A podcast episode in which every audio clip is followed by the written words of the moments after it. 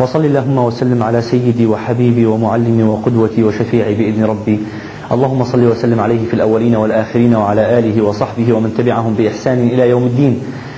وعنا معهم وبهم وفيهم. يا أرحم الراحمين. رب اشرح لي صدري ويسر لي أمري. واحلل عقدة من لساني يفقه قولي. اللهم وجهنا لما خلقتنا له واصرفنا عما نهيت عنه. ولا تشغلنا بما تكفلت لنا به. اللهم اجعلنا من جند الخير. دلنا عليك. أرشدنا إليك. فهمنا عنك وعلمنا منك. وأعدنا من مضلات الفتن ما أحييتنا. اللهم انصرنا بالإسلام وانصر الإسلام بنا واجعلنا حجة له لا عليه واجعله حجة لنا لا علينا. السلام عليكم ورحمة الله وبركاته. طيب. إحنا وصلنا إلى ما بعد النفس. من أول الدورة إلى الآن كنا بنتكلم عن تهيئة هذه النفس كيف تفكر كيف تتغير ما أهمية التغيير؟ آليات التغيير الفطرة المعرفة العلم آلية العلم دخلنا فيها دخلنا إلى آلية العلم الأولى وهي النفس. تكلمنا عن النفس عرفناها فككناها شرحناها. تكلمنا عنها بشكل مفصل. تكلمنا عن آليتي خط الحياة ومحطات التزكية في في معرفة النفس والرقي بها. ثم تكلمنا عن معوقات التغيير. المعوق قبل الأخير في معوقات التغيير كان معوق الوحدة. الشعور بالوحدة هو أنا حمشي لوحدي ولا في حد معايا؟ هذا ما سنتكلم عنه الآن. إحنا هيئنا الإنسان وانطلقنا به قلنا له لحظة شوية قبل ما تنطلق في معوقات للتغيير. ستأتي في الطريق تعال نكلمك عنها وكان أهمهم المعوق اللي تكلمنا عنه امبارح اللي هو معوق إيه؟ الشعور بقلة تقدير النفس أو ما يسميه الناس الثقة بالنفس. تعالوا نتكلم النهاردة عن معوق. الشعور بالوحدة تجاه الآخر وبعد كده ننطلق إلى قراءة الأشخاص قبل التعامل معهم. النهاردة حيكون جزء بسيط كمقدمة وهو هل الآخر مهم في حياتنا؟ ثم قراءة الأشخاص قبل التعامل معهم. البعض قد يشعر اليوم بأنه في نوع من التناقض. أنت كل اللي فات بتقول أنت أنت أنت أنت أنت أنت أنا أنا أنا بس اهتم بنفسك والآخر ده مش مش حاجة أساسية في حياتنا. أنا النهارده هقعد أتكلم على أهمية الآخر في حياتنا. الله؟ هو مش ماشي بعض مع بعض ولا إيه؟ ده اللي هنجاوبه بإذن الله. الشريحة اللي بعد كده؟ إحنا هنتكلم عن اولا مراجعة لفلسفة الآخر في حياتنا. كيف أستعد للتعامل مع الآخر؟ حاجة اسمها التقبل العاطفي غير المشروط. أنا واخدها بالترتيب التقبل العاطفي اتقبله كما هو. بعدين مهارة إلقاء السلام وكسب الناس أدب الاستماع والإنصات قراءة الأشخاص دي اللي هتاخد في ال يعني الجزء الأكبر ولذلك هنخليها نمرة واحد علشان ما نتكلمش عن واحد اثنين ثلاثة أربعة ونخوض في أربعة ونطول وبعدين نيجي على خمسة نبقى ناسيين. لا هنتكلم عن قراءة الأشخاص أولا ونيجي على اللي بعد كده. الشريحة اللي بعد كده. أنا تقبلته سلمت عليه المفروض إني كسبته في حتة السلام دي أنصت قرأت شخصيته بعد كده مطلوب مني إن أنا أحتويه بعد كده أعرض ما لدي. وهي ما سنسميه التسويق الشخصي مهارات التسويق الشخصي إزاي أسوق شخصيتي. هتكلم على حاجة مهمة جدا في التعامل مع الآخرين اسمه عنصر المفاجأة. ثم مفهوم الأجر الذاتي من أين انتظر الأجر؟ وآخر حاجة ننهي بما يسميه بذرة الرحمة. الشريحة اللي بعد كده. زي ما قلنا إحنا هنبدأ اولا بالكلام عن إحدى معوقات التغيير اللي هي الشريحة اللي بعد كده.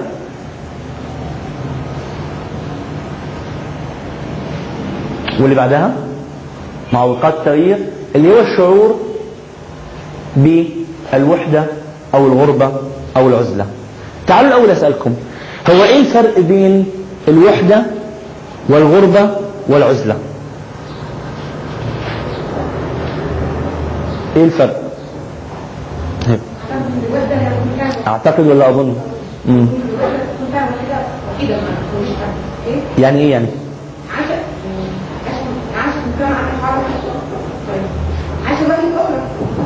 وحدي في أسرة.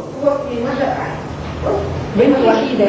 بنت وحيدة آه طيب أوكي. والغربة؟ الغربة ان أنا إزاي ما هو ما إحنا قلنا ما تفسريش الحاجة. أب- الغربة هي ما غريبة. هختلف معاك وسط الناس بس مش معاكم يعني يكون حواليا ناس فعلا؟ طيب. والعزلة؟ طيب عادي. أظن إن هي حاجة خارجية وحاجة داخلية. إيه هي الحاجة الخارجية وإيه الحاجة الداخلية. والعزلة؟ هي جاية في النص العزلة دي مش بينهم بقى. طيب. ممكن تبقى ان هي في واحدة لوحدها. ممكن الغربه زي الواحد يبقى مسافر بره يعني مع ناس وكل حاجة آه. مختلفين عنه. طيب.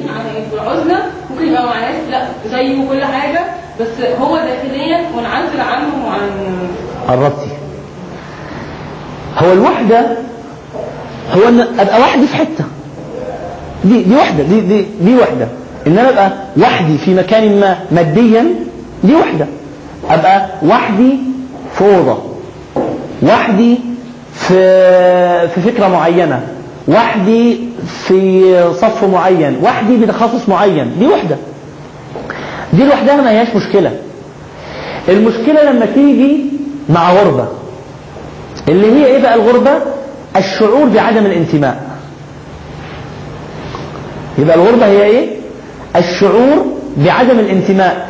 أنا في وسط ناس لا أنتمي إلى إلى ما ينتمون إليه ولا ينتمون إلى ما أنتمي إليه. بدأ الإسلام غريبا وسيعود غريبا كما بدأ. فطوبى للغرباء اللي هم لا ينتموا إلى ما ينتمي إليه المجتمع الجاهلي. يبقى الوحدة هي ان يبقى لوحدي الغربة هي الشعور بعدم الانتماء. طب إيه هي العزلة؟ هي عدم الانتماء المقصود. عدم الانتماء المقصود. لذلك تلاحظوا دايما العزلة في القرآن ترد مع إدراك. يعني إيه؟ أعتزلكم وما تعبدون من دون الله. يعني أنا أ- أختار بإرادتي إني أنتمي لحاجة أنتم لا تنتمون إليها. لاحظتوا؟ وإذا اعتزلتموهم وما يعبدون من دون الله. اعتزلتموهم يعني إيه؟ يعني أنتوا خدتوا نفسكم بإرادتكم. أنتوا لا تنتمون بإرادتكم ولذلك في حتة تانية بنسميها العزلة الشعورية. أبقى قاعد بين الناس ما, ما اعتزلتهمش ماديا ما رحتش بعيد عنهم قاعد بينهم لكن بيني وبينهم إيه؟ عدم انتماء مقصود. أنا لا أنتمي للي أنت بتنتمي له. ممكن تبقى جنبي ممكن تبقى زميلي أو تبقى زميلتي. قاعدة جنبي في يعني في نفس الفصل في نفس المكتب في لكن لا أنتمي إلى ما تنتمي إليه. دي اسمها إيه؟ عزلة. النبي صلى الله عليه وسلم كان يمارس العزلة الشعورية بروعة. إزاي؟ قاعد في مكة. وبيسلم وعنتم صباحا وعنتم مساء ويسلم على أبو جهل وأبو لهب والوليد وغيره. لكنه إيه؟ في عزلة. أنا لو عاوز أختار واحدة من دول أختار إيه؟ إيه رأيكم؟ لو أنت هتختار تبقى واحدة من دول تختار إيه؟ العزلة طبعا. لأنها إيه؟ هي الوحده هي الوحيدة اللي إيه؟ اللي أنا قاصدها طب يقول لك انت قلت العزلة هي ال- الحاجة الوحيدة اللي فيها الإدراك والاختيار. طب وحتة الغرباء؟ فطوبى للغرباء.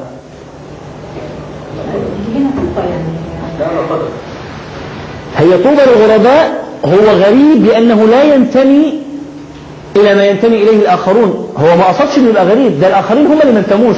فاكرين البيتين الشعر قال قال لي صاحبي أراك غريبا بين هذا الأنام دون خليلي. قلت كلا بل الأنام غريب. أنا في عالمي وهذه سبيلي. هم اللي اختاروا أنا ما اخترتش. أه أنا شغال صح.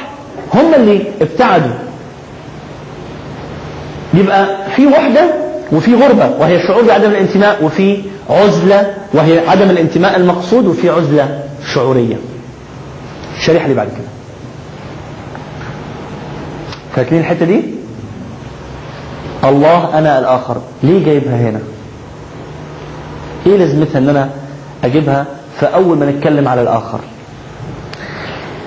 قبل أن نتكلم عن الآخر يجب أن نتذكر أولا إحنا هنتكلم عن حاجة مش هي المهمة الأولى في حياتنا.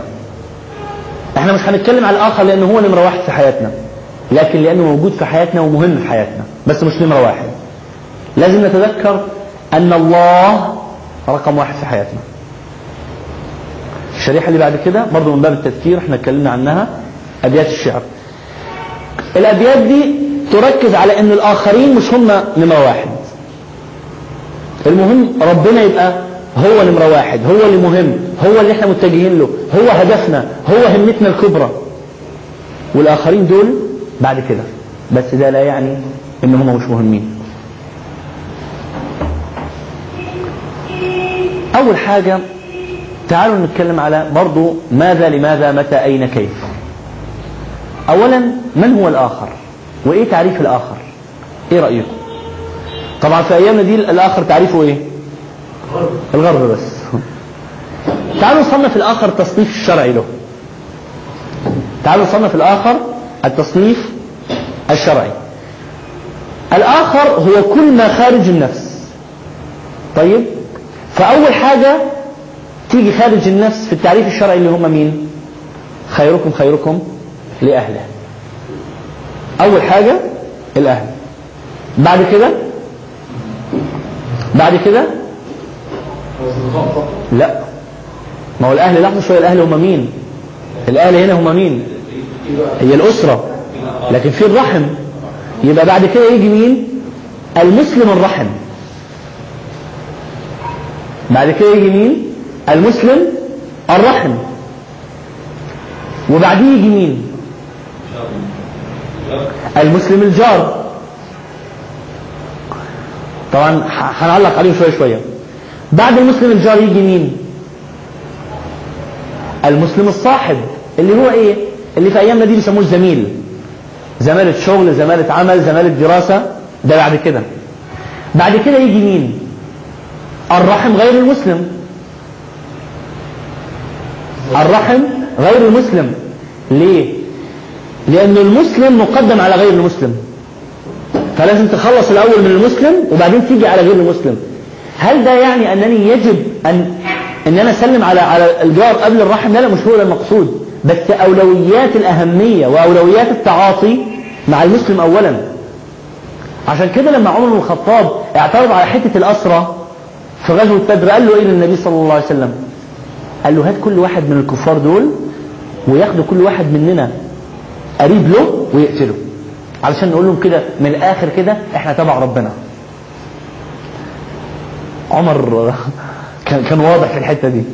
عشان نقول لهم أنا بقى أقتل عمي أقتل أبويا أقتل ابن, ابن أخويا. هي الحكاية إجرام؟ لا. بس عشان نقول لهم إحنا إحنا عايشين ليه؟ يبقى الأهل المسلم الرحم المسلم الجار المسلم الصاحب الرحم غير المسلم بعدين الجار غير المسلم الصاحب غير المسلم بعدين غير المسلم البعيد اللي هو إيه؟ اللي في أيامنا دي الغرب. بعدين آخر حاجة غير المسلم الخصم اللي هو العدو. واضحة؟ نرجعهم تاني. يبقى الآخر هو أي حاجة خارج النفس. بس عشان برضو ما نلخبطش. أي حاجة خارج النفس حتى يثبت أنه يصلح أن يكون من إيه؟ من النفس. إحنا قلنا حاجة زي كده ولا لأ؟ قلنا النبي صلى الله عليه وسلم من أنفسكم. رسول من إيه؟ من أنفسكم. خلق لكم من أنفسكم أزواجا. وقلنا أكثر من آية تكرر نفس المعنى. وقلنا قد يكون المجتمع المسلم كله يعتبر إيه؟ من النفس. عشان كده في حديث الإفك قال إيه؟ لولا إذ سمعتموه ظن المؤمنون والمؤمنات بأنفسهم خيرا. لكن غير كده الأهل المسلم الرحم المسلم الجار المسلم الصاحب الرحم غير المسلم الجار غير المسلم الصاحب غير المسلم المسلم البعيد ثم المسلم الخصم. السؤال اللي يسأل هنا وحي يعني هيدوس على حتة كده جوانا مزعجة. إحنا مدين الناس دول حق حقهم بالترتيب ده؟ ده إحنا أحيانا بنسأل على واحد صاحب غير مسلم وبنهتم بيه ومش عارف إيه وعندنا جار مسلم ما نسلمش عليه. ما هو ده زميلي بقى. ما هو يعني بس ده ما اعرفوش. واهتم واقعد اسأل المشايخ يصح اسلم عليه وأهنيه في الأعياد بتاعته ولا لا؟ واودي له مش عارف إيه و... يا عم مش مشكلة. هني بس انت مدي قبل كده حقه؟ يعني انت جاي عارفين المثل جاي في الهيفا وتتصدى؟ يعني انت جاي في دي وتقعد تسأل وانت عندك حقوق قبل كده؟ ده انت عمك يمكن بقالك كتير ما سلمتش عليه. ابن عمك بقالك كتير ما تعرفش عنه حاجة. بحجة وحجة. إحنا دلوقتي مش مش داخلين في التبريرات. المهم هي دي الأولوية الشرعية للكلام ده. ده من هو الآخر؟ اتفضلي. في اصحاب عارف اتكلمت عن اصحاب ان هم الزملاء بس في بيبقوا اصحاب يعني قاعد يعني بيبقوا. زي اخوه دول كله من باب الصحبة. عشان كده اسمهم صحابة النبي صلى الله عليه وسلم. لأنهم صاحبوه آه طبعا بنفس الكاتيجوري طبعا بنفس الكاتيجوري. لأنه يا جماعة أصل الجار حاجة مش بسيطة. ما زال يوصيني بالجار حتى ظننت أنه سيورثه. يعني واحد بقى واحد من الاهل بس أنا ما اخفيش عليكم أنا أنا سكنت في حتة كده في في دبي. بقيت زعلان يعني ما أعرفش حد. ويمكن الحتة اللي كانت عندي إنه الجيران كلهم للأسف معظمهم غير مسلمين. وغير. وما أشوفهمش. أطلع الصبح أجي بالليل. بس أشعر بالذنب. إن أنا فبقت الحتة الوحيدة اللي أقدر أسلم عليهم في الاسانسير السلام عليكم. good morning أنت منين؟ مش عارف. بس. لكن كنت فعلا أشعر بتقصير. بنتكلم وندي محاضرات ومش عارف إيه. وأنا ما أعرفش الجار ده وضعه إيه ما سلمش عليه ما. طبعا يمكن لكل لكل ظرف يعني خلينا نقول مناسبته أو لكل ظرف خصوصياته لكل عصر لكن برضو أنا أرى إنه ده لا يرفع عنا إن إحنا مخطئين. في أولويات وأنت في الأول كده والآخر مسوق لفكرة. إذا مش. إذا مش هتسوق في المكان اللي أنت عايش فيه هتسوق فين؟ لماذا نحتاج الآخر؟ ليه الآخر ضروري في حياتنا؟ أو إحنا هنا هنجاوب على حتة الناس اللي هيفتكروا ان ده من التناقض. أنت كل اللي فات بتقول نفسك نفسك نفسك نفسك نفسك نفسك وجاي جاي دلوقتي تقول لنا الآخر ضروري. أه الآخر ضروري. بس إزاي؟ اللي تعالوا نقرأ مع بعض الآيات دي. أعوذ بالله من الشيطان الرجيم. واصبر نفسك مع الذين يدعون ربهم إلى آخر الايات مع. مع هي الآية دي نزلت في مين؟ في النبي صلى الله عليه وسلم. يعني حتى أنت يا محمد اللي أنا قايل لك قبل كده لا تذهب نفسك عليهم حسرات واللي أنا قايل لك فلعلك باخع نفسك على آثارهم إن لم يؤمنوا بهذا الحديث أسفا. وقايل لك آه، أفأنت تكره الناس حتى يكونوا مؤمنين؟ وقايل لك وقايل لك وقايل كل ده وقايل لك والضحى والليل ما ودعك ربك وما قال كل الكلام اللي أنا هيأتك بيه برضه جاي, جاي يقول لك دلوقتي واصبر نفسك مع. بس الأول لازم تصبر مين؟ نفسك مع الذين يدعون ربهم. ليه طيب؟ شوفوا الآية اللي بعدها. ذو القرنين إحنا قلنا امبارح ان ذو القرنين ربنا اداه إيه؟ من كل شيء سببا فأتبع سببا. أعوذ بالله من الشيطان الرجيم. حتى إذا بلغ بين السدين وجد من دونهما قوما لا يكادون يفقهون قولا. ناس ما بيفهموش حاجة. أو ما عندهمش تواصل بقى مع البشرية. خلاص. قالوا إن يأجوج ومأجوج مفسدون في الأرض فهل نجعل لك خرجا على أن تجعل بيننا وبينهم سدا؟ قال ما مكنني فيه ربي خير. اللي عندي أحسن من اللي أنتوا هتدولي فأعينوني بقوة. طب ليه؟ طب ليه فأعينوني؟ ما أنت بتقول ربنا مديك كل حاجة. ليه تقول لهم فأعينوني بقوة؟ أصل المشكلة في الناس دول كانوا حابسين نفسهم في حتة مستنين حد يجي يقول لهم هات إيدك أو خد إيدي. فكان مضطر يقول لهم معلش أنا جيت لكم بس أنا مش هعمل كل حاجة لوحدي. فأعينوني بقوة أجعل بينكم وبينهم ردما وعلشان يثبت حكاية إنه ما تفتكروش إنه الجماعة مطلوبة بس علشان يعني تحل مشاكل كبيرة. لا دي مطلوبة لأنه الإنسان من طبيعته أنه يألف لروح الجماعة. إيه الدليل على كده؟ حتى إذا ساوى بين الصدفين قال انفخوا. إيه, إيه, إيه اللي بتقوله لنا الآية دي؟ هو ساوى بين الصدفين يعني إيه؟ كان في جبلين كده وراح عامل إيه؟ راح مساويهم بعدين قال لهم إيه؟ انفخوا. هو إيه اللي أصعب؟ أن يساوي بين جبلين ولا أن ينفخ؟ أن يساوي بين جبلين. صح ولا لا؟ هو قال لهم أنا هعمل الحتة اللي أقوى وأنتوا تعالوا انفخوا معايا. وكأنه عاوز يقول لهم إيه؟ ما تفتكروش دايما إنه الجماعة مطلوبة بس عشان الحاجة الصعبة ماديا؟ لا دي مطلوبة عشان حتة الألفة اللي في الجماعة. علشان روح الجماعة. حتى إذا سوى بين الصدفين قال انفخوا. حتى إذا جعله نارا قال آتوني أفرغ عليه قطرة باختصار كده ضرورة وجود الآخر في حياتنا أنه أولا طبيعة الألفة طبيعة الجماعة مما يأنس به الإنسان ويأنس له الإنسان. مش الحكاية حكاية إن, إن أنا مش هقدر أوصل إلا بالوجود الآخر لا. بس ده هيسهل عليا. عشان كده أنا حاطط الصورة الخلفية دي. هو هو أي واحد من الثلاثة دول كان ممكن يخطف الثمار دي ولا لا؟ لا ممكن بس بصعوبة. يجيب كرسي يجيب سلم يتسلق يعمل أي ينط يخبطها بحاجة. لكن حتة الجماعة تهون الحكاية دي. ومن سبحان الله ومن شعور الإنسان بالألفة أنه يأنس بالحاجة ويستمتع بها في وجود آخرين. عارفين في حاجة في السينما والمسرح بيسموها عدوى الإيه؟ عدوى الضحك. ولذلك علشان تعرف ان الحاجة دي بتضحك فعلا شوف لو لو أنت بصيت عليها لوحدك هتضحك؟ لو ضحكتك فعلا يبقى دي حاجة كوميدية من الطراز الأول.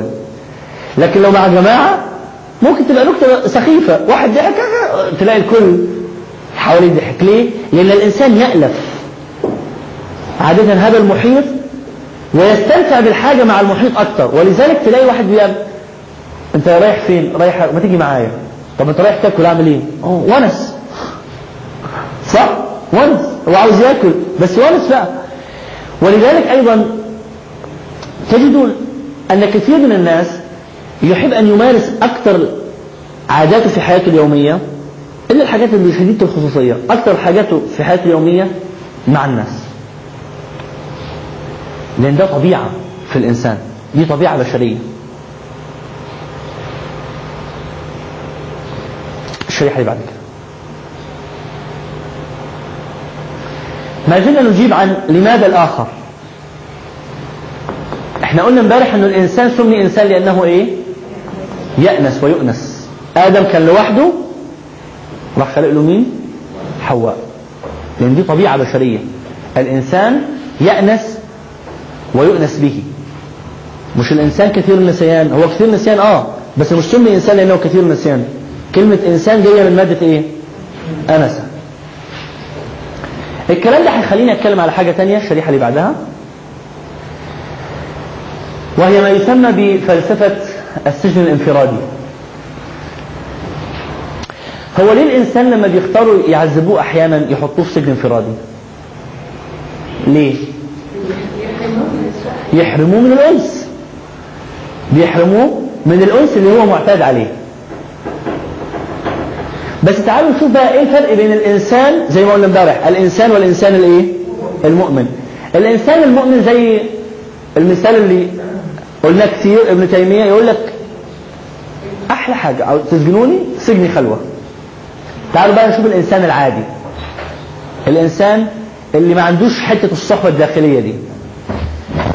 حصلت دراسة في في سجون على الناس اللي يسجنوا سجن انفرادي لو انه كلهم حتى لو كانت الزنزانة رحبة ويقدر يمشي بيها ويطلع بيخرجوا في حتة فيها شيء من الانطواء. وكان أشهرها حاجة حصلت في أمريكا على شخص سجن سجن انفرادي لمدة ثلاث سنين. وطلعوه في الثلاث سنين دول طلعوه بس نص ساعة. طلعوه نص ساعة بس في ثلاث سنين. الراجل ده لما خرج من الزنزانة لما خرج من من من يعني من الثلاث سنين دي لاحظوا إنه بيمشي كده.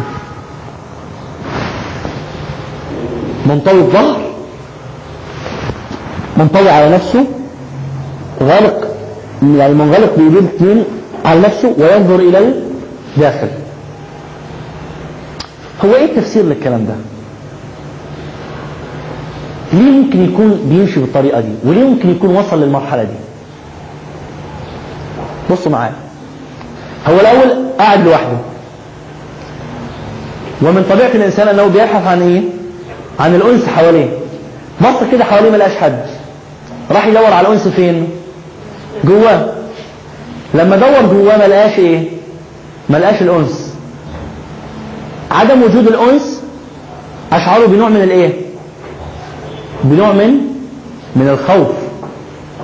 والاستجابة الطبيعية في جسد الإنسان لحالة الخوف هي إيه؟ فهي بدأت واحد اثنين مفيش ثلاثة. فمن الطبيعي إن الإنسان لما يفقد الأنس الداخلي يوصل للمرحلة دي. ومن ومن أكثر أعراض الاكتئاب عند الإنسان المنظر ده. منعزل أو بالأحرى منطوي لوحده بالطريقة دي. ليه؟ لأنه فقد الأنس الداخلي. لكن لما نيجي على ال... على الناس اللي هم عارفين ربنا والأنس جواهم موجود ما عندوش أي مشكلة. سنتين ثلاثة أربعة راح طالع بمنهاج السنة ومؤلفات مجموعة فتاوى ابن تيمية ومش عارف إيه. أنت كنت بتعمل إيه؟ كنت بكتب.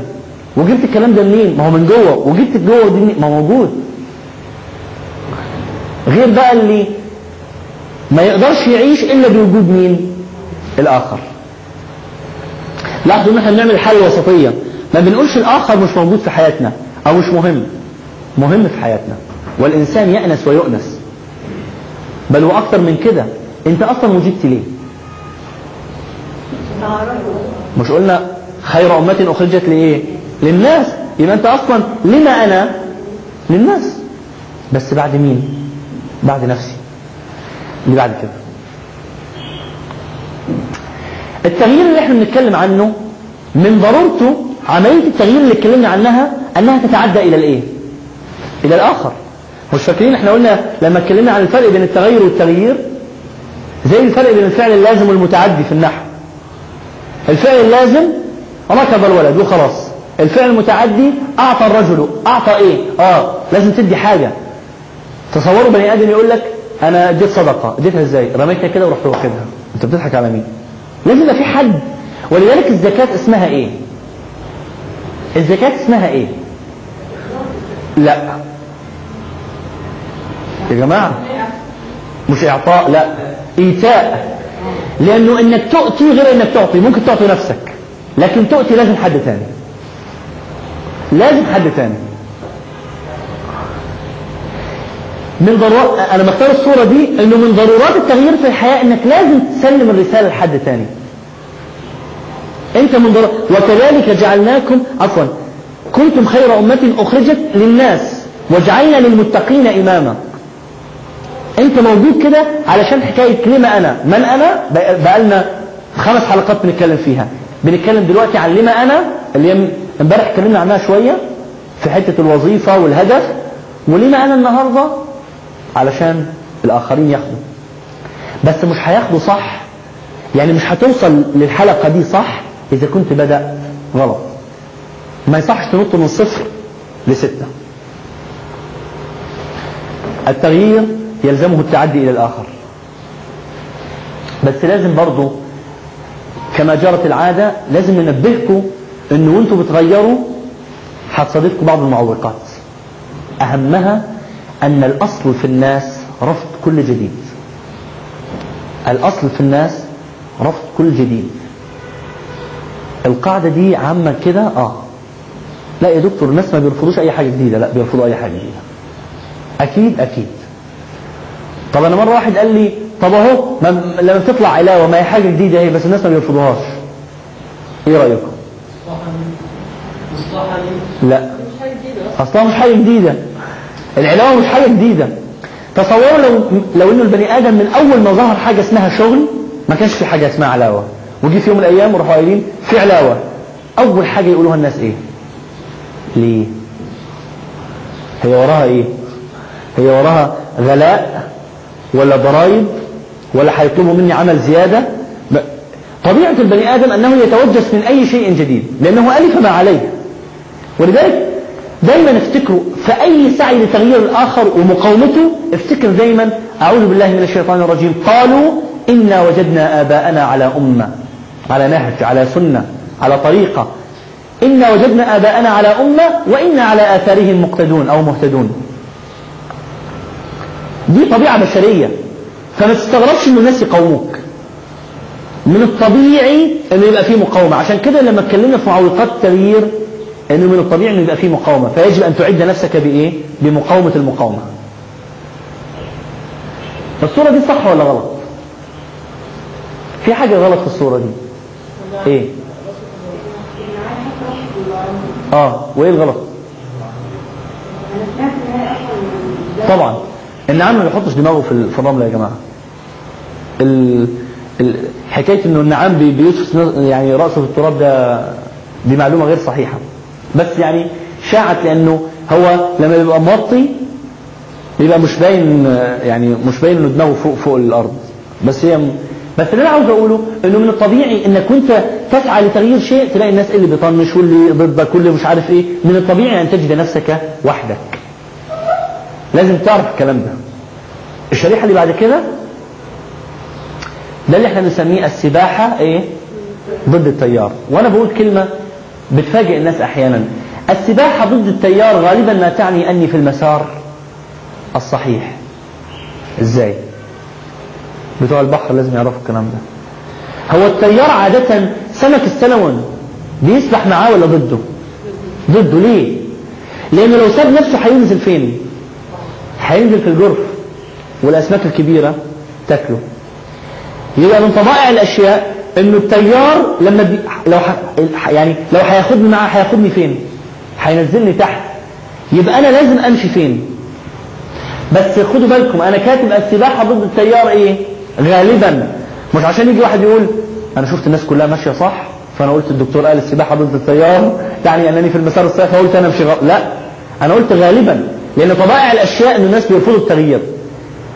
فاقف الأول واسأل نفسك أنا رايح فين. السباحة ضد التيار غالبا ما تعني أنني في المسار الصحيح بعيدا عن الجرف. الشريحة اللي بعد كده شفناها امبارح دي صح؟ إيه اللي هيخليني أبقى متماسك وماشي ضد التيار؟ امبارح قلناها. الهمة بتاعتي وإيه؟ والقدرات. ما إحنا الإرادة حطيناها من ضمن منظومة الهمة. والقدرات بتاعتي. لو أنا عارف أنا رايح فين ما حدش هيوقفني. لو اجتمعت ال... الإنس والجن ما حدش. خلاص أنا عارف أنا رايح فين. والله يا أمة لو أن لك ألف ألف نفس فخرجت نفسا نفسا على أن أترك هذا الأمر ما تركته. و- والجنة تحت أقدام الامه آه آه بس معلش الهمة بتاعتي هي يعني ما هي مش جاية معاها.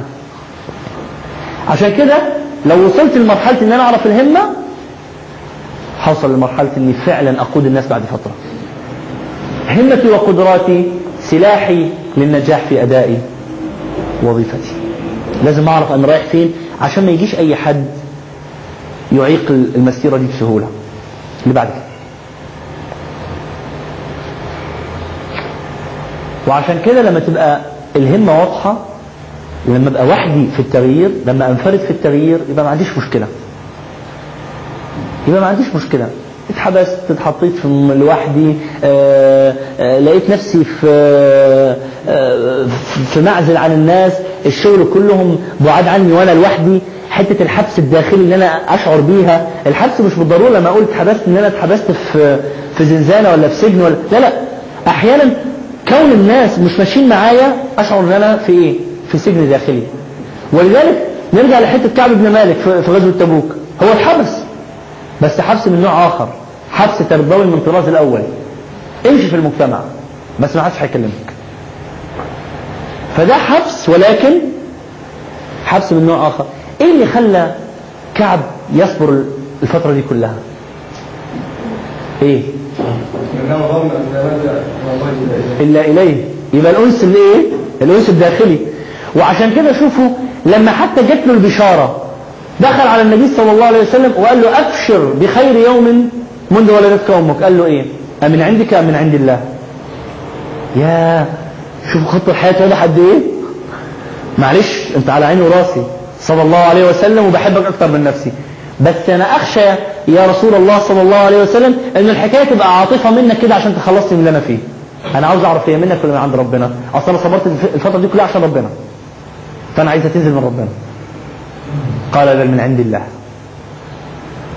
الأنس ده صدقوني لو لو لو فعلا شعرتوا بيه هتمشوا كده وأنتم مطمئنين تماما.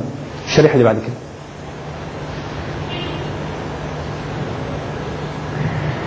متى يكون الآخر ضرورة؟ إحنا بنتكلم دلوقتي عن أولا عرفنا ما هو الآخر؟ ليه الآخر ضرورة في حياتنا؟ متى يكون الآخر ضرورة؟ وإمتى أعرف إنه ده مهم ولا مش مهم؟ إيه رأيكم إمتى أعرف إنه الآخر ده من الحاجات اللي أنا لازم أهتم بيها. ممتاز. الأول تعريف خط الحياة يبقى واضح وأعرف إنه الآخر ده تبعه ولا مش تبعه. إيه كمان؟ إيه، ما يكونش ضدي مثلا أنا اكون هدف أو على حاجة يعني إن الهمة بتاعتي يبقى هو من ال... يعني عارفين إحنا بنسميها إيه؟ الفكرة اللي بتقولها إنه الآخر يبقى إحدى القدرات اللي هتوصلني لإيه؟ لهمتي. اللي هي واصبر نفسك مع الذين يدعون ربهم. أصل الذين يدعون ربهم دول من إيه؟ من القدرات اللي هتوصلك لإيه؟ للهمة بتاعتك. إيه كمان؟ إيه كمان؟ طيب اديني الشريحه اللي بعدها. أول حاجة خلينا نفتكر من أنا ولما أنا. أنا موجود ليه؟ وظيفتي إيه؟ وهدفي إيه؟ أي حاجة هتساعد حتة من أنا ولما أنا يبقى هتبقى ضرورة بالنسبة لي. لما ما أعرفش هويتي إلا بالوصول لفلان ده يبقى فلان ده بقى ضرورة. ما أعرفش أدي وظيفتي إلا بوجود الشخص ده يبقى فلان ده بقى ضرورة. وعشان كده قلنا واصبر نفسك مع الذين يدعون ربهم. اللي بعد كده لما احدد الهوية والوظيفة والهدف أي حاجة تساعدني على معرفة هويتي ووظيفتي وهدفي هيبقى ضرورة. وعشان كده لما حد يجي يقول لي أنا فلان صديقي أقول له هو صديقك ولا زميل صاحبك يعني زميلك؟ يقول لي ده صديقي بأمارة إيه؟ ده يعرف عني كل أنت عايز إيه؟ أنت عاوز توصل لإيه؟ هو هو حط في في أي كاتيجوري في أي مستوى؟ هو من هو تبع تبع إيه بالظبط؟ لما تتعرف الهوية وتتعرف الوظيفة ويتعرف الهدف هيبقى من السهل عليا إني أعرف ده ضرورة ولا مش ضرورة. في المعوق الأول كنا اتكلمنا عن العائق الأول قلنا ما لدي هو ليس بالضرورة ما أريد وما أريد هو ليس بالضرورة ما أحتاج. الأول لازم أعرف أنا محتاج إيه علشان أعرف هو اللي أنا عاوزه ولا لا. أنت محتاج ده ولا مش محتاجه؟ هيساعدك ولا مش هيساعدك؟ الكلام ده لازم تعرفه أنت الأول. الشريحة اللي بعدها مهمة جدا جدا جدا. إيه رأيكم في الصورة اللي قدامكم دي؟ إيه رأيكم في الصورة اللي قدامكم دي؟ إحنا بنتكلم عن هل الآخر أو متى يكون الآخر ضرورة.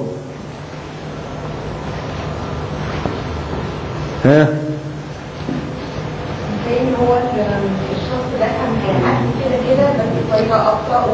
ممتاز.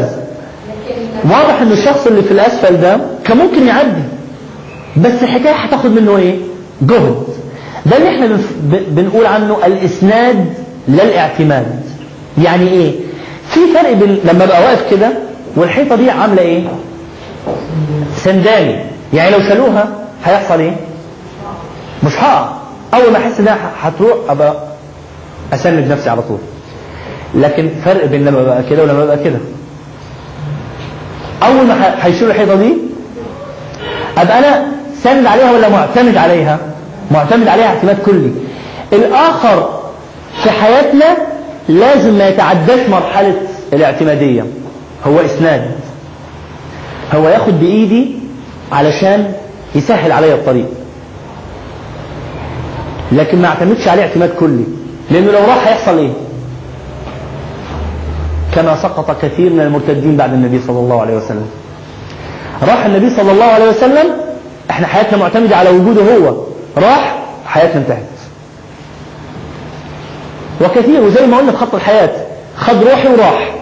مات فلان انتحر وراه مش عارف كم واحد. مات فلان انتحر وراها مش عارف كم. ليه؟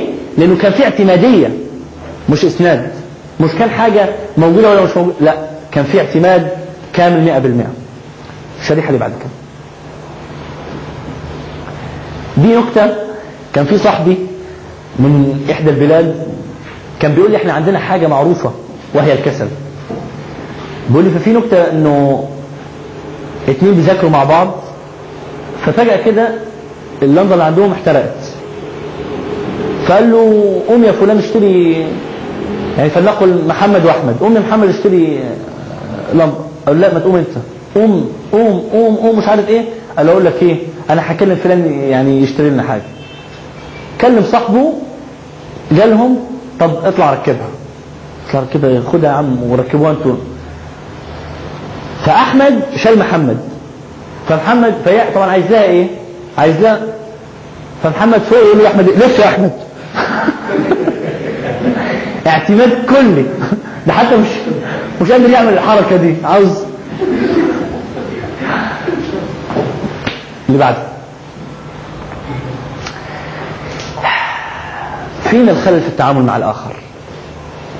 أين يكمن الخلل في التعامل مع الآخر؟ إحنا عرفنا اهو. الأول يجب أن تكون نفسك أنت. يجب أن تكوني نفسك أنت. تطمني تستقري تطمئني ما تعتمديش على وجود الآخر. الأولى أن يكون الله سبحانه وتعالى نمرة واحد في حياتنا.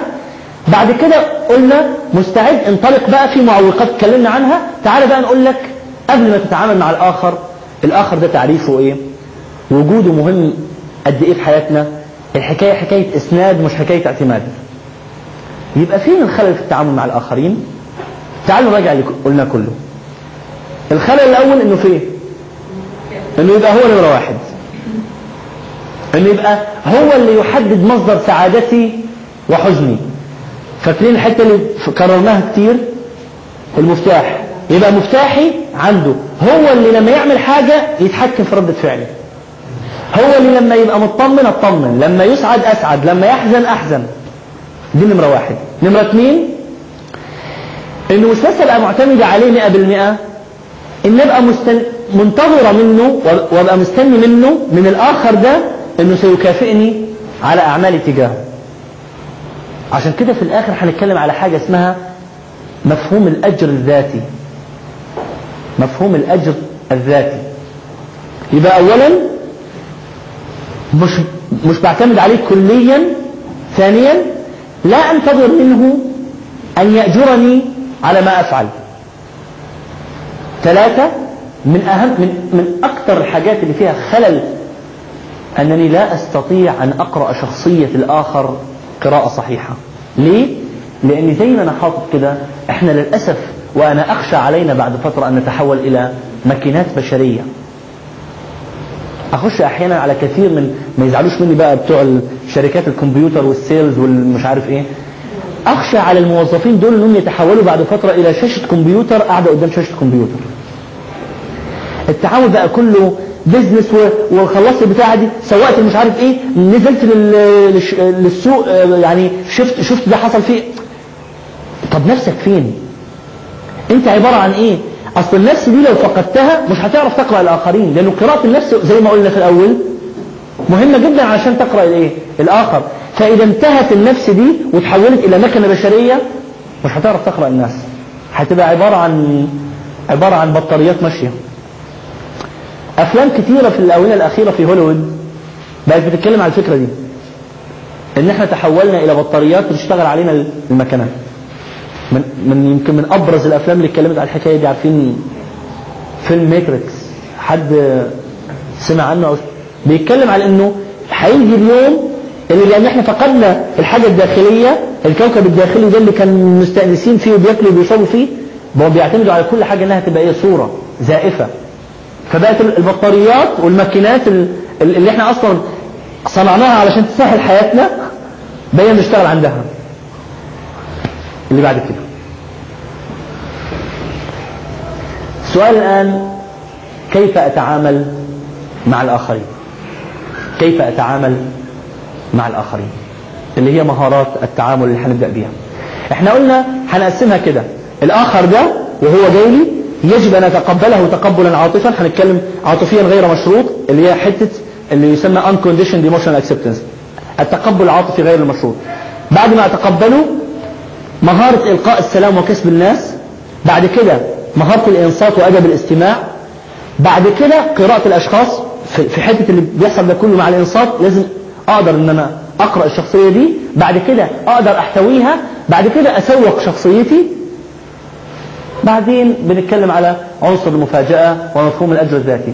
بس قلنا عشان ما ندخلش أتقبل أسلم أنصت قراءة الأشخاص هتاخد مننا وقت. فقلنا نتكلم عنها الأول. وبعدين ننطلق منها للمهارات الثانية. عادل. أنا عندي احساس كده إن الآخر ده بالنسبة لي دلوقتي عدو قصدي ان أنا اتعامل معاه هو مش عدو. يعني أنا مش عارف دلوقتي الآخر ده دلوقتي يبقى أنت حتة الإسناد دي عدت كده منك ما فهمتهاش كويس. هو سند بس لا أعتمد عليه.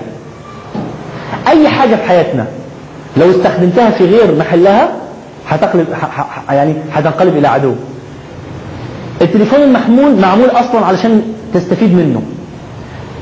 لو استخدمته فوق يعني فوق الطاقة المطلوبة وفوق الاحتياج المطلوب هتكرهه هيبقى هيدخلك في ديون وسلفيات ومش عارف إيه كما إنه هياخد يعني وقت غيره.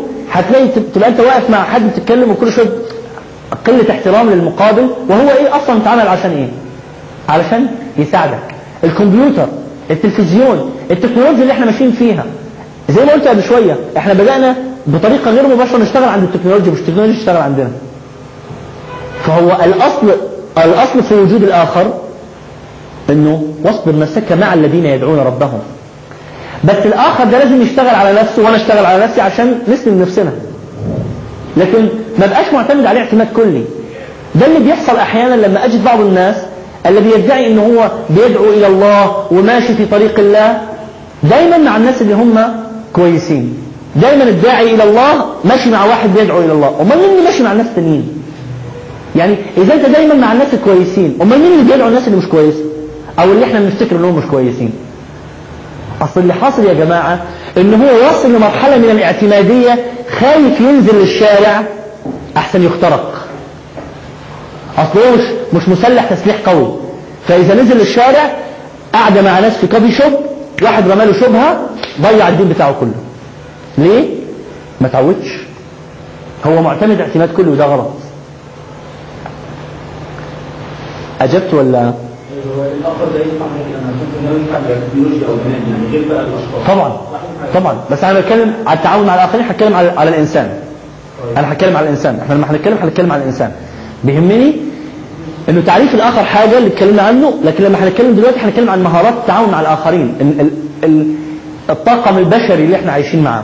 بس أأكد على حاجة أنا أقول إنه الطاقم البشري اللي هو أصلا خلق حتى يكون أنيس ليا لو ما عرفتش أستخدم حتة الانس دي هينقلب إلى إيه؟ إلى عدو. ده, ده مش كلامي القرآن بيقول إن من إيه؟ إن من إيه؟ إن أيوة. وأزواجكم عدو لكم فاحذروهم. معقولة؟ آه طبعا. لما يبقى مش ماشي مع خط الحياة اللي إحنا ماشيين فيه. وعشان كده قلنا ابن نوح اعتبر إيه؟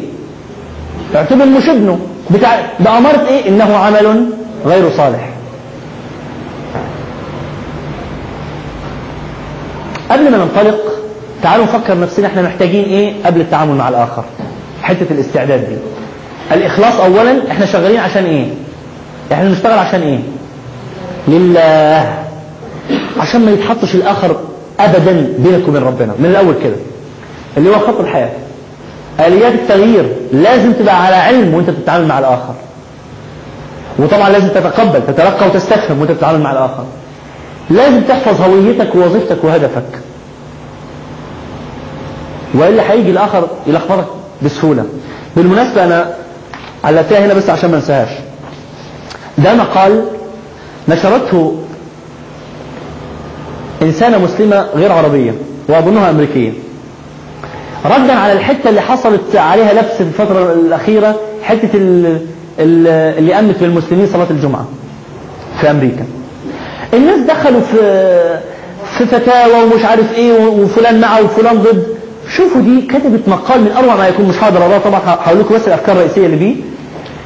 معتمدة فقط على إنها عارفة هويتها ووظيفتها وهدفها. خط الحياة بالنسبة لها واضح. بتقول إيه؟ بتقول هو كوني ربنا اداني أنوثتي كشيء متميز حاجة تخليني أقارن نفسي دايما مع مين؟ بصلتي مع مين مع الله. لكن ما وقعت فيه المرأة في, في الآونة الأخيرة إن الستاندرد في حياتها زي ما بت- بتذكر بقى مش الله بقى الرجل. فبقت كل حاجة تعملها مقارنة مع مين؟ مع الرجل. قص آه، شعره آه، قصة خفيفة هوصل قصة خفيفة. التحق بالجيش التحق بالجيش. بيشتغل بره البيت أشتغل بره البيت. ونس- ونسيت المرأة إنه اولا وأخيرا أنت ربنا مديكي حاجة ما اداهاش لل- للرجل. فبتقول إيه؟ طبعا هي المقال بالانجليزي مش هقدر أقرأه وأترجم كل شوية. بس بتقول جملة رائعة. بتقول سبحان الله مع أن نساء الم... الم... يعني أمهات المؤمنين اللواتي بشرن بالجنة لم يطلب منهن أن يؤم... يعني إن واحدة فيهم تؤم المسلمين في الصلاة. وكأنه وصلنا لمرحلة انه اللي يؤم المسلمين في الصلاة ده أقرب إلى الله. شوفوا الست دي بتتكلم منين؟ أنا ما أعرفش هي بقى مخلصة شريعة ولا دارسه إيه لكن حتة الهوية بتاعتها واضحة. ووظيفتها بتاعتها واضحة. فبتقول طب هي النساء ما زعلوش ليه؟ إن النبي صلى الله عليه وسلم قال إلزم قدمها فثم الجنة اللي هي الجنة تحت أقدام الأمهات. ليه ما جوش الرجالة وقالوا اشمعنا؟ ففي الآخر كده تنهي المقال كله في كلمة رائعة. بتقول لو خيرت أن أؤم المسلمين في الصلاة وأن تكون الجنة تحت قدمي أكيد هختار الجنة تحت قدمي. واضحة. هوية واضحة. وظيفة واضحة هدف واضح. إحنا لما حتة الهوية والوظيفة والهدف ما بتبقاش واضحة هيضحكوا علينا بقى ومكانتك ما تنفعش إلا بره البيت وأنت لا تصلحي لأنك ما ما بت... لا تف... يعني لا تعملي شيء وأنت لا تجدي نفعا ومش منتجة. ليه طيب؟ من إمتى جت ال... من إمتى جه الكلام ده؟ الشعراوي رحمه الله في الحتة دي كان بيقول الخطاب في الجنة كان دايما لآدم وحواء آدم وحواء آدم و... لحد ما نزلهم قال له فتشقى.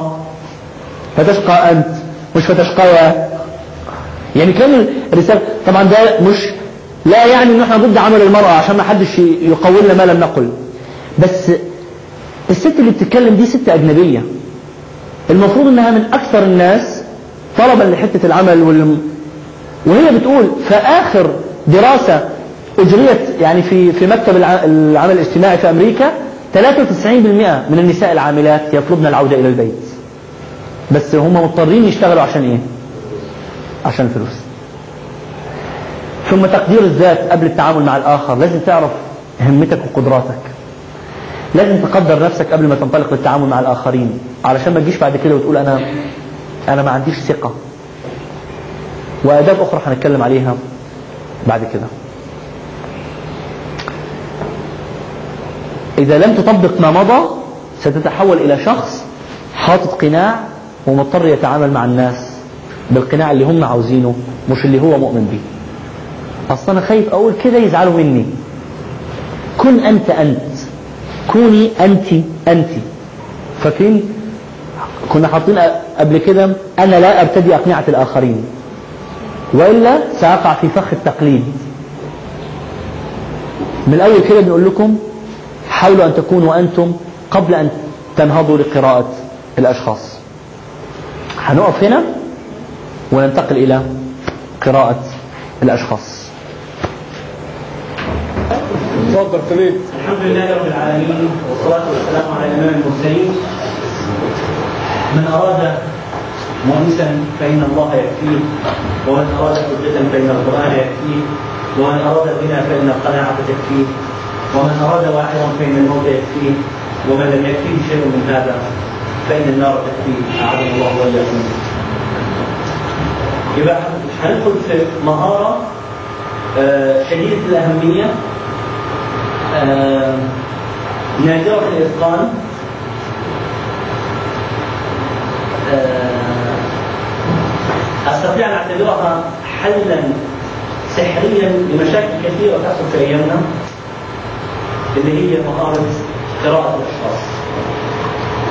في معرفة الأنماط وطبيعة الأشخاص المتغيرة خواطر حول ما يعرف في الفراسة الصورة اللي أنا حاططها ورا هنعرف بعد شوية أنا أقصد بيها إيه بس ركزوا فيها شوية احفظوها دخلوها على المستودع عندكم وقفلوا عليها لحد ما نستدعيها كما شوية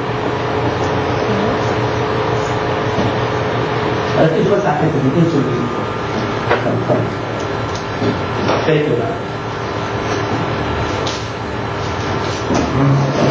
وقبل أن أبدأ بالتعرف على هذه المهارة ثلاث حاجات مهمة. الاستعداد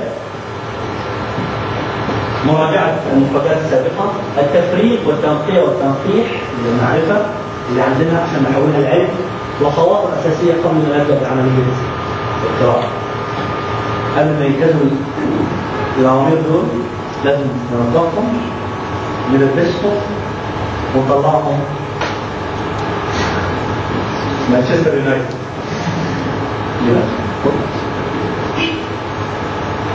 الاستعداد أقصد فيه إنه الإنسان يبقى متخطي كل مرض باختصار كده ما تجيش تقول لي بعد فترة أنا اخطأت في قراءة فلان واخطأت في قراءة فلانة وأرجع أتكلم معاه شوية ألاقيك مخطئ في حاجة من اللي فاتت ما تجيش تقول لي أنا ما حلتش المعادله الرياضية وراجع معاه جدول الضرب الاقيك لسه مش مش مني جدول الضرب أول حاجة ينبغي عليك أن تحسن عملية التلقي والاستفهام أعوذ بالله من الشيطان الرجيم.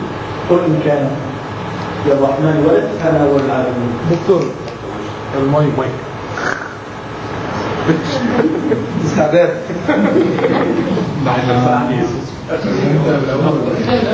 ليه الصوت كده يبقى مفيش ها؟ نبدأ مش مشكلة لا ابدا ابدا بالعكس أنا اللي خطأي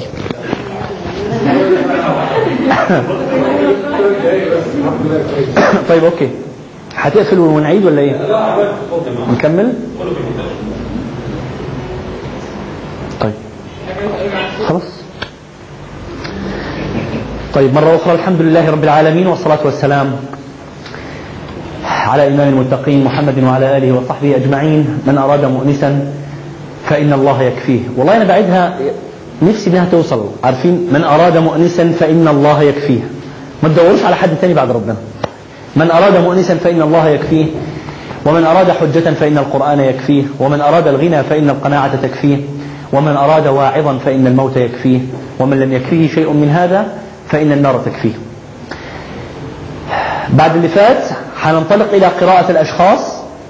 قلنا هي مهارة نادرة الوجود شديدة الأهمية حل يكاد يكون سحري لمشكلات كثيرة في حياتنا اليومية. بس ينبغي علينا أن نتقنها. في معرفة الأنماط وطبيعة الأشخاص المتغيرة وهي خواطر حول ما يعرف بالفراسة. الصورة اللي أمامكم هنشوف بعدين أقصد بها إيه؟ وإيه دخلها بقراءة الأشخاص؟ الشريحة اللي بعدها. قلنا قبل ما ننطلق لازم دايما نستعد بعملية تفريغ وتنقية وتنقيح قبل ما ننطلق لأي مهارة جديدة. سنراجع ما مضى باختصار سنفرغ بعض المعارف اللي عندنا على حكاية أنماط الشخصية والقراءة وقراءة الأشخاص والفراسة والكلام ده قبل ما ننطلق لتعلم بعض المهارات الأساسية في القراءة. أول حاجة أعوذ بالله من الشيطان الرجيم قل إن كان للرحمن ولد فأنا أول العابدين إذا لم تتمكن من التلقي والاستفهام مش هتقدر تقرأ حد إذا من أول ما تشوف حد تقول آه ده باين عليه كذا كذا طب بناء على إيه؟ هل تلقيت؟ هل استفهمت؟ هل هل تساءلت ممكن يكون من إيه؟ ولا على طول حكمت حكم مسبق؟ الخاطرة الفكرة والفلسفة اللي اتكلمنا عنها علشان تجيب قراءة الأشخاص لازم الخواطر اللي تعدي دي تفككها تحطها في ملفات في المستودع عندك وتوصل لمرحلة أقوى من كده. إنك تستدعي خواطر وتبقى عندك ملفات كافية إنك لما تشوف حد معين تعرف ده تبع أنهي ملف. النفس. إذا لم تقرأ نفسك إذا لم تقرأي نفسك فلن تفلح في قراءة الآخرين. خط الحياة. وده هنتكلم عليه كمان شوية. ليه لازم يبقى واضح عندي أنا هدفي إيه وظيفتي إيه وهويتي إيه. وأخيرا ما تنسوش محطات التزكية اللي اتكلمنا عنها. الصلاة.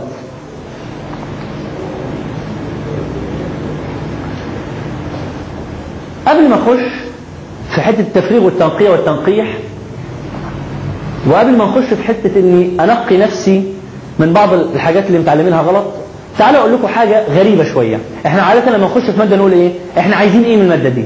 صح؟ أنا دلوقتي هقول لكم إحنا مش عايزين إيه من المادة دي. ليه؟ لأن لو لو نسينا الكلام ده كل حاجة غير ده إحنا عايزينها. أنا عاوز أبدأ معاكم إيه اللي أنا مش عاوزه من مادة قراءة الأشخاص. ما الذي لا انتظره من هذه الدورة؟ اولا أنا أكون قاضيا. أنا مش عاوز حد يتعلم قراءة الأشخاص ويطلع بعد كده يحكم على الناس. أنت كذا وأنت متهم وأنت مجرم وأنت باين عليك من النمط رقم اتنين ألف وأنت خمسة جيم. لا إياكم. ده مش عاوزه من قراءة الأشخاص. اتنين أنا انشغل بالآخر. يبقى إحنا كل الدورة من أنا ولما أنا وأرجع مشغول بالآخرين. آه أنا عرفت دلوقتي اقرا ده إزاي واتعامل مع ده إزاي ومش عارف إيه. ورجعنا لحتة من راقب الناس ما تهمنا مع إن كل الكلام اللي كنا بنتكلمه ضرورة الاهتمام بمين؟ بالنفس اولا. فلا عاوز أبقى قاضي ولا عايز إن أنا أنشغل بالآخر. ثلاثة مش عايز إني أطلق الأحكام وأعممها. مش عاوز أخش في حتة آه كل اللي بيتصرفوا كده دول كذا. وكل اللي بيبقى عامل شكله مش واقف في الوقفة دي ده من النمط الفلاني. وكل بقى قاعد وحط رجل على رجل في النمط الك... لا. أي حاجة غير كده إحنا عايزينها. عايز يبقى عندي ملفات علشان تسهل عليا التعامل مع الآخرين. عايز يبقى عندي توقع لمشكلات معينة علشان ما اتفاجئش عايز, عايز بس مش عايز الكلام ده. مش عايز أبقى قاضي مش عايز إني أنشغل بالآخر ومش عايز أطلق التعميمات على الآخرين. الشريحه اللي بعدها. إيه هي المعارف المغلوطة دي اللي اللي إحنا محتاجين نتخلص منها لأنها من الأخطاء الشائعة بين الناس. اولا حكاية لغة الجسد. إحنا هنتكلم عن لغة الجسد. بس مش بالمفهوم اللي أنتوا قارين عنه. لأن ولا حاجة من المفاهيم اللي أنتوا قارين عنها ثبتت صحتها 100% حتى الآن. يعني ما فيش حاجة اسمها اللي يقف يبقى عامل كده ده شخص منطوي. واللي كده شخص ضعيف. واللي كده شخص مفكر. واللي كده شخص خيالي. لا الكلام ده الكلام ده مش موجود. لم تثبت صحته على الأقل. أنا حضرت دورة أنا حضرت دورة مع شخص بيدرس لغة وإيه وشخص جايبينه بقى من بريطانيا ومش عارف إيه وياخد مش عارف كام جنيه استرليني في الساعة. فأنا تعمدت إني أقعد قدامه بثلاث هيئات مختلفة. كل يوم أقعد قعدة معينة. وأبقى متعمد. لما جيت سألته قلت له أنا من أنه نمط؟ قال لي أنت من النمط الفلاني. قلت له غريب. أنت ما لاحظتش أنا بقعد إزاي؟ قال لي أنت بتقعد كده؟ قلت له لا أنا جيت يوم قعدت كده ويوم قعدت كده. قال لي آه. قلت له يبقى حكمت إزاي؟ هو حكم على آخر يوم بس. النفس البشرية يا جماعة نفس متغيرة ده أنت تتغير بينك وبين نفسك في الساعة الواحدة. والجسد هو عبارة عن المنتج للتفكير. طريقة تفكيرك بتطلع بإيه؟ بسلوك. السلوك ده هي طريقة تفكيرك. ممكن تقعد كده لأنك حاسس دلوقتي أنك عايز تطمئن شوية عاوز تركز شوية عايز تريح شوية. ممكن تقعد كده تقف كده. ممكن. بأي طريقة. إنما أحكم. آه اللي بيقف بالطريقة دي ده شخص بيقول لك أنا مش سهل. ولو وقف كده هو عاوز يقول لك إن أنا أنا بتاعك يا زعيم. يعني باختصار يا جماعة ما فيش حاجة مش عاوز تطلعوا وانتوا فاكرين انه في لغة جسد معينة. لا. اتنين انماط الشخصية المختلفة. اختبارات كتيرة ومش عارف إيه تقول لك آه ده من النمط كذا وده من النمط ده وده من النمط ده وده من النمط ده وبالتالي تتعامل معاه على أساس واحد اثنين ثلاثة أربعة. حتى انماط الشخصية بالطريقة اللي الناس متعارفين عليها بتثبت خطأها دلوقتي. وده اللي بنشوفه في حاجة اسمها اختبارات القياس والتقويم. إذا سامعين عنها ال psychometric test بيجي واحد عاوزين يوظفوه في شركة معينة يحطوا له امتحان. الامتحان هو عبارة عن إيه؟ multiple choice اختيارات متعددة. A C D مش آه. ده مكتئب. ده قلق. لا, لا. أنا اشتغلت في مركز استشارات نفسية. كنت أقول لهم أنتوا عاوزين إيه؟ هم عاوزين بقى الاختبارات دي. أقول له لا أنا أقعد مع البني آدم ربع ساعة ومن ربع ساعة دي ممكن أطلع بحاجة بتاعت 60 70 80% بالكثير من شخصيته وفعلا نشوف الاختبار عمل إيه واللي طلع معايا إيه حاجة قلت بقى عشان ما نغلطش وعشان يعني ما نحكمش على الناس خطأ تعالوا نكرر الاختبار ده نفسه أكتر من مرة. أنا الحكاية دي جبتها من حاجة حصلت في كندا. شخص قدم لوظيفة.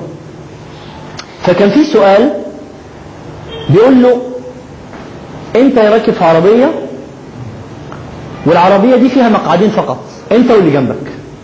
وجيت لقيت ناس في عاصفة ومطر وبرق ومش عارف إيه وفي ثلاثة محتمين ب يعني عند باص ستيشن كده محطه لركوب الباص واحد منهم شخص مجهد تعبان كبير في السن واضح إنه عنده حاجة شبيهة بأعراض الجلطة. وجنبه دكتور اختصاصي في الكلام ده وهو ده اللي عالجك من الجلطة قبل كده. وجنبه شخص بقالك كتير ما شفتوش ونفسك تشوفه. تعمل إيه؟ الجواب كان عامل إيه؟ أنا اركب معايا ال- الشخص ده واوديه وارجع تاني عشان أشوف صاحبي. نفس الشخص ده طبعا ما اتقبلش نفس الشخص ده جه بعد كذا شهر. قدم للوظيفه تعرض لنفس السؤال أجاب إجابة صحيحة. أو الإجابة بلاش نقول صحيحة الإجابة اللي هم عايزينها. إيه رأيكم؟ إيه ممكن تكون الإجابة المثلى للسؤال؟ ينزل ينزل أنزل ودي المفتاح للدكتور يركب معاه الراجل يوديه المستشفى وأقعد أنا مع صاحبي. هو إيه اللي حصل في الشخص ده؟ إيه اللي غيره؟ اصله لما جاله السؤال ده كان راجل معدم ما عندوش. فحتة إنه يفكر يسيب عربيته دي مش واردة. لما استقر بعد كده حتة إنه ينزل يدي المفتاح ويسيب عربيته دي سهلة جدا.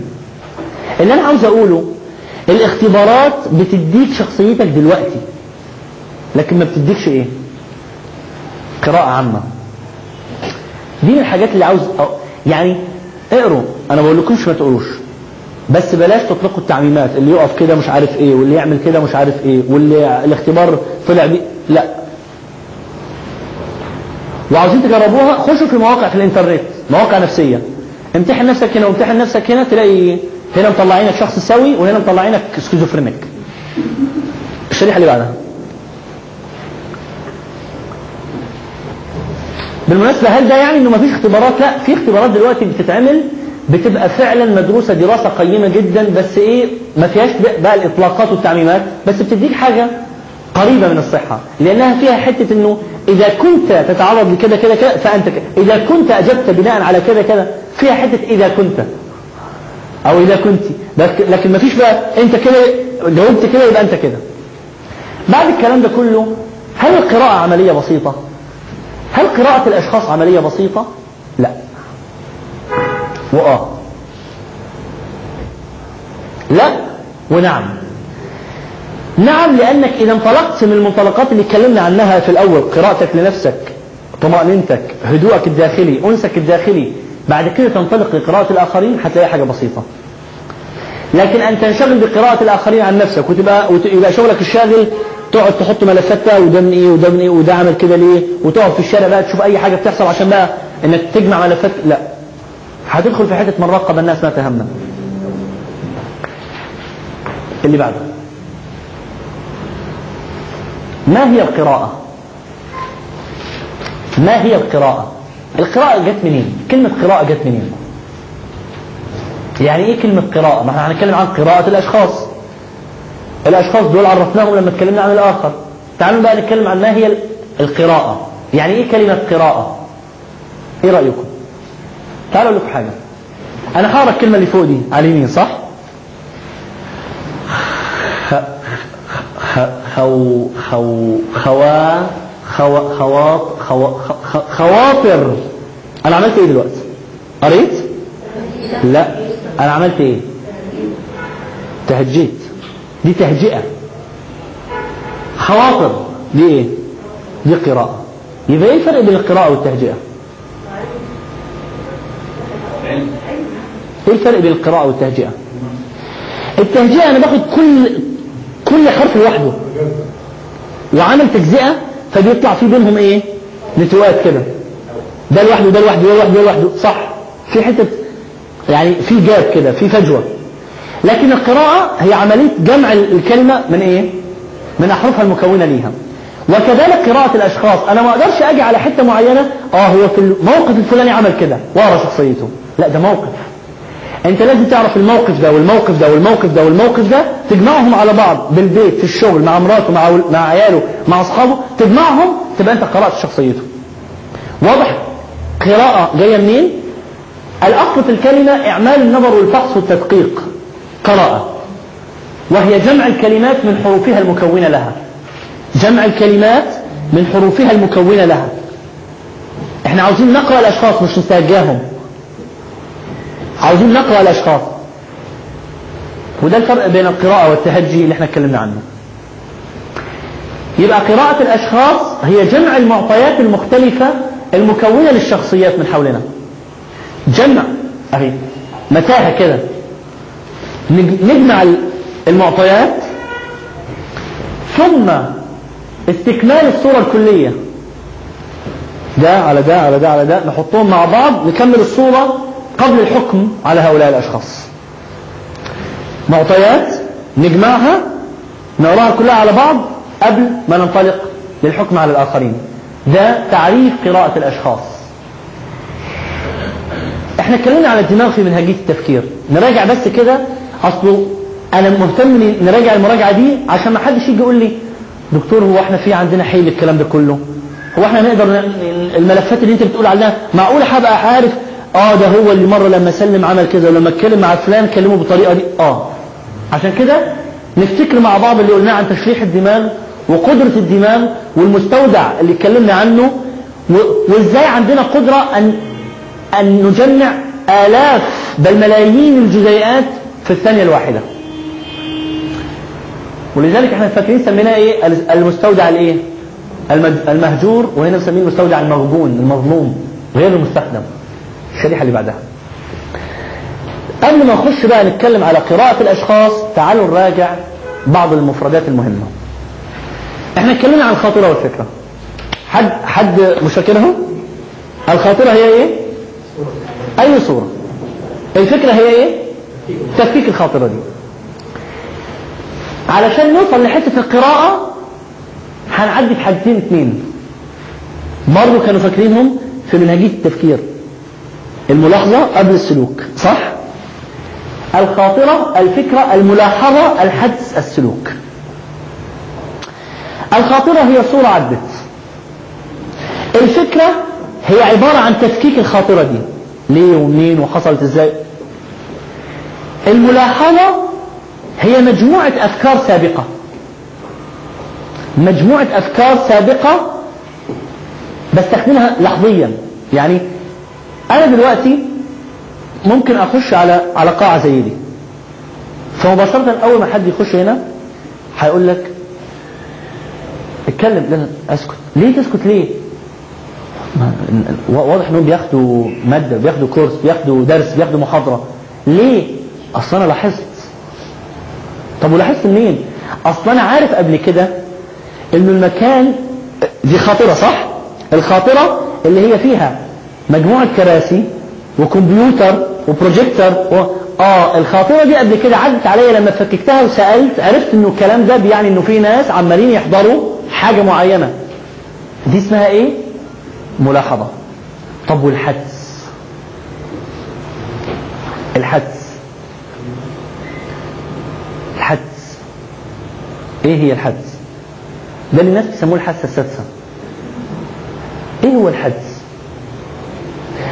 تصوروا معايا شخص كده وقاعد في المطار. بيستنى طيارة. فلنقل بيستنى طيران الخطوط المصرية مثلا الطيران المصري. هي بيسموها إيه؟ مصر للطيران. مصر للطيران. شركة مصر للطيران. بيستنى شركة مصر للطيران الرحلة رقم 121 القادمة من كوالالمبور. طيب؟ هو قاعد فاتح الكتيب كده وبيقرأ. بيستنى إيه؟ مصر للطيران 121 القادمة من كوالالمبور بعد شوية راح سامع وهو والناس اللي جنبيه آه، تعلن الخطوط الجوية مصر للطيران عن آه، قدوم وصول رحلتها رقم 121 القادمة من كوالالمبور آه، وسيكون خروج الطاقم من البوابة رقم 2 فجأة الكل قام وخينا ده قاعد بيكمل. ليه؟ ليه؟ كان إحساس معين تجاه اللي اتقال من في حاجة غلط يعني الكلام اللي اتقال فيه مثلا ممكن يكون مشكلة حصلت تعطل معين. لا لا، نزلت. عارف إن الناس بتقعد فترة أطول بالظبط. الناس دول كلهم ضيعوا وقت. قاموا وهيقعدوا هو فين وصل ولا ما وصلش؟ يا أخي اتصل بيه كده شوف نزل ولا ما نزلش الراجل ده عرف من ملاحظة سابقة قبل كده ان الطيارة تنزل والناس بيتجمعوا وعادة الناس بينزلوا قبل أوانهم ويبقى لسه يا دوب هبطت ويروح الكل شايل مش عارف إيه فاتح حزام الأمان ونازل. وطابور طويل ولسه فيه باسبورتات ولسه فيه ال- الشنط والمش عارف. فعرف ان الحكاية دي هتاخد لها بالقليل كده تلت ساعة نص ساعة. فيقول لك أستفيد بقى من تلت ساعة نص ساعة دي أقرأ حاجة. وأقوم مطمن تماما أبقى لسه يا دوب واصل أهم وصلوا اهم إيه اللي فاده؟ الحدس الحدس ده جاله منين؟ من ملاحظات سابقة من مجموعة ملاحظات سابقة واضح؟ في سؤال؟ إيه هو الحدس اللي أنت كنت فاهمه؟ لأنك قول لي هقول لك انه ينطبق على الكلام ده. قول لي أي حاجة أنت فاكر فاكر إنها حدس يعني إذا استخدمتها. قول لي. قول لي مثلا. لا يعني أصل ده في الآخر مجموع يعني دي تكون سابقه آه. واستخدمتها حلو. يعني عارف طيب. اديني حاجة أنت كنت فاكرها غير دي. أنا كنت متخيل ان إن الحدث أو الحدث إن ممكن آه، إن يشوف شخص مثلا. أيوه. ومن موقف معين لو معلش تقول. عليه الموقف على آه قول قول. من موقف معين تصرف كذا فتصورت شخصيته وطلع مظبوطه ممتاز. انت أنت التصور تصورته منين؟ لا بس أنا في حاجة أنا تصورت عشان لا ملاحظه سابقه صحيحه ولكن أنا إن حدسي صدق في بقية الحاجات مظبوطة. إنها لكن ما كان مش شرط إنها كده. أنا جاي لك في الكلام. أنت شفت فلان. فلان ده لما شفته ما إحنا انت أنت اتكلمت كده وعديتها بسرعة. لا تعالى نفككها. فلان ده بالنسبة لك ملف موجود عندك. ووجوده في ظرف معين ملف موجود. يبقى ملف زائد ملف شكلتهم مع بعض طلعوا بحاجة تانية. تصرف معين يبقى خلاص اداك الن- الناتج. فانت تصورت بعد كده انه ده بعد كده هيتصرف التصرف الفلاني. بناء على إيه؟ أنا اللي عاوز اقوله يا جماعة انه الحدس لا, لا يتأتى من لا شيء. يبقى لازم يبقى في عندك معطيات سابقة. إن واحد ظني أكتر منه الثاني عشان كده عشان كده بعد شوية هنرجع لحتة الصورة الأولانية اللي قطع الليجو. هي بس الفرق في المهارة إنك أنت هتشوف ألف باء آه، دال سين آه، عين واو. غيرك محتاج لا أنا عاوز ألف باء تاء ثاء جيم آه، وممكن حرفين كده واقعين أنت من الحروف الخمسة بس أو السبعة لميت الحروف كلها. وعرفت شخصيته كلها. دي تبع لإيه؟ قد إيه جربت قبل كده وقد إيه عندك ملاحظات سابقة بما فيه الكفاية إنك ممكن ولاحظ تغامر. أنت ممكن تقول لي ده 100% هيعمل كده؟ لا يمكن. بالظبط ولذلك هتقول لي غالبا 80 85% لأنك أنت لسه مش متأكد. لحد ما يعملها تختم. وحتى لما تختم تختم عليه هو ما تختمش على الكل. عشان كده قلنا مفيش تعميم. اتفضل أنا برضه كنت عايز أسأل على الحدس دي يعني مثلا ان حد يخش في مكان يقعد في وسط ناس ويعني يحس حاجة. يحس مثلا إن دول متخانقين يحس دول ما بيحبوش بعض يحس دول بيحبوا لازم تبقى ملاحظات سابقة. أنت عرفت منين إن دول باين إنهم كده متخانقين؟ عرفت منين؟ expressions معينة طريقة قعدتهم. أنا كانوا بي- بيدخلوا عليا اثنين واحد هو ومراته داخلين عايزين إيه؟ يطلقوا. عايزين يطلقوا. فيبقوا قاعدين جنب بعض.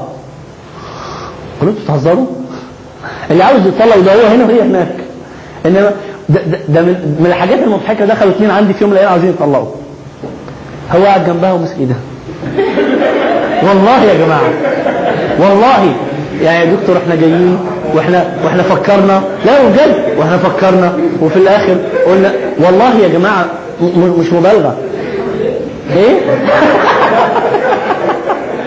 آخر خمس اصله مش عارف هيعمل كده إمتى تاني ها؟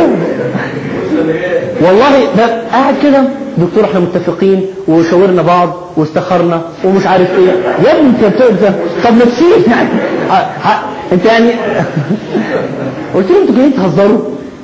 أنتوا جايين تقولوا لي إحنا أحب اتنين على الأرض وعاوزين ننفصل. إيه ده تع- تعذيب ده ولا سادية ولا إيه دي؟ في الآخر طلعوا طبعا المهم انت لما لاحظتي يبقى لاحظتي ملاحظات صادقه أكيد الإكسبريشنز اللي عندهم إحنا يا و- وده خطر التفكير اللي عشان كده بدأنا بيه. أنت وأنت بتبص أنت كل حاجة بتشوفها عندك ملف سابق لها ملف سابق لها وبتحكم وأنت مش عارف هي العملية بتجري إزاي. لذلك بالمناسبة أقول لكم حاجة ظريفة. إحنا كنا ساكنين في عمارة لما كنا في الكويت. ساكنين في الطابق الثالث. وفي الصيف بقى المكيفات أنتوا عارفين وضع الصوت إيه؟ فلا يمكن تتصور إنك في الطابق الثالث ممكن تسمع أصوات إيه؟ ال- الشارع مثلا أو إنه حد يقفل مثلا باب العربية وكده. أنا كنت بستغرب وكلنا كنا بنستغرب إن والدتي من غير سابق إنذار ابوكوا هيخش دلوقتي. السلام عليكم ورحمة الله إيه ده هي مخاوية؟ لا طبعا. لما كبرت شوية وفهمت الكلام ده وقريت. عرفت إن الحكاية حدس جت منين؟ أصل الوالدة اعتادت على إنه في حاجة كده بينها وبين الوالد إنه قبل ما يخرج من الشغل ساعة ساعة ونص تقريبا بيسبقها إيه؟ بمكالمة. عايزة حاجة؟ أنا هعدي على كده حد آخر. فبقى نوع من الاعتياد على إنه في ساعة ونص كده بتعدي قبل ما يخش على البيت. هل هي شايلة ساعة وتبص لا في حاجة اللي إحنا بنسميها الساعة القلبية أو الساعة الداخلية. أنتوا أحيانا جربوا كده يقول لكم عندك نص ساعة تتكلم فيها. تخلص الكلام بعد نص ساعة. وغال- وغالبا بتحصل مع الناس اللي اعتادوا على ال- المحاضرات والإلقاء والكلام ده. يقول له قدامك بس ثلث ساعة 29 دقيقة. طيب؟ يقول له آه. هو هو شيء بس اعتاد على إنه الزمن ده حافظ عدى قد إيه منه. فهي اولا بقى عندها ملاحظة سابقة وهي إيه؟ المكالمة بتسبق الدخول بكام؟ اثنين. اعتادت على إن دخول الوالد بيرتبط مع دخولنا إحنا من المدرسة. هي هي اعتادت خلاص بقى إنهم لما يخشوا من المدرسة بيبقى دخولهم من المدرسة يسبق غالبا مجيء الوالد بحاجة بتاعت ربع ساعة تلت ساعة.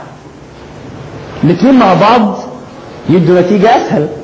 أكتر من كده ودي الحاجة ال- المميزة بقى للاهتمام بين الاثنين الوالدة اكتشفت بعد كده إنها من من دون الجميع بتسمع صوت طرقة باب السيارة. نعم. آه. وأقول لكم مثال كلكم بتعدوا فيه. أنتوا وخصوصا الأخوات. الموبايل المحمول في الشنطة. وماشيين في زحمة في السوق. تروح تليفوني. لا تليفون إيه؟ لا تليفون. آه هو. هي هي معقولة سمعها أقوى من غيرها؟ لا القدرة السمعية هي هي. بس بقى بقت حافظة. بقى في حاجة جو في ملف جواها بيخبط بسرعة كده لما يرن الموبايل بتاعها. مع إنه ممكن تبقى الرنة بتاعت الموبايل زي الرنة بتاعت أي موبايل يعني ممكن موبايل نوكيا ولا سوني إريكسون ولا نفس نفس الرنة. بس هي بقى عندها يعني الظاهر انه الموبايل في وجوده بين الدفتر وبين الشنطة ما- بين مثلا الكلينكس بيعمل رنة معينة لها نغمة معينة بتستجيب لها غير استجابة صاحبتها اللي نفس الرنة بس ما جنبوش أي حاجة. فما بيديش نفس الرنة. ملاحظين؟ فمجموعة ملاحظات سابقة خلت عندها آه ابوكوا هيخش دلوقتي يخش دلوقتي. عبد الرحمن هيتصل دلوقتي. السلام مش قلت لكم عبد الرحمن هيتصل. آه اتصل دلوقتي. ليه؟ هي بقت عندها شعور كل مرور زمني معين وح... وحادثة معينة أو حصول خبر معين عادة عبد الرحمن بيتصل. فخلاص الرنة دي عبد الرحمن بيتصل. من مجموعة ملاحظات سابقة هي ما وقفتش بقى آه لحظة شوية أنا هو عبد الرحمن بيتصل إمتى؟ لا لا هو الإنسان بتحصل معاه إيه؟ بطريقة نوعا ما تلقائية. لحظة شوية خالد كان في عندك سؤال؟ هل يعني آه، الموضوع ده مختلف آه، عن التركيز في ان أنا يعني مثلا ممكن تكون الوالده مركزه انها ده الصوت ده بالنسبة لها آه، يعني مركزه انها تسمعه طبعا عايزاه. يعني- طبعا. يعني. ما هو ده اللي قلته الاهتمام. عشان كده يحصل التخاطر أحيانا بين الاثنين. يقول لك أنا فلان يعني أنا حاسس إن أنا هشوفه النهارده. هو كانه في نوع من الرغبة التبادلية بين الاثنين إن أنا هشوفه النهارده. نفس اللي بيحصل أحيانا تقول فلان هيخش علينا دلوقتي وفعلا يدخل. هو هو إيه اللي عرفه؟ آه اصله أ- أول امبارح كان معدي عليه كده قال له بالمناسبة أنا ه- هجي لك اليومين دول. وامبارح شاف واحد قال له شفت فلان امبارح وقال هيعدي عليك بكرة. هي عدت كده بس هي موجودة فين؟ في ملف سابق فبقت عبارة عن ملاحظة سابقة. ف... فلما وهو قاعد مع الجامعة كده يعرف إنه لا وقت شغل ولا وقت إنه يبقى مع أهله فيبقى غالبا فلان اللي يعرفه هيعرف إن الوقت ده هو الأنسب إنه يزوره بيه. كنت عايزة أسأل على حاجة إيه هي إيه؟ آه، أنا ووالدي آه، ممكن مثلا يبقى مسافر بره وحاجة تحصل فيتكلم. ما هو ده اللي إحنا بنقوله. لما يوصل مرحلة من الاهتمام بين الطرفين تبقى انت يبقى في عندك شعور داخلي كده إنه في في حدث في حادثة حصل مش حادثة يعني في شيء في شيء حصل بيحرك جواكي حتى لو حتى لو الحاجة دي مش معلومة ما ما- هياش حاجة ما هياش حاجة نشرت في الأخبار. بس كمية التواصل النفسي بينك وبين الطرف الآخر زي ما قال خالد قبل شوية هي والدتي مهم إنها تسمع طرقة الباب دي. في حين لو والدي قعد طاك طاك إحنا كلنا ولا ما فيش. لكن هي بالنسبة لها تك مسموعة عند عايزة تسمعها. حتة بقى إنه هل في تفسير علمي 100% لحتة التخاطب اللي بيحصل بين الاثنين التليباثي اللي بيسموه إنه أنا النهارده قلقان كده في حاجة؟ آه والدك دخل مش عارف إيه. ووالدتك مش عارف. آه لا النهارده آه طلعت النتيجة الفلانية. هل في تفسير 100% للكلام ده؟ لا. لكن أقرب ما يكون له إنه غالبا مربوط بحالة نفسية معينة بيعدي فيها الإنسان نتيجة للتواصل النفسي بينه وبين شخص آخر. اهتمام. بس بس لا أقدر أقول إنه في 100% الكلام ده.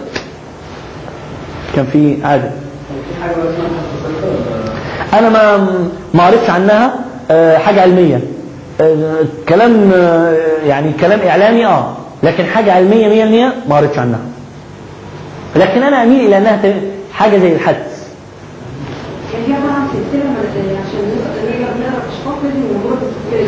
لازم يبقى عندك أصل أنت لما هتقراي شخص هتقرأيه مين؟ يعني هتعرفي منين إن هو ممكن يعمل كده؟ آه يبقى لازم تبقى أنت شفتي قبل كده منظر معين وفككتيه وعرفتي حصل معاه إيه. وبقى عندك مجموعة ملفات سابقة عشان كده بقيتي تقدري تخمني هيحصل إيه اللي هو الحدس هو الحدس دوت من بني آدم لواحد تاني ولا حسب إيه؟ حسب إيه؟ حسب الموضوع. حسب المعطيات السابقة. حسب هدوءه مع نفسه. ليه تشوف دايما الناس الأقرب؟ بلاش نقول عشان ما ان إحنا بنعمل دعاية للأقرب إلى الله. لكن غالبا الناس الأصفياء أشد نقاوة في قراءة النفس في قراءة الآخرين. تلاقي واحد يدخل على الشافعي أنا أنا عاوز يعني أنا حلمت بكذا كذا. آه يبقى أنت هيحصل لك كذا. يخش واحد تاني نفس الحلم يديله حاجة تانية. أصله قرأ معطيات ده حاجة وقرأ معطيات ده حاجة تانية. فالسلوك اللي نتج يعني نتيجة حلم ده حاجة تانية غير النبي صلى الله عليه وسلم كذا شخص يخش له يقول له أوصني يا رسول الله صلى الله عليه وسلم. واحد يقول له إيه؟ لا تغضب. والثاني يقول له أن تستحي من الله كما تستحي رجلا صالحا من قومك. والثالث يقول له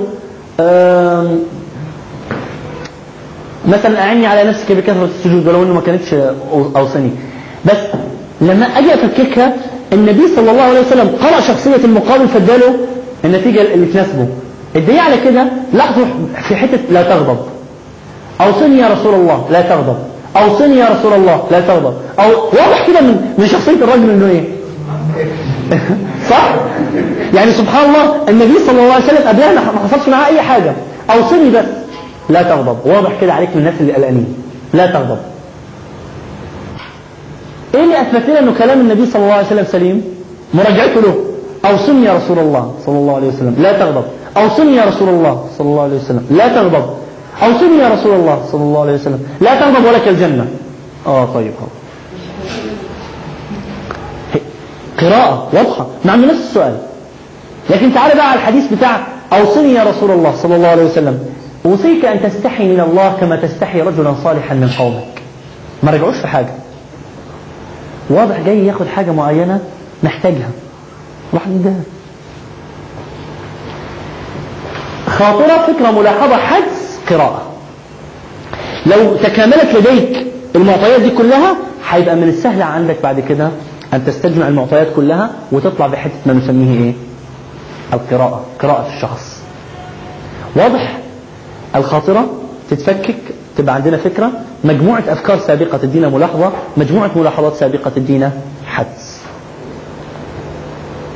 وعشان كده تشوفوا الناس أحيانا شكله من ده شكله حيعمل ده شكله مش مش مريح.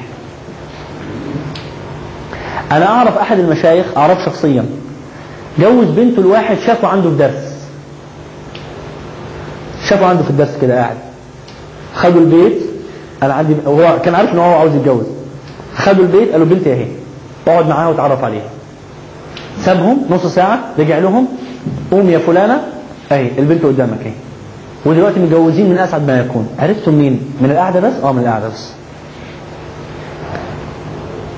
وإحنا بنحاضر أحيانا بنقرأ الناس وهم قاعدين من طريقة الإيماء اهتم بإيه وما اهتمش بإيه قال عمل كده إمتى؟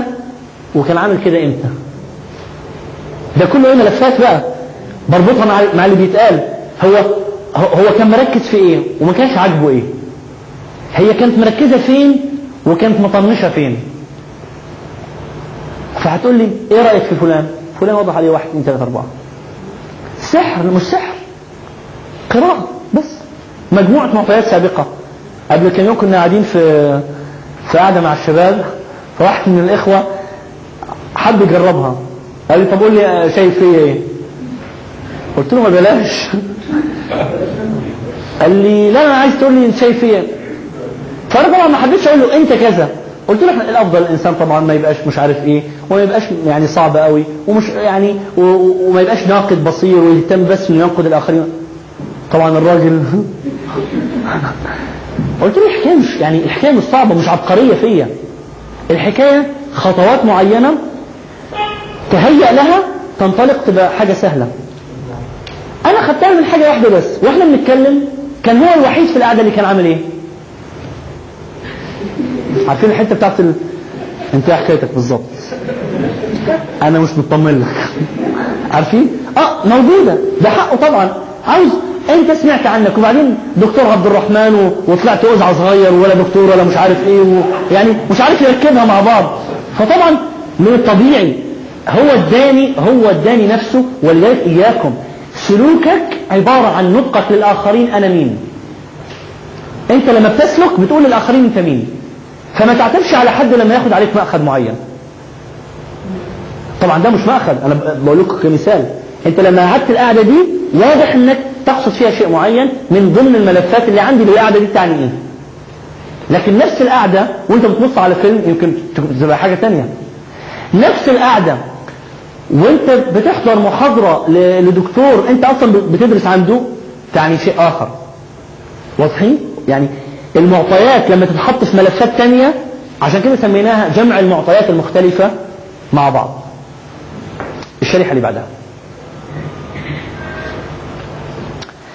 نيجي نتكلم بقى على فلسفة القراءة. إحنا اتكلمنا عليها قبل كده هنرجعها مع بعض. قلنا الله سبحانه وتعالى أول ما أنزله على النبي صلى الله عليه وسلم اقرأ باسم ربك الذي خلق. وقلنا من الآيات دي واللي بعدها قسمنا القراءة إلى ثلاث أنواع. القراءة الكونية وهي التفكر والقراءة الكتابية والقراءة اللي إحنا بنتكلم عنها قراءة الأشخاص. إزاي؟ تعالوا نشوف بدأت إزاي. اقرأ نزلت على شخص أمي ولكنه كان في حالة إيه؟ قراءة. وهي قراءة إيه؟ قراءة الكون. فكأن القراءة المعنية هنا هي مش بس القراءة اللي إحنا بنقصدها قراءة الصحف قراءة الكتاب. بعد كده قال له علم بالقلم. أهي ده نوع آخر من القراءة. بعد كده قال له ادعو إلى سبيل ربك. أرأيت الذي ينهى؟ ابدأ بنفسك يا محمد اطلع اجمع المعطيات دي ثم انطلق إلى قراءة الآخرين للتعامل معهم صلى الله عليه وسلم. دي اللي بعد كده. عشان نعرف قلنا على من نزلت هذه الآيات نزلت على رجل أمي. يبقى القراءة ما هيش القراءة اللي إحنا فاهمينها بس. كيف كانت حاله عند نزولها؟ كان في حالة قراءة. وكيف له أن يقرأ وهو أمي؟ آه يبقى أكيد معطيات القراءة مش اللي إحنا فاهمينها بس. يا يا ورقة يا قلم يا كمبيوتر يا مش عارف إيه يا أنت ما تنفعش تقرأ. لا. والكلام ده هنرد عليه بعد كده الشريحة اللي بعدها. ليه قراءة الكون مهمة قبل أي حاجة تانية؟ أنا سبق أن قلت لكم قبل كده بعض الناس في في الخليج العربي. واحد جاي يخطب بنتهم. يروحوا جايبين شخص معين كبير في السن. أمي لا يقرأ ولا يكتب. ما قاعدينه في الجلسة دي. ليه؟ علشان يقرأ شخصية اللي جاي ده. طب ما هو ما بيقراش ولا يكتب. آه. قال لك عنده خبرة. قال لك عنده آه، من الناس اللي اللي عارفين الدنيا دي ماشية إزاي. عارفين الكلمات دي كلها. هو في الكل هو في الآخر كده بيتكلموا على إيه؟ الشخص ده قرأ الكون اللي هو مكون للشخصية دي. أصل الشخص ده جاي من بيئة بقى وال- والمعطيات اللي حواليها. فلما أنا أقرأ المعطيات يبقى من السهل عليا أقرأ إيه؟ المنتج. القراءة الكونية مهمة جدا لأنه أول حاجة في القراءة الكونية يجب أن تقرأها هي مين؟ النفس. جبناها منين؟ ادني الشريحة اللي بعدها. فاكرين إحنا قلناها إزاي؟ اقرأ. ولكن كيف؟ أقرأ بمنهج إيه؟ باسم ربك. طب أقرأ إيه؟ الذي خلق. طب ما الخلق كبير يعني اقرأ أقرأ الخلق كله؟ لا خلق الإنسان. أقرأ إيه في الإنسان؟ من علق. من أنا ولما أنا. ابدأ بنفسك الأول. ولذلك محمد صلى الله عليه وسلم هو كان بيطلع بيطلع الرحلة الشاقة دي ليه وهو عنده 40 سنة؟ كان بيبحث عن مين؟ عن نفسه. يبص في الآفاق و... وإيه اللي وأنا منين وجيت إزاي وده إيه وإيه اللي رفع ده؟ وسبقه في ذلك من؟ إبراهيم عليه السلام. يبقى في الأول كده أول حاجة يجب أن تقرأها من. في هذا الكون هي مين؟ هي النفس. ولذلك وفيك انطوى العالم الأكبر. أنت جواك كون بس لازم الأول تعرف تقرأ إزاي. الشريحة اللي بعدها. عشان نقرأ الكون إحنا محتاجين إيه؟ عشان تقرأ كتاب أنت محتاج إيه؟ محتاج عينين؟ محتاج نور؟ محتاج كتاب؟ عشان تقرأ الكون أنت محتاج إيه؟ محتاج الكون نفسه واللي هو موجود أصلا معطيات مجانية ومحتاج إيه؟ ومحتاج نفسك. آلية القراءة نفسها. يبقى ما عندكش حاجة بعد كده؟ تقول لك ان ان أنا القراءة الكونية دي مش موجودة عندي. وأعجب من الناس اللي لما يجي يفكر في عملية التأمل والتدبر والتفكر أول حاجة يفكر فيها إنه يعتزل الناس ويروح قاعد على جبل ولا على شط البحر. ليه يا أخي؟ يعني هو هو أنت أول ما تطلع من هنا مفيش حاجة؟ وأنت هنا. أنا مرة اديت المحاضرة الدورة دي ل يعني لجهة معينة فكنت موصين كل واحد يكتب النهاردة حاجة معينة تأمل بها. ويجي لي تاني يوم. فأحد الإخوة جالي تاني يوم كاتب إيه؟ كل ملاحظاته على حائط البناية المقابلة. حائط البناية المقابلة اللي معشش عليه بقى أعشاب ومش عارف إيه. تصوروا كاتب حاجة بتاعت 12 صفحة. راح بقى. الجدار والتغير ومش عارف إيه وإزاي صلبته وما ومهما جات عليه من العوالق لكنه هو ثابت في مكانه مش عارف إيه فتمنيت من الله أن أكون بمثل ثبات هذا الجدار. وهو كله بيتكلم على إيه؟ على حائط بناية. ده لسه ما طلعش بقى على. على الأرض والسماء والأفلاك والنجوم والقمر وال... بس بس بس تكون نفسك حاضرة وانت هتبدع. بس الأول النفس الشريحة اللي بعد كده. طبعا ليه النفس أولا هنعدي عليها بسرعة؟ لأن كلها اتكلمنا فيها. كل الآيات اللي تتكلم عن النفس تتكلم على أنها آلية الإبصار آلية التفكير آلية الإعمال في الشيء. وفي أنفسكم أفلا تبصرون؟ من غير النفس مش إيه؟ مش هتبصر. ممكن تنظر لكن من غير النفس ما تبصرش. الشريحة اللي بعدها. قلنا لأنه المادة الخام للقراءة صح؟ فاكرين الحتة دي؟ أنت عندك العجينة اللي ربنا مديها لكل الناس اللي هي النفس. اقراها هتعرف العجينة اللي موجودة عند الكل. يفضل عليك فقط إنك إيه؟ تعرف ده عنده إيه زيادة عن العجينة اللي عندك. ده حاطط شوية مش عارف إيه شوية شوكولاتة شوية فانيلا شوية زبيب شوية مكسرات شوية بس. لكن المادة الخام عندك. ثانيا آلية القراءة والعلم ومنهجية التفكير هي النفس. لما اتكلمنا عن العلم اتكلمنا عن النفس. لما اتكلمنا عن منهجية التفكير اتكلمنا عن النفس. وآلية القراءة في الكون هي النفس. عمق الرؤية وإزالة الأقنعة لما تقرأ نفسك كويس تعرف أنت بتخطئ فين وبتضعف فين وبتقوى فين وبالتالي هيكون من السهل عليك تعرف غالبا الناس بتضعف فين وتحب إيه وما بتحبش لأن قلنا نفس المادة. فهيبقى من السهل عليك إنك تعرف الضحكة دي طالعة بجد ولا لأ لأنك أنت قبل كده عارف نفسك بتضحك إمتى وما بتضحكش إمتى وبتطلع الضحكة مجاملة إمتى وبتطلعها حقيقية إمتى. اللي بعد. وقلنا فوائد قراءة النفس إنها عينة مجانية. مش هتلخبط في حد ولا تضرب في حد ولا تخبط حد ابدا أنت بتقرا نفسك ما حدش له حاجة عندك. اثنين إنك لما تعرفها وتعرف خفاياها هتعرف غالبا خفايا الآخرين. ثالثا إنك تنشغل بنفسك عن الآخر. إحنا قلنا مش. مش عاوزين نطلع من الدورة دي إن إحنا ننشغل بمين؟ بالآخر. فتقرأ نفسك تعرفها تعرف الآخرين. تعرف العجينة الخام المادة الخام. هتعرف المادة الخام عند الآخرين.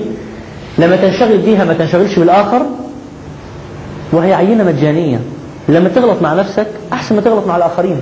ولا ما حدش هيجي يقول لك آه أنا جاهز أهو اقراني اقعد بقى ساعة أنا عندك أهو. ما حدش ما حدش بيدي حد الأيام دي الحاجة دي. لكن أنت بقى حاول قدر الإمكان تستفيد من قراءة النفس. ده القراءة الكونية. وهي قراءة مهمة جدا يا جماعة. وزي ما قلت لكم قبل كده أنت بإمكانك تمارس القراءة الكونية وأنت في زحمة المرور بانك بس عندما تنظر إلى الهلال تستشعر كده حتة ربي وربك الله. وأنت ماشي كده أنا كان في فاكرين صاحبي لؤي اللي كنت قايل لكم عنه؟ الراجل ده كنت أحيانا بمشي معاه فيجي لي تليفون مثلا أرد على التليفون أرجع ألاقي ألاقي تليفون آه ألاقي لؤي بيعيط إيه يا ابني في إيه؟ وإذا به ينظر إلى غصن شجرة كده في ورقة عليها دوت القز. عارفين دوت القز؟ يتأمل بقول له في إيه؟ يقول لي بص يقول له آه بص عليه. جهل بقى. بقى بص عليه. يقول لي بص على إيه دي حياة كاملة يا أخي حياة كاملة جواها وهو مطلع على كل حاجة ومطلع على دي. حتة كده. ماشي زي زي غيره. أفلا تتدبرون؟ أفلا تذكرون؟ أفلا تعقلون؟ حتة موجودة في أي في أي بقول لكم واحد كتب لي 12 أو 14 صفحة مش فاكر في حتة جدار مليء بأعشاب. يعني المفروض لما يصبح كده الله يقرفك. هو ده منظر؟ لكن نفس الجدار ده لما حضرت النفس بقى يبص له بطريقة ثانية القراءة الكتابية آه لسه. ده ولا لا. لحظة شوية شوية. معلش.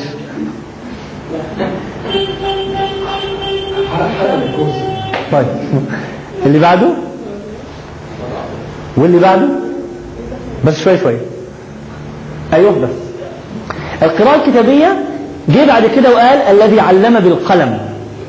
فكان ذكر القلم دلالة على وجود قراءة من نوع آخر. اللي هي القراءة الإيه؟ الكتابية. نون والقلم وما يسطرون. وفي الحديث الذي في في سنده ضعف اللي هو كان أول ما خلق الله إيه؟ القلم ثم قال له اكتب فكتب مقادير الخلق. هي حكاية القراءة الكتابية وما أهمية الكتابة اللي بعد كده. إيه أهمية القراءة الكتابية؟ أولا الكتاب مهم جدا والكتابة مهمة جدا لأنه فاكرين إحنا كنا متكلمين عن الفرق بين الخاطرة وإيه؟ والفكرة. أنا هنا مسميها الخاطرة وإيه؟ وصيد الخاطرة. فاكرين قلت لكم الشافعي كانت بنته بتقول إيه؟ كان بيصحيها كل يوم حاجة بتاعت سبعين مرة بالليل علشان تولع له السراج علشان يعمل إيه؟ يدون الخواطر بتاعته. لأنه إذا ما دونهاش هي هي مش هتختفي موجودة بس ما عرفش هي فين. يجي ينده لها ما يلاقيهاش. دي أهمية الكتابة. معظم ما تقرؤونه الآن معظم ما أقوله لكم الآن كان مجموعة خواطر. أبقى قاعد في حتة كده معايا ورقة وقلم أكتب. الخاطرة دي فككتها جبت أصلها العلمي حاولت أجمعها على بعض طلعت مادة تعطى للناس. لكن أصلها إيه؟ خاطرة. مين اللي فات بيها؟ القلم دلوقتي وفي الأيام دي بالذات بقت ميزته إنه بقى حاجة أسهل. أنتوا متصورين الكمبيوتر الصغير ده في مكتبة فيها 300 كتاب من أمهات الكتب. بس مين اللي يقرأ؟ أحزن كثيرا لما أخش على مكتبات الكتب حاجة بالعبيط. لكن إيه؟ ما حدش بيقرأ. مشغولين بإيه؟ الله أعلم. الله أعلم. بس ما حدش بيقرأ. مميزات القراءة الكتابية إيه؟ مميزات القراءة الكتابية إيه؟ أصل إحنا قلنا إن الحياة المدنية اللي إحنا فيها خلت الناس بعاد عن إيه؟ عن الطبيعة اللي زمان كانت واضحة للناس. ابن البيئة البدوية والبيئة البحرية والبيئة الصحراوية والبيئة ال- والبيئة الزراعية عايش مع الطبيعة وعايش معاها فكل يوم بيقرأ الكون ده أكتر وأكتر. البيئة المدنية عملت إيه؟ ضيقت الكلام ده. طب علشان ضيقت الكلام ده يبقى أعمل إيه؟ يبقى لا. طب عاوز أعرف الناس دول اللي قروا طبيعه قبلية.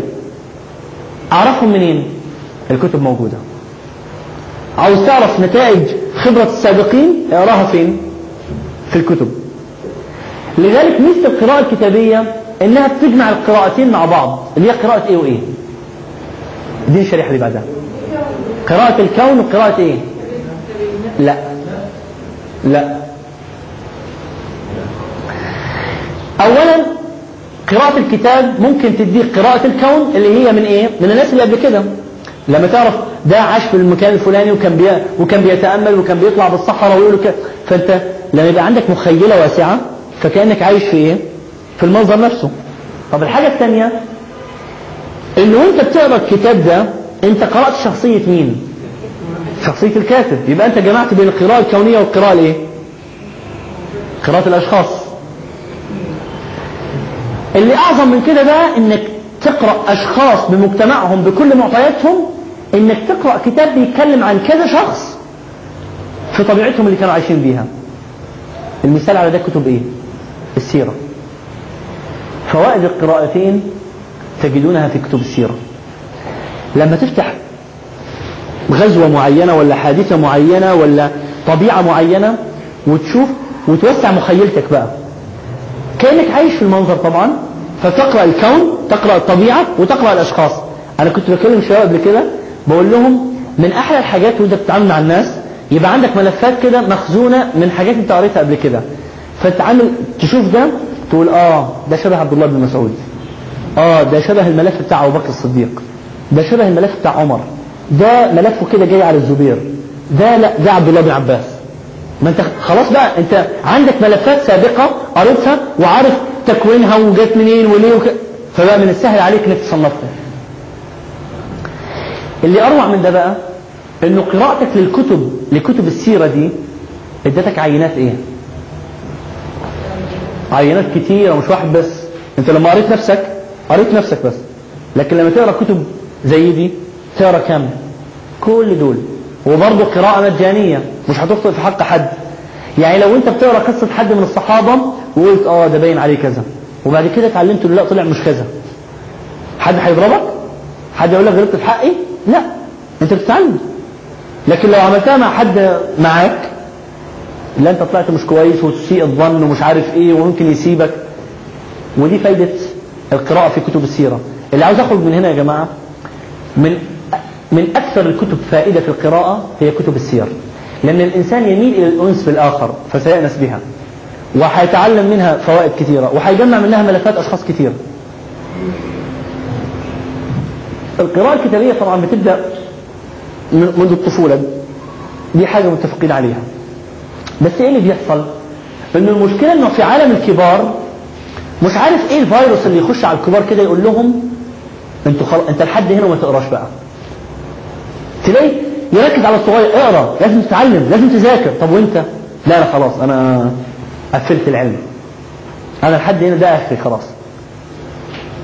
وصدقوني اللي عاوز ولاده اللي عاوز الأطفال اللي عاوز المحيط اللي حوله يقرأ يقرأ هو الأول. ابنك مش هيستوعب حتة إنك تقول له اقرأ وهو وأنت ما بتقراش. اقرأ ليه؟ عشان تشتغل. طب ما أنت تشتغل أهو. لا ما أنا قريت علشان أشتغل بعد كده. طب ما ممكن أشتغل من غير قراية. وخصوصا الإعلام دلوقتي بيدي ال... بيدي الأمثلة دي للناس. واحد تاجر مخدرات من أول الفيلم لاخره وهو مبسوط. يجي يتسجن في الآخر. الولد هيحفظ إنه لا تاجر مش مشكلة وهو شغله. اهو بلاش تجارة المخدرات لحسن دي معروف إنها يمكن غلط. الأعمال الحرة والمش عارف إيه والشركات ياخد كورس صغير ست أشهر ويفتكر ان هو ده العلم اللي هو عاوزه. وبعد كده ينشئ شركة يعمل مش عارف إيه يفتح له مكتب والعملية تجري في إيده وخلاص. فلا يدرك أهمية لقيمة القراءة في حياته. القراءة طبعا لها أهمية أكتر من كده مش بس إنك تقرأ. دي حتة إنك تقرأ صح. دي لوحدها مهارة. حتة إنه مخارج الحروف عندك تبقى صحيحة. قراءتك واجادتك للقراءة دي حاجة لوحدها مش مش بسيطة. دي حاجة لوحدها عايزاها تمرس. إحنا قلنا إحنا بقينا في مرحلة طغيان القراءة الكتابية على القراءة الكونية.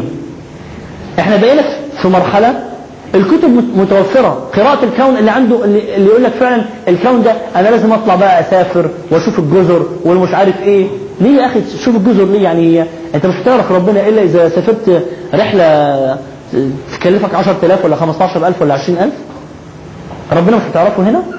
الطبيعة مش موجودة إلا هناك. ومع ذلك ده يدل على إن الكتب متوفرة أكثر من غيرها. إيه نتيجة فقدان القراءتين؟ أنا كاتب إيه؟ بين قوسين. عالم اليوم. اللي عاوز يعرف إحنا وصلنا إيه؟ وصلنا لإيه؟ لما فقدنا القراءة الكونية والقراءة الكتابية يبص إحنا فين؟ يشوف اللي بيحصل إيه. الناس مش عارفة أي حاجة في أي حتة. تسأله؟ ما تعرفش هو ده أنا بتفاجئ أحيانا بسأل ناس في شغلهم. شركتك دي غرضها إيه؟ بتعمل إيه؟ إيه السيرفيس اللي بتقدمه إيه الخدمة اللي بتقدمها؟ يقول لي ثلاث أربع أسطر ممكن تبقى هي هي اللي يقولها واحد ماشي في الشارع يعني سمع عنها ولا قرأ عنها حاجة في الجورنال. يبقى إيه الميزة بينك وبين واحد تاني؟ إيه الميزة بين بينك؟ واحد مرة بسأله كنا في مقابلة في ال... المهم لتعيين ناس في المستشفى. فبقول له انت أنت تعرف إيه عن المستشفى؟ قال لي إيه؟ قلت له يعني المستشفى بالنسبة لك إيه؟ أنت جاي تقدم في عمل المستشفى تعني إيه؟ قال لي المستشفى مؤسسة خدمية. قلت له لا. والبلدية مؤسسة خدمية. أي لا هي مؤسسة خدمية تعنى بحاجة خاصة للجمهور. قلت له البلدية مؤسسة خدمية تعنى بحاجة خاصة للجمهور بناء على طلب الجمهور وكمل لك قبل ما تكمل أنت. وذات طابع معين ويجب أن لا تتدخل في في عمل مؤسسات أخرى. ده, ده, ده كلام ممكن يقوله أي شخص. إذا ما عندكش تصور واضح وعلم قرأت فيه وأنت جاي تشتغل في المستشفى يبقى فرق إيه؟ بينك وبين أي واحد جاي. خلصت المقابلة أتفاجئ إن الراجل المدير اللي جنبي قال لي دكتور أنت الإجابة اللي أنت بتدور عليها إيه؟ أصلا الكلام اللي أنت قلته هو اللي أنا عارفه. هو ده اللي حاصل حتة القراءة ما ما بقاش لها وزن عندنا. وإذا لها وزن يبقى هي القراءة اللي قبل النوم. إيه الكلمة اللي قلتها لي قبل كده؟ الكتاب اللي قبل النوم ده إيه؟ الك... الكتاب اللي تقراه وأنت نايم في السرير ما تقراهوش. ولو يمكن مش قوي مع الكلمة دي لكن فعلا دي دلالة على أهمية عملية القراءة عندك. ده الوقت ال... ده الوقت الضايع. لكن غير لما تقعد وتقرأ. كيف يكون الكتاب مدخلا لقراءة الأشخاص؟ قلناها. الكتاب هيديك ملفات مجانية تدرسها كلها تخزنها عندك درستها بكل ما مر بيها. وهنا الحقيقة أحذر من موضة بقالها سنوات داخلة علينا. دلوقتي أنا حاسس إنها خافة بس برضه لسه موجودة. حتة الروايات الغربية. خيالية لا تعطي أي أي فكر صالح أي معنى يعني قيم.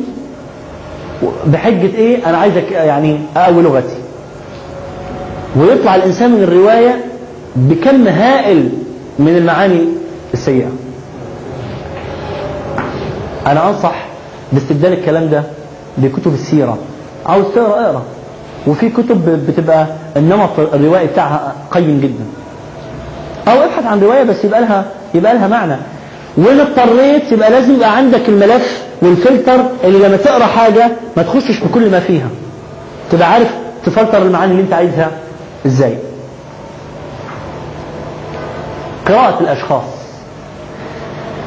بعد كده جت أرأيت الذي ينهى عبدا إذا صلى؟ أرأيت الذي أرأيت إن كان على الهدى أو أمر بالتقوى؟ بعد كده بعد ما استريح وعرف بعد زملوني زملوني ودثروني دثروني قم فأنذر. ادعو إلى سبيل ربك. يبقى من الواضح إنك لازم تتهيأ اولا قبل أن إيه؟ أن تنطلق إلى حتة لما أنا. كنتم خير أمة أخرجت للناس. اشتغل على نفسك عشان تبقى خير أمة بعدين اشتغل للإيه؟ للناس. لماذا قراءة الأشخاص؟ ليه قراءة الأشخاص ضرورية؟ اولا لضرورة التعامل مع الآخر. أنت بتتعامل مع الشخص ده بتتعامل معاه. فهي تتعامل معاه وأنت مش عارف تقراه وبالتالي هيترتب على ده إيه؟ نتائج سلبية ومفاجآت واصطدام ومش عارف إيه وخناقة. انت بتتعامل معاه بتتعامل معاه. فلازم تعرف تتعامل مع مين. ده انت المحمول وانت بتشتغل فيه لازم تعرف يشتغل إزاي. وتقرا ومش عارف إيه وتروح تسأل وادخل عليه النغمة دي إزاي وطلع منه مش عارف إيه وابعت منه رسالة بالطريقة دي. فما بالك البني آدم اللي انت بتتعامل معاه. اثنين لإيصال الفكرة المناسبة حدثوا الناس بما يعرفون. أتحبون أن يكذب الله ورسوله؟ الحديث المرفوع عن علي يعني إيه حدثوا الناس بما يعني لازم تعرف هو الأول يفهم إيه عشان تقول له اللي يفهمه. عشان بعد ما تقول الكلام ده كله وتخلصه ما تستجيش بقى يقول لك أنا ما فهمتش حاجة. ليه يا أخي؟ ما الكلام كان واضح أهو. واضح لمين؟ واضح لمين؟ واضح ليك. أنت عارف أنا أنا بستوعب أنت عارف إن أنا بتكلمش لغة عربية؟ آه أنا آسف. والكلام ده هيضيع الوقت. من الأول لو عرفت لو عرفت اللي قدامك بيفهم إيه. ولازم تديله إيه؟ هتختصر الوقت بقى في عملية إيصال الفكرة. أنا على حتة إيصال الفكرة كانت والدتي دايما عارفين الحتة اللي موجودة عند الأمهات دي؟ يا عبد الرحمن آه. هات لي البتاع من من هناك. إيه؟ طبعا أنا عارف في الحته في الوقت ده تبقى عايزة مثلا الكتاب من فوق التلفزيون أو عايزة السكر من من المطبخ. بس غلاسة بقى. إيه؟ هات لي أنت عارف هات لي اسمه إيه ده من هناك. إيه اللي اسمه إيه وإيه اللي من هناك؟ ما ما أنا لو ما أعرفش هروح أدور وأرجع. ماما أنت قلت إيه؟ ما أنت عارف اللي اسمه إيه من هناك. لا طيب هروح أدور على اسمه إيه ده. واسمه إيه؟ اسمه إيه؟ إيه اللي اسمه إيه وإيه اللي أديتني حاجتين مش معرفة. فضاع الوقت. السكر من المطبخ. واضح. الكتاب من فوق التلفزيون واضح. المصحف من جنب السرير واضح. عشان نختصر الوقت ما يبدأش بقى برنامج من أوله لآخره. بيتخانقوا مع بعض وهم في الآخر مش عارفين هما بيتخانقوا عشان إيه ومعظم الفضائيات دلوقتي البرامج الحوارية بتاعتها كده. حوار طرشان. مش عارفين هما بيتكلموا عن بس لازم يتخانقوا. عشان البرنامج يشتغل.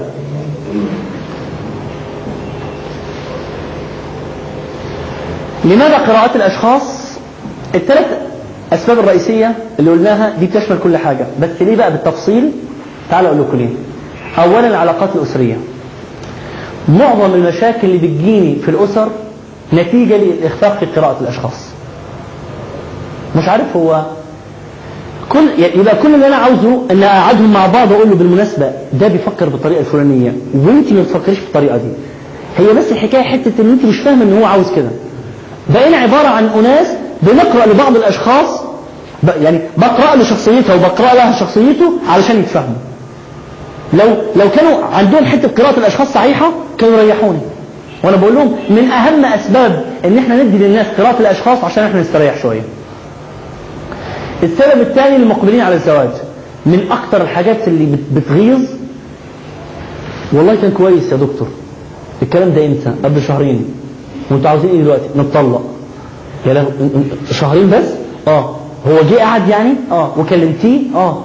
وكان أخباره إيه؟ كان كويس كان فوق يعني يعني أنت عاوز تقنعيني إنه في الشهرين دول بقى هو البني آدم اللي انت مش طايقاه ولا القراءة كانت أصلا خطأ. والأكثر من كده إن أولياء الأمور ما بيقروش لا ده ده حتى بابا وماما كانوا راضيين عنه. راضيين عنه ليه؟ فسألوا فس- قالوا لهم إيه؟ بيصلي. وبعدين آه، في حاله اخفاق في القراءة. في يوم من الأيام كان في جماعة نعرفهم فالأم آه، قالت لي ان فلانه هتتجوز هم أربع أخوات في أخت منهم اتجوزت وكانت آه، يعني ربنا ابتلاها بزوجها ثم هداه الله سبحانه وتعالى. بعد كده جت ثانية فكلمتني أنا طبعا بعيد هم أنا في الشمال وهم في الوسط يعني أنا في, في, شمال الأردن وهم في العاصمة.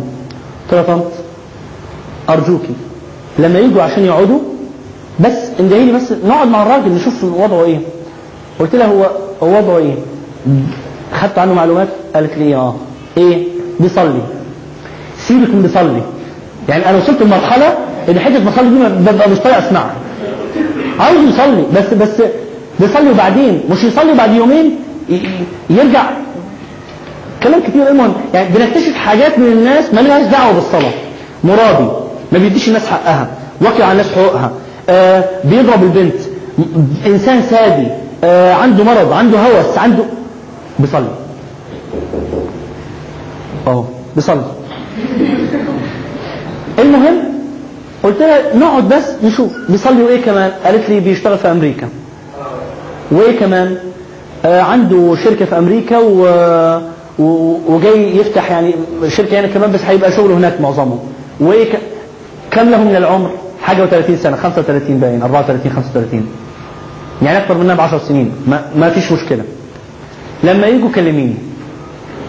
اتصلت بيا في يوم من الأيام عبد الرحمن الجماعة عندنا. عندنا إيه؟ عندنا في البيت لا حول ولا قوة. ده أنت مش قلت لي تكلميني لما قالت لي ما هو خلاص بقى ومش عارف. طيب هعمل إيه دلوقتي؟ قالت لي آه أي حاجة. قلت أعمل إيه يعني؟ أنجم؟ أعمل إيه؟ قلت لها قلت لها طيب هقول لك هعمل حاجة واحدة دي اللي أقدر عليها. خدي طبعا أنا عارف بيتهم. عارف تشكيلة البيت إيه؟ قلت لها خدي البيت خدي التليفون وروحي المطبخ. وكلميني وانت في المطبخ بس تبقي شايفاه قالت لي طيب راحت المطبخ. قلت لها بس أستجمع بس معاك. أنت قلت لي إيه؟ 34 سنة تاجر عنده شغل في أمريكا جاي يفتح هنا محل. آه. قلت لها قولي لي قاعد إزاي؟ قالت لي قاعد إزاي؟ قاعد يعني قاعد إزاي؟ قلت لها قاعد قاعدة قاعد مستريح ولا ضم رجليه كده على بعض والقعدة المؤدبة بقى ومش قالت لي لا لا هو القعدة اللي هي المؤدبة دي بتاعت عارف العريس اللي يعني حتى قالت لي لا قاعد كده ويبدو عليه الحياء. قلت لها طيب. قلت لها هو بيشتغل في إيه؟ قالت لي هو عنده تجارة يعني تجارة عربيات وعربيات سياحية وتأجير سيارات سياحية. قلت لها آه طيب. قلت لها هو قاعد بيتكلم مع عمه. بي- بيحاول يلتفت إلى فلانة البنت يعني بيحاول فراحت ضحكة. قالت لي آه. قلت لها أنت مبسوطة.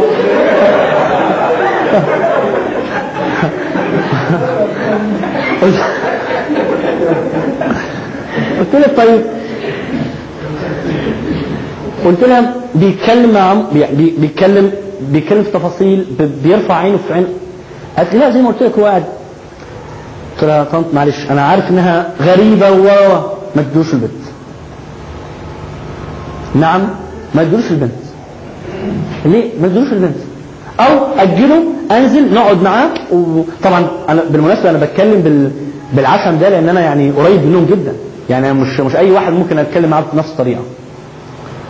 للأسف أتفاجئ بعد حوالي عشرة أيام تكلمني كتب الكتاب وخدها وسافر. قلت خلاص يعني نسأل الله سبحانه وتعالى أن يبارك لهما. بعد شهر بالضبط جاية البنت معاها شنطة هدومها بس وعليها علامات الضرب. عليها كدمات بروزز ضرب. البنت كانت واصلة مرحلة إنه لو ذكر أمامها ترجع. اكتشفت إنه متجوز تنتين يعني اثنين مش اثنين اثنين متجوز اثنين. هم اثنين طيب في أمريكا شخص سادي في التعامل لا يبدو عليه أي علامات البشرية في التعامل. طبعا في الآخر آه، اضطروا إنه خد اللي أنت عاوزه. آه أنا عايز اللي أنا دفعته في في الفرح خده. أنا عايز آه، الذهب مش هرجعه لها خده. عارفين بقى خلاص المهم البنت. قعدنا بقى عاوزين نعرف ليه قلت لا. قلت لها ما تقنعيش في أيام دي في الأيام الغبرة اللي إحنا بيها دي واحد يبقى تاجر وفي أمريكا. وجاي يفتح شغل هنا. وتجارة وعربيات وعربيات سياحية يعني بيتعامل مع الناس يبقى قاعد في الشكل ده. ده حاجة من اثنين يا إما ضعيف فعلا يا إما يتكلف الضعف. لو ضعيف فعلا مش عايزه. أنا عايز واحد تتسند بنتي عليه مش يتسند هو على بنتي. اثنين لو بيتكلف يبقى شخص غير واضح وده هيتعبني. وحتة عدم الوضوح اللي اللي أكتر من كده إنه لم بيبص على البنت كده من تحت يا ابني ما انت جاي تخطب ما تبص يعني إيه المشكلة؟ عدم الوضوح ده يشعرني أكثر بعدم الرغبة في إني أصاهر هذا الشخص. في المقابل هستريح جدا لو جه لبنتي واحد وقعد كده بكل أريحية واتكلم معاها وأنت رأيك إيه ومش عارف ويتكلم. ده واضح ده ده بيديني نفسه على طبق من ذهب. أهو أنا أهو. حتة انه حتة إنه إحنا ما نعرفش نسأل وما نعرفش نقعد مع الشخص اللي جاي يطلب البنت دي. أنا اعتبر ده إخفاق عند الأهل. وشطارة في الراجل شطارة آه، بالمعنى السلبي قاطع الطريق. الثلاث أسئلة اللي أنا بقولها. يعني بقول نصيحة كده للناس. لما حد يجي يطلب البنت تسأله ثلاث أسئلة. اولا أنت عايش ليه؟ نعم. هيقول لي عايش عشان أرضي ربنا. آه ما هي مش السؤال بقى إديني أمارة. أنت لو حد جالك الشغل وقال لك أنا عايز أشتغل عندك أنت هتقدم إيه للش... للشركة؟ أنا هخليها أعظم شركة في الشرق الأوسط. بأمارة إيه؟ هو بأمارة النية اللي جوايا أنا هخليها أعظم ش... هتقدم إيه؟ اديني procedure مشروع project حاجة. هو أنا عايز تبقى يا ابني اديني حاجة. مش هتعرف تتكلم أنت بق بس على الفاضي. لكن لما أقول لك آه أنا ناوي بقى المشروع الفلاني نعمله وفي الشركة الفلانية سمعت عنها وجالي article عنها في النت خلاص اسكت أنت متوظف. أنت هتاخد البنت ليه؟ الجواب الأول واضح أنت عايش ليه؟ اثنين ماذا تعني الأنثى في حياتك؟ أنت هتاخد بنتي عاوز أعرف بنتي دي بالنسبة لك إيه؟ هتبقى السيد وهتحبسها ولا هتبقى شريكتك في الحياة؟ أنت انه واحد فيهم ثلاثة بقى أسأل بقى هو عامل إيه في الشغل بيتقاضى حرام ما بيتقاضاش حرام بيتعامل بالربا ما بيتعاملش بالربا الرشوة تقوى الله عنده بيتعامل مع الإناث اللي معاه في الشغل إزاي؟ بيقف آه، مع السكرتيرة بال- بالساعة والراحة وبيتكلم معاها ولا, ولا لا؟ عنده حتة الأدب اللي مو... الكلام ده كله علشان في الآخر أعرف أنا أنا بتعامل مع مين. لكن بيصلي. خلاص اديله البنت ما هو بيصلي. ليه قراءة الأشخاص ضرورية؟ العلاقات في محيط العمل. كثير من الناس في محيط العمل بيقعوا في مشاكل كثيرة لأنه ما عرفش يقرأ الشخص المقابل. اشتغلت في دايرة فكان في شخص بيشتغل معايا بقاله سنتين سنتين في في المكان ده. أنا كنت لسه بقالي حاجة بتاعت شهرين ثلاثة. اجتمعنا مع مدير الإدارة. فاحنا في الاجتماع فجأة أحد ال- ال- الأشخاص دول اللي هو بقاله سنتين بيشتغل قام كده وراح ضارب الطاولة وطالع من إحنا قاعدين طبعا خلصت. خلص الاجتماع رحت له قلت له هو إيه اللي حصل؟ قال لي شفته اتكلم مش عارف إيه وأنا بقول ال... وأنا بقول اقتراح يروح قلت له عفوا عفوا أنت بقالك قد إيه معاه؟ بقالك تعرفه قد إيه؟ قال لي سنتين قلت له بقالك سنتين ما عرفتش ان هو ما يحبش الاقتراح يطلع إلا من بقه بقالك سنتين ما عرفتش إن هو يحب إنك تقول له بالمناسبة انت مرة نبهتني على الحكاية دي وفعلا أنا لما درستها لقيت إنه ال- ال- الاقتراح الأنسب هو ك... هو انفخ. مش انفخ بقى مجاملة. لا اديله اديله مقامه اللي هو عاوزه. النجاشي لما حد يعرض حاجة على عفوا جعفر بن أبي طالب لما حد يعرض على النجاشي ما قالوش تعالى أقول لك بقى أنت ما بتفهمش. لا لا لا. كلمه بالطريقة اللي هو يفهمها واللي هو يحب يسمعها.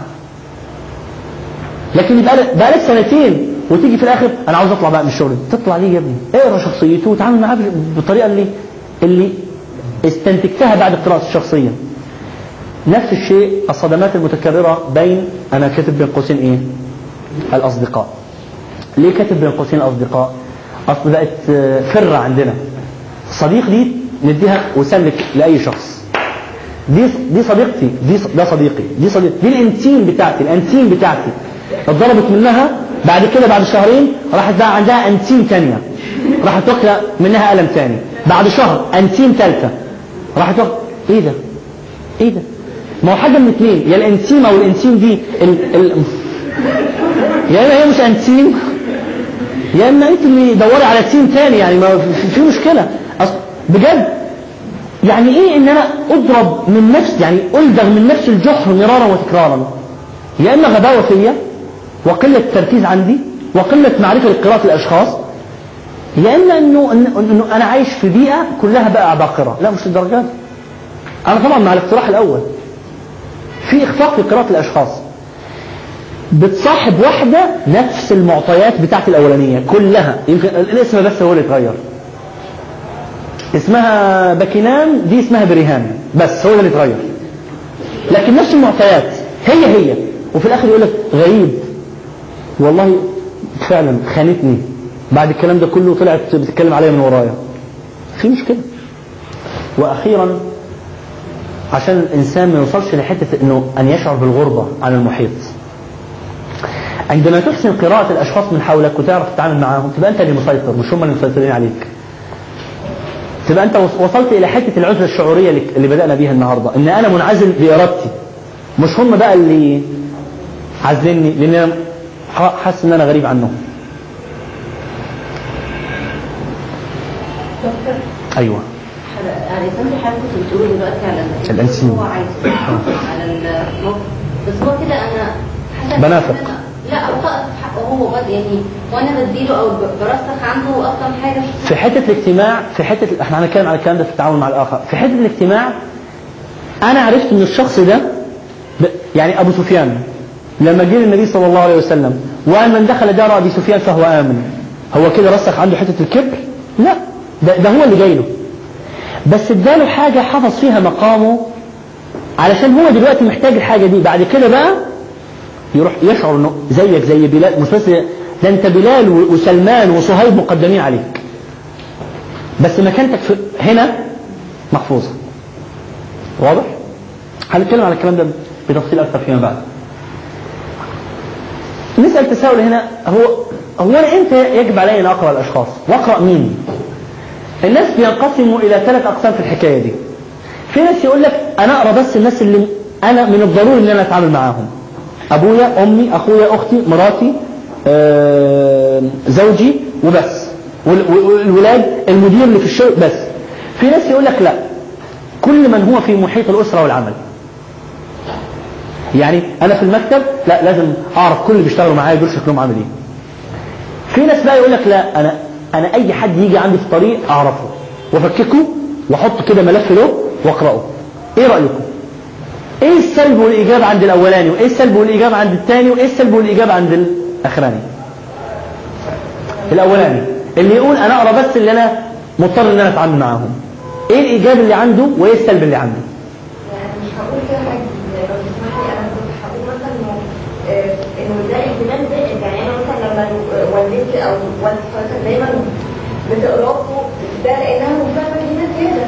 يعني ممكن ما تعرفش يعني بتقرأ أصحابنا وتقرأ عشان هي برضه في الآخر مهتمه بينا طيب أنا أنا مش مختلف. أنا بقول إيه السلب والايجاب في سلب وفي ايجاب في advantage ودي في disadvantage اللي بيقرا عن الضروره فقط ده أول حاجة ال- القراءة دي محتاجة تمرين؟ فالمرة واحدة بيجي مشغل مرة واحدة أو يقول عن الضرورة كل فترة ال- الموضوع بتاع القراءة ده هو لا مش هيبقى عنده ال- ال- مش هيبقى عنده الكم الكافي؟ الكم؟ هيخفق كتير. ده اولا. ثانيا ليه هيخفق كتير؟ بالظبط أنت أنت أوكي. مين قال لك إنك اللي هتتعامل معاهم دايما من نفس النمط؟ يعني مين قال لك اللي هتتعامل معاهم دايما هم شبه أبوك وأمك وأختك وأخوك. أكيد في أنماط مختلفة وبالتالي هتخفق بشكل أكتر. بس في إيجابية برضه. هو ما بيضيعش ما بيضيعش ما بيضيعش وقت بالنسبة له طبعا. بالنسبة له. بس هي برضه بتوقعه في حاجات كتيرة. بس في حتة إن هو مش شاغل نفسه في حتة من راقب الناس. طيب. الثاني اللي في محيط الأسرة والعمل وبس. بس يعني أكتر من الأولاني. الأولاني الناس اللي معاه. يعني اللي معاه في المكتب وبس. الثاني لا. المكتب والإدارة والمش عارف إيه وبس. ده عنده نفس الحتة اللي هنا اللي هي ما تضمنش إنه الناس كلهم يتمثلون في كل الملفات اللي عندك في في الدايرة بتاعتك في ناس تانية. بس هو أفضل من من ده بإنه الملفات اللي عنده إيه؟ أكتر. اللي هنا. ده ملفاته بقى إيه؟ كتيرة. بس إيه المشكلة؟ انشغال بالآخر. ده وقع في حتة الانشغال بالآخر عن انشغاله بنفسه. مش أنا مش حاسه كده يعني. حاسه إحنا لسه. لسه آه. حاسه لما واحد يبقى عنده إن هو بي بي بيحاول يقرأ كل اللي حواليه أو كل من يتعامل معاه مش باستفاضه بس عشان يحدد إزاي يتعامل معاه. لا لا أنت واحدة أنا قلت إيه؟ فضول المعرفة. ده بيروح يعني آه يعني حتى لو ملوش ملوش لازمة. آه بص اللي هناك ده بيعمل إيه؟ ده ده كويس. ملفاته كتيرة جدا بس شغل نفسه. شغل نفسه حتى لدرجة إنه قد يشغل نفسه عن بالآخرين عن نفسه. يعني فضول. لو أنا عاوز أجمع بين اثنين أجمع بين مين ومين. لا. الأول والثالث يبقى عندي فضول معرفة وأعرف استخدمها إمتى؟ طبعا أنت ممكن أنت قلت اثنين واحد اثنين وثلاثه أحمد قلت اثنين وثلاثه آه. أنت قصدك اثنين وثلاثه ما هو ما هو ده ثلاثة بيجمع واحد. بيجمع اثنين بس ما بيجمعش إيه؟ واحد.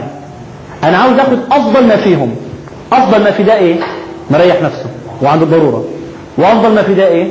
الملفات الكتيرة. اجمعهم مع بعض تبقى أنت عارف أكبر كم ممكن من الملفات مع أقل قدر من الطاقة المهدرة. طب وليه هو اللي يروح ليه يبقى عنده فضول؟ وليه هو اللي يروح؟ ما هو الناس مش كلهم ما- لسه قايلينها. لا لا لا لا لا لا لا. أنا قلت لك خدت من هنا حتة إني اقراه لما أتعامل معاه وأبقى عارف الضرورة هنا واضحة. لكن ما اخدش من ده حتة إني ما اقراهوش إلا لما أتعامل معاه. خدت من خدت من هنا فقط إني ما أصرفش يعني اللي هنا ما عندوش السلبية دي. مستعد نفسه بقى مع الكل. واللي هنا ما عندوش سلبية إنه ملفاته قليلة. يبقى اخدت من هنا الملفات الكتيرة وخدت من هنا إني أوجه الطاقة في المكان المناسب. لا في فاكتور ثاني مختلف خالص. زي إيه؟ يعني مثلا المرحلة السنية العمل. لا لسه لسه لسه لسه لسه لسه لسه. لا لسه لسه لسه. إحنا بس بنتكلم على آه لا لا لسه لسه لسه. أنا أنا هنا بتكلم على حتة إني إمتى أقرأ. لكن هنقرأ إزاي ومين و... وأجمع الشخصية؟ ده لسه ما جيناش عليها الشريحة اللي بعدها. كيف تكون قراءة الأشخاص؟ إزاي أقرأ الشخص؟ هنبدأ بقى في السيستم في المنهج اللي بنقرأ فيه شخصية معينة. آه. آه. حلو. حلو. هو اللي عنده الضرورة بيقول إيه؟ بيقول أنا مش عايز أقرأ إلا الناس اللي أنا محتاج إن أنا أتعامل معاهم اللي أنا عايش معاهم. واللي عنده فضول لا ده شغال عمال على بطال. ممتاز. اللي عنده الفضول اللي عنده الض... اللي بيقول عنده الضرورة فقط هاخد منه ميزة إنه عارف هو عايز إيه. وبيتعامل مع مين. واللي عنده الفضول المعرفة هاخد منه ميزة إنه عنده ملفات كتيرة. فحط ملفات كتيرة. واعرفي تستخدميها إمتى؟ وتبقي انت مسيطرة على الحاجة بتاعتك والضرورة بتاعتك. أحسن ما تبقي عشان اجمع الملفات هضطر إن أنا هضيع وقت عشان لا لا لا لا لا, ما تضيعيش. إزاي؟ أنا بالنسبة لي قاعد في البيت. بتعامل مع والدي ووالدتي. قريت شخصيتهم. جه فلان أتعامل معاه. قريت شخصيته. جه آه، شخص معين آه، وأنا قاعد. وأنا قاعد في العربية بطلب عصير من المطعم جه الجرسون اللي, اللي بيقدم لي العصير. قريت شخصيته. طيب؟ لكن مش بقى ماشي بقى. لحظة أقف شوية. عاوز أقرأ اللي هناك ده. أه امشي دلوقتي. لحظة شوية. اللي هناك ده. ما مش فأنا خدت خدت الضرورة هنا وخدت الملفات هنا. قراءة الأشخاص علشان أقراها لازم يبقى عندي ثلاث حاجات. قراءة الزمن أي دراسة التاريخ قراءة التاريخ بتديني معرفة جامدة جدا على الشخصية. ثانيا قراءة المكان اللي محيط في الشخص ده اللي هي دراسة البيئة بتاعته. ثالثا وأخيرا قراءة الشخص. ملاحظين إنه أنتوا دلوقتي هتتفاجئوا يا ده إحنا لسه ما قرأناش الشخص لسه. الناس أول ما قلنا قراءة الأشخاص فاكرين إحنا هننط كل الكلام اللي قلناه ونيجي فين؟ على هنا. بس ده قاصرة جدا. أنت عشان تعرف المنتج ده لازم تعرف إيه؟ كل. كل حاجة شاركت فيه قراءة الزمن؟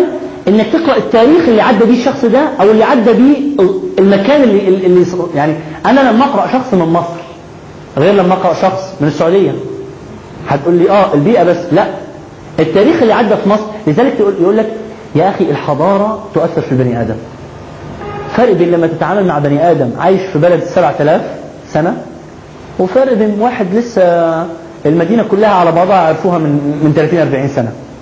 هو هنا بيتكلم عن إيه؟ عن الزمن. بس هقراها إزاي؟ إحنا لسه ما بدأ. لو قلت اشتري عصير عند واحد هنا مش الزمن إيه؟ لو قلت اشتري عصير من عند لا في طبعا. لو ما أعرفش المحل. لو ما أعرفش المحل. لو ما تعرفش يعني ما أعرفش تاريخ تاريخ المكان. لا لا لحظة شوية. حلو حلو حلو السؤال. أنا مش قصدي ح- آه هو هو ده آه، اتفتح إمتى؟ لا لا مش ده قصدي. لكن تاريخ البلد ده تاريخ المنطقة دي تاريخ القاهرة تاريخ آه، تاريخ جامعة الدول العربية يختلف عن تاريخ آه، مثلا آه، شبرا. فلما أروح أشتري من حتة في شبرا غير لما أروح أشتري من حتة في جامعة الدول العربية غير لما أشتري في حتة في 6 أكتوبر. نفس الراجل جاي بالظبط. بالظبط بس ده آه ده تاريخ وبيئة بقى. ده تاريخ وبيئة. وضحت يا أحمد؟ بس لسه هنتكلم عنها بالتفصيل. أنا بس بقول قراءة زمن قراءة مكان اللي هي البيئة بتاعته ثم قراءة الشخص نفسه. أحمد. يعني هل لو أنا عصير هقعد تسع ما إحنا حلو حلو حلو حلو.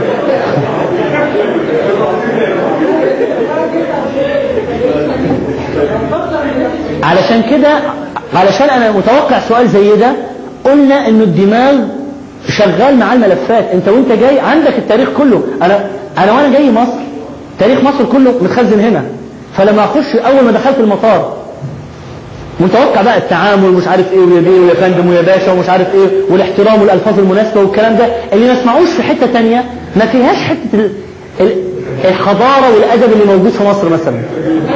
يعني أنا لما أجي أتوقع أنا يمكن كنت بكلم فيها الشباب قبل فترة حاجة ملاحظه ملاحظه ملاحظة جدا في مصر ومش مجاملة. أنا بلاحظها حتى وأنا ببقى بره. حتى في حتة الكاميرا الخفية.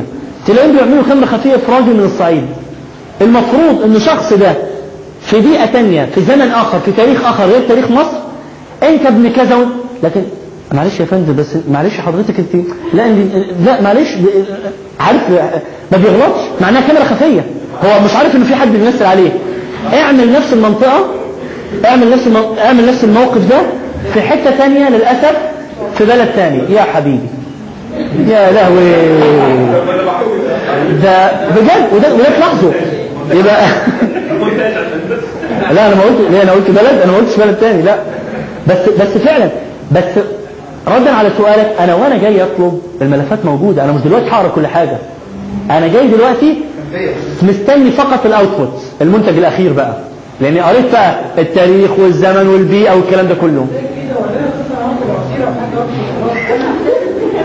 أنت بقى ما انت ما أنت رج- رجعتني للي قبل كده. أنت من بتوع الضرورة فقط؟ ولا العمل ولا فضول المعرفة؟ أنت اختار بقى.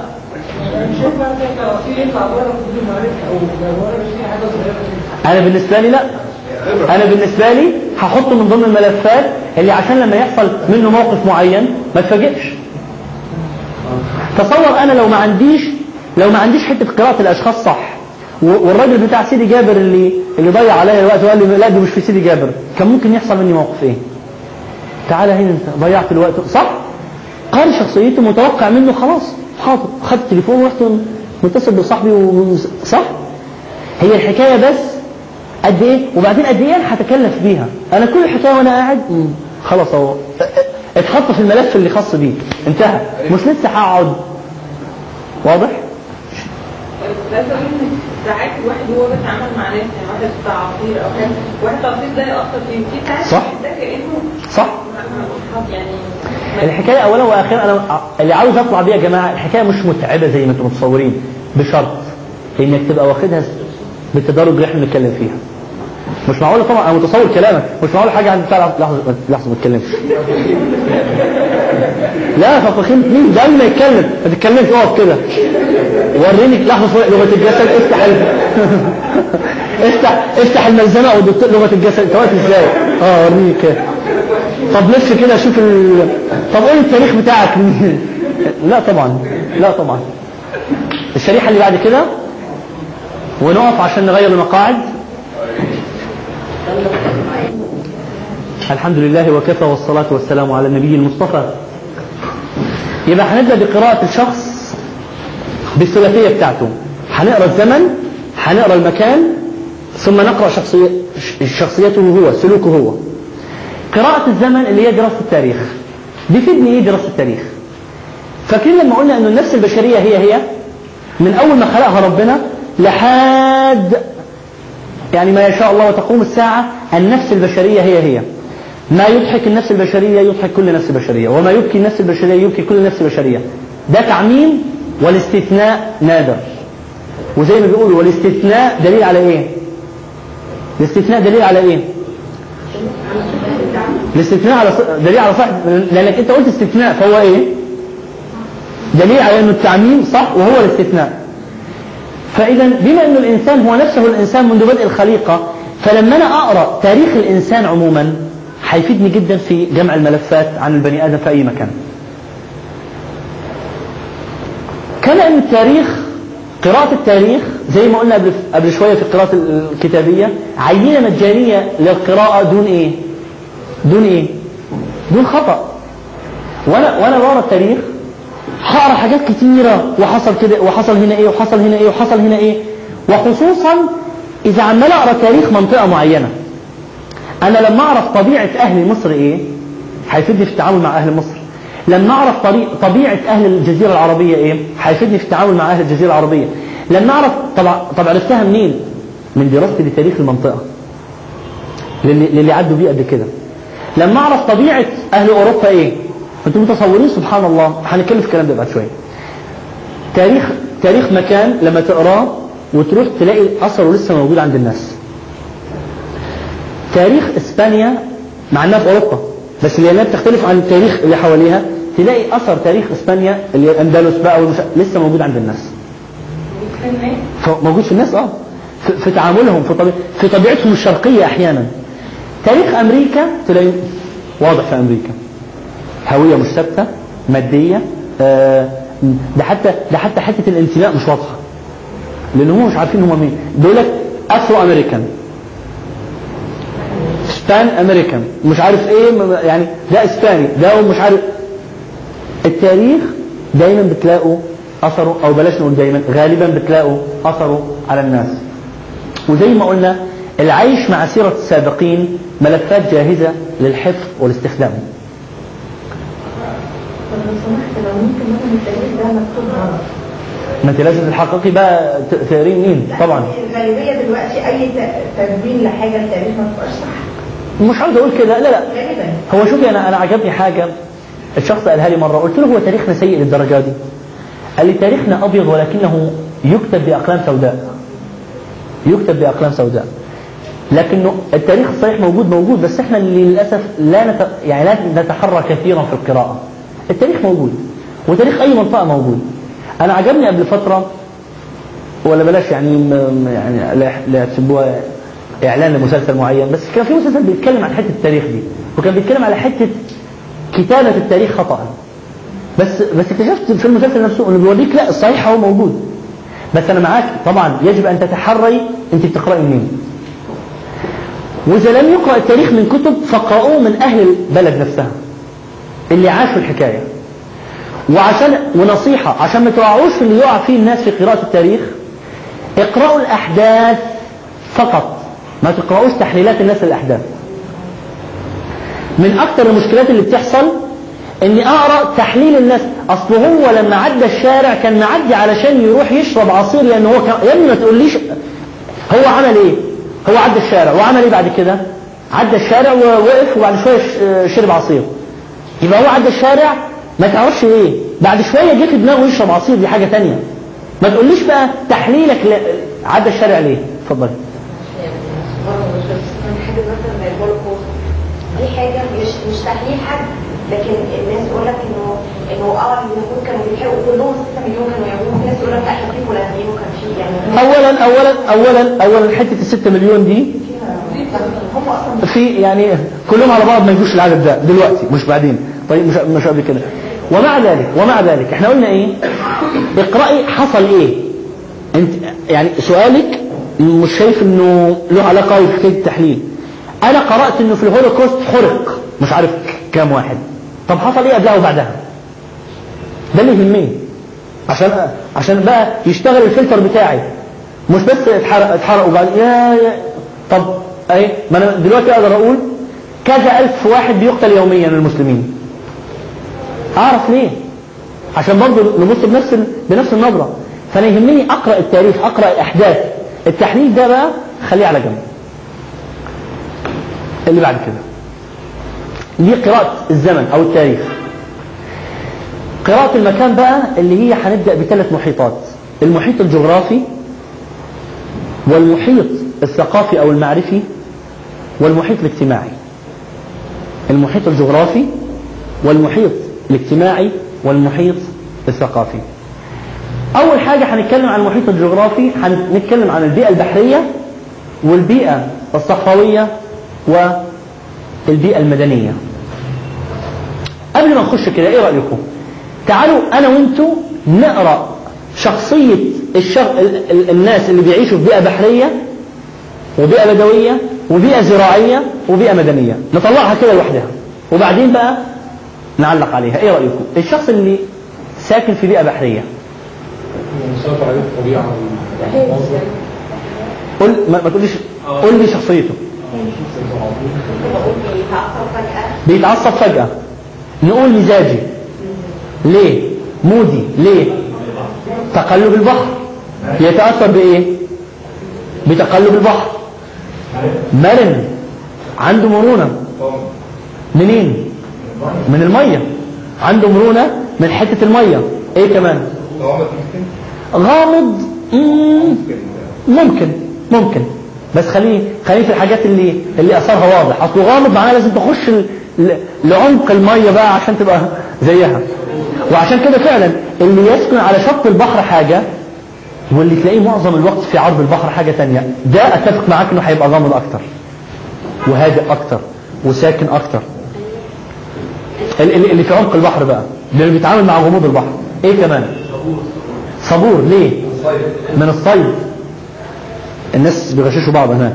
طيب هو داخل وصيد ومش عارف إيه وك... فمعتاد بقى إنه حكاية الصيد دي مش مش كده. إيه كمان؟ جسور مغامر. طبعا. اللي عاوز يخش البحر ده مش مش حاجة بسيطة. قلت إيه؟ هو حد معانا هنا النهارده؟ طيب. و... عشان ياخد قرارات. يعني لا أنا ما, تخشوش بقى في حكاية المركب. إحنا بنتكلم على اللي عايش في البيئة دلوقتي. عايش على شط البحر. إيه كمان؟ إيه كمان؟ بيتعامل مع مختلفه وبالتالي عنده قبول عنده قبول شديد وتلقي ليه؟ لأنه كل كل شوية البحر جاي, جاي له حاجة جديدة. أنماط مت- متنوعة من الناس وسياح. ولذلك تلاقوا أهل المناطق السياحية عادة مالهم. بشوشيك كده عارف- بس إيه؟ بس إيه؟ بس فترة فترة معينة. تقعد آه جمعة جمعتين بعد كده روح. آه معلش ما تقعدش كتير. ليه؟ أصلا هو مستأنس بكتير من الناس فهو مش مش مش عايزك أنت بس. هنشوف ان الحكاية دي مش موجودة عند مين؟ بتاع بالعكس ده هو عايز الناس تجي له. وعشان كده زي ما قلنا لكم كانت من علامات ال- الكرم عندهم حتة ال- النار اللي دايما شعله عاوز يقول للناس تعالوا. إيه كمان في البيئة البحرية؟ منفتحين. صح؟ حتة الانفتاح عندهم أكتر من غيرهم. ليه؟ حضارات بقى متنوعة ملفات كثيرة. طيب البيئة البيئة الصحراوية إيه رأيكم؟ قوي ليه؟ الصلابة قصدك؟ قوي كجسد والبيئة البحرية كمان. ممتاز. البيئة البحرية التعامل معها ما بيحتاجش القوة العضلية بقدر ما بيحتاج أحيانا حتة المرونة أو وتبقي وتبقي ذكية لكن هنا أنت بتتعاملي أصلا مع حاجات محتاجة يعني حيوانات ومش عارف إيه و... ففعلا قد تحتاج إيه كمان؟ صبر برضه بس الصبر هنا حاجة تانية. الصبر هنا غير الصبر بتاع البحر. الصبر بتاع البحر لأنه حتة الصيد عايز لها إيه؟ عايز لها صبر. انك تطلع الجدل يعني. صح إنه ال- على الاتموسفير اللي هو عايش فيه نفسه؟ جلد يعني. لا دي دي مش دي هتديه حتة الهدوء. الحركة والاكتيفيتي والنشاط موجودة أكتر عند مين؟ عند البيئة البحرية. ولذلك لو التجارة والمش عارف إيه والم- والمينا وال... لكن هنا أهدى. لكن الصبر جاي منين عند البيئة البدوية؟ في الانتظار. في انتظار ما سيأتي. في انتظار ما سيأتي. إيه كمان؟ طبعا هناك في مرونة في نوع من من اللطف هنا في عامل التربة بقى اللي مأثر هنا في عاطفة وفي نقاء وفي صفاء أكتر من بتاع البيئة البحرية. ليه؟ هدوء سكون الليل. لذلك تلاحظوا دلوقتي حتى دلوقتي مع انتشار الأغاني الناس بيميلوا للأغاني الخليجية لأن المعاني بتاعت كلماتها أعمق شوية. أعمق من الكلام ال ال السريع كده اللي ما فيهوش يعني ما فيهوش حاجة واضحة. لكن بتاع البيئة البدوية عادة حتى الأشعار بتاعته فيها صفاء أكتر فيها نقاء أكتر فيها هدوء فيها سكينة أكتر. التفكر طبعا التفكر هنا مين؟ حتة الكرم عنده ظاهرة أكتر. ليه؟ عاوز يجيب الناس بقى فعاوز يطمعهم. اقعد عنده خبرات قليلة مع الناس. ممتاز. لذلك الانفتاح عند البيئة البحرية أكتر الملفات عنده كتيرة الناس اللي جايين له البيئة البدوية أقل. ولذلك تلاقوه ك... ماسك شوية أكتر على حتة العادات والتقاليد اللي عنده. بتاع البيئة البحرية ممكن يتغير. ممكن يعني كل ما- ما يجي حاجة جديدة يستفيد منها أكتر. بتاع البيئة البدوية لا محافظ على اللي هو فيه. فحتة المرونة بتاعته أقل من الثاني عندنا مثلا في بيعمل مية مية مالحه ميه مالحه وفيش كعب مية مالحة وشوش كالحة طيب. البيئة الزراعية إيه رأيكم؟ البيئة الزراعية إيه رأيكم؟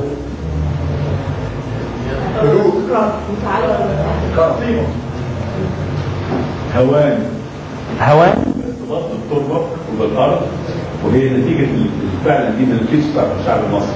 ارتباطه بالتربه فترة طويلة بيخاف من أي تغييرات البيئة الزراعية يا جماعة أشد تحفظا وأشد حفاظا على العادات والتقاليد من البيئة الصحراوية. مش عاوز الحاجة اللي فيه دي تتغير عليه. ولذلك عندهم رغم إنها بت- بتبان كده إيجابية لكن بت- بتنعكس عليهم بعد كده الحاجة سلبية اللي هي إيه؟ في لا لا مش بس الانغلاق على النفس. مشكلة البيئة الزراعية إنه لو ما فيش دين بيحكمه بيأله نفسه في, لحظة من اللحظات. أنا بزرع وبنتج لكن بتاع البيئة البحرية وبتاع البيئة الصحراوية الاثنين رزقه على الله. فهو مش عارف هي الحاجة جاية له كده. فلا يمكن في يوم من الأيام يبقى عنده حتة اللي ممكن لا قدر الله تظهر عند بتاع البيئة الزراعية. بتاع البيئة الزراعية يمكن إمتى يضطر إلى أن يفتكر ربنا لما المطر يشح. أو دود أو لكن غير كده لا مطمن دايما. بذرة زرع بذرة زرع بذرة زرع. عندهم حتة التفاؤل. دايما حتة الإنتاج مدياه حتة إن أنا أنا بدي أنا بعمل أنا ب... الحكاية دي للأسف أحيانا بتبقى مش موجودة فين؟ في البيئة البحرية. لكن موجودة كتير التفاؤل والانتظار عند مين؟ عند البيئة البدوية. ممكن أقول إن عنده حس مرهق في التعامل كده يعني هو عنده ارتباط أنا يعني هي هو عنده حتة ال... الارتباط بالأرض شديدة. عنده حتة الارتباط بالأرض شديدة. ولذلك تلاقيه يحنو عليها وبي- وبيحس بيها و... و... وينكسر اذا إذا حس ح... أنا أعرف أناس فعلا إذا في يوم من الأيام جيت وعديت كده على الأرض وكسرت عنده حاجة بيتألم. أنا أعرف شخصيا. بيتألم بيحس كسرت واحد من ولاده. هو مش واقعي أنا كنت مستنيها تقولوها. بتاع البيئة الزراعية يا جماعة الأكثر اقتصادا من الآخرين. كل حاجة عنده محسوبة. الموسم والمش عارف إيه والغلة وهتدي كام ومش عارف إيه. بتاع البيئة البحرية والبيئة الصحراوية لا مش قوي.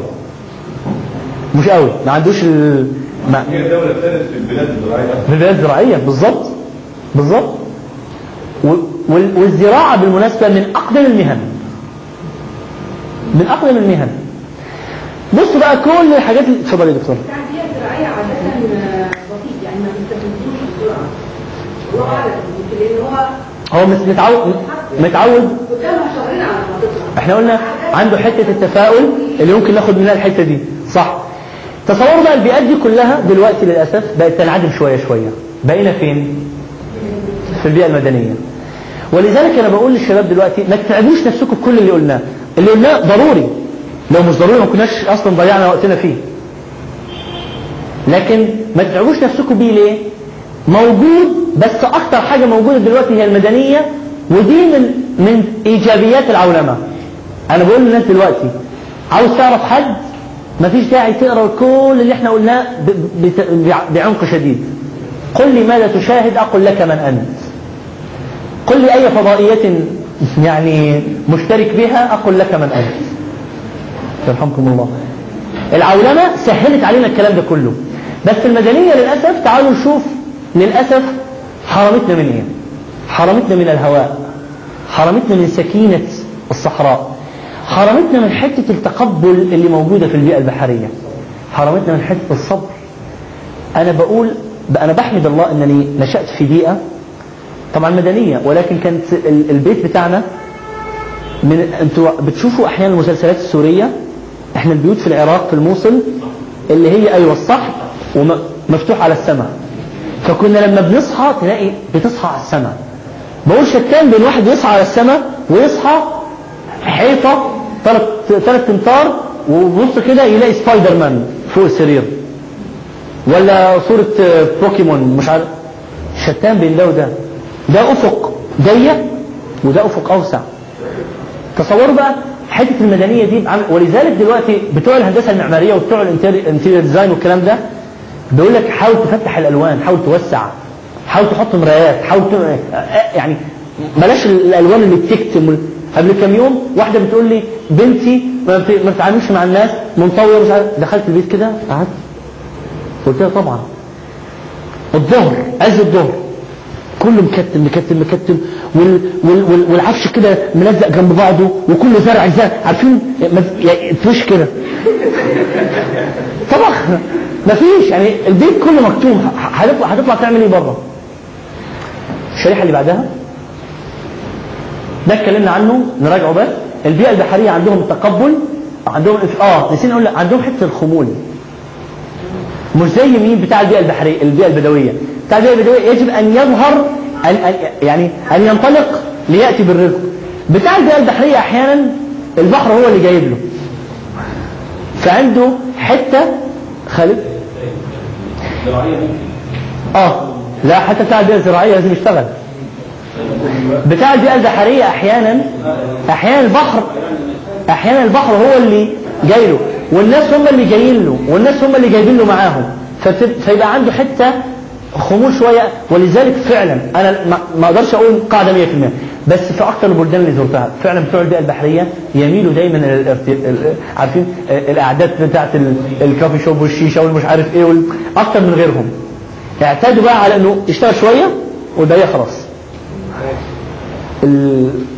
اللي بعدها الصحراء اتكلمنا عن حكاية التحفظ الانغلاق والعمل أكتر من غيره والحاجات الكتيرة التانية اللي قلناها.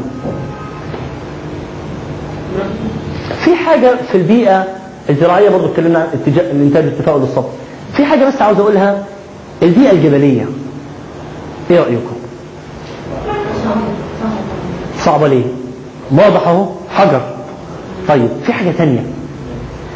البيئة الجبلية محافظة أكثر من غيرها بكثير ومنطوية على نفسها بل وحاجة هت- هتوافقوني عليها مباشرة. أهل البيئة الجبلية عادة ما يتجوزوش إلا من بعض. وكل ما أروح بلد واقول الكلمة دي يقولوا آه صح ده إحنا عندنا العيلة الفلانية بتعمل كده. أنتوا ملاحظوا أنتوا لاحظوا إحنا جبناها منين؟ ده بينزل بيشتغل وبيتكلف الصعود ومشقة الصعود إلى الجبل علشان بس يبقى بعيد عن إيه؟ عن الناس دول. فيبقى محافظ على البيئة دي مش عاوز يخترق. ولذلك في البلد الفلاني والبلد الفلاني والبلد الفلاني اللي بزور بيقولوا لي فعلا إحنا عندنا العوائل دي فعلا صعب جدا إنهم يجوزوا حد تاني منهم أو هم يجوزوا من حد تاني. آه. طبيعتهم إن هم عشان انبالانس يعني مش عايش في صحراء مكان منطلق واسع ده عايش في حتة قد كده عشان بس صعوبة الانتقال من من مكان ضيق طبعا الصعوبة الصعوبة آه. بس بالمناسبة بس عندهم حتة السكينة دي برضو جامدة بتوع الجبل. وبيغنوا آه والأصوات بتاعه والصدى زي الحمام. عارفة ال- يغني يطلع كل موهبته في الحمام. آه لا صح أنا معاكي. وبالمناسبة أصوات أهل الجبل أعمق وأكثر شجنا من من أصوات. طبعا طبعا الناس طيب تقريبا يمكن زمان بياخد في المدرسة ان البيئه الجبليه دايما عدوانيين عدوانيين حاجة بس أنا دايما بيطلعوا يعني مثلا الاشوريين لما كانوا دايما يعني يغيروا عن هو شوفي أنا عاوز أقول حاجة البيئه الجبليه نعم هم اغلظ من غيرهم ده ده بقى تاثير الحجر وهم مطلين على غيرهم ففي عندهم حتة شوية من الاستعلاء طيب لكنه حتة إنهم معادين إذا كانت ردة فعل بقى. إذا عاوزة تيجي آه، وتخربي عليهم ال- ال- الصفوة اللي جواهم آه هيقول لك لا ما تجيش. أما إذا كانت الحكاية إنهم هيغيروا على الآخرين علشان بقى يعيشوا فبرضه دي مباراة. لكنه ممكن تبقى عند أي حد. بس هم عندهم حتة الغلظة. المح... إيه؟ أهل مكة بالظبط أهل مكة. واهل المدينة. دول حاشا يعني النبي صلى الله عليه وسلم دول طردوه ودول استقبلوه. وحتى الآن تشعروا بها. حتى الآن. أشوف كله على طول. في مكة تقعد تتعارك مع الواحد عشان ينزل لك خمس ريالات. وهنا يدوا لك هدية. إيه؟ المحيط الاجتماعي. إحنا كده اتكلمنا عن المحيط الجغرافي. المحيط الاجتماعي. يهمني أعرف أسرة نووية ولا أسرة ممتدة. الأسرة بقى اللي هم الجد وكلهم مع بعض في نفس البيت ولا الأسرة بتاعت الأيام دي؟ دي لها سلبيات ودي لها إيجابيات.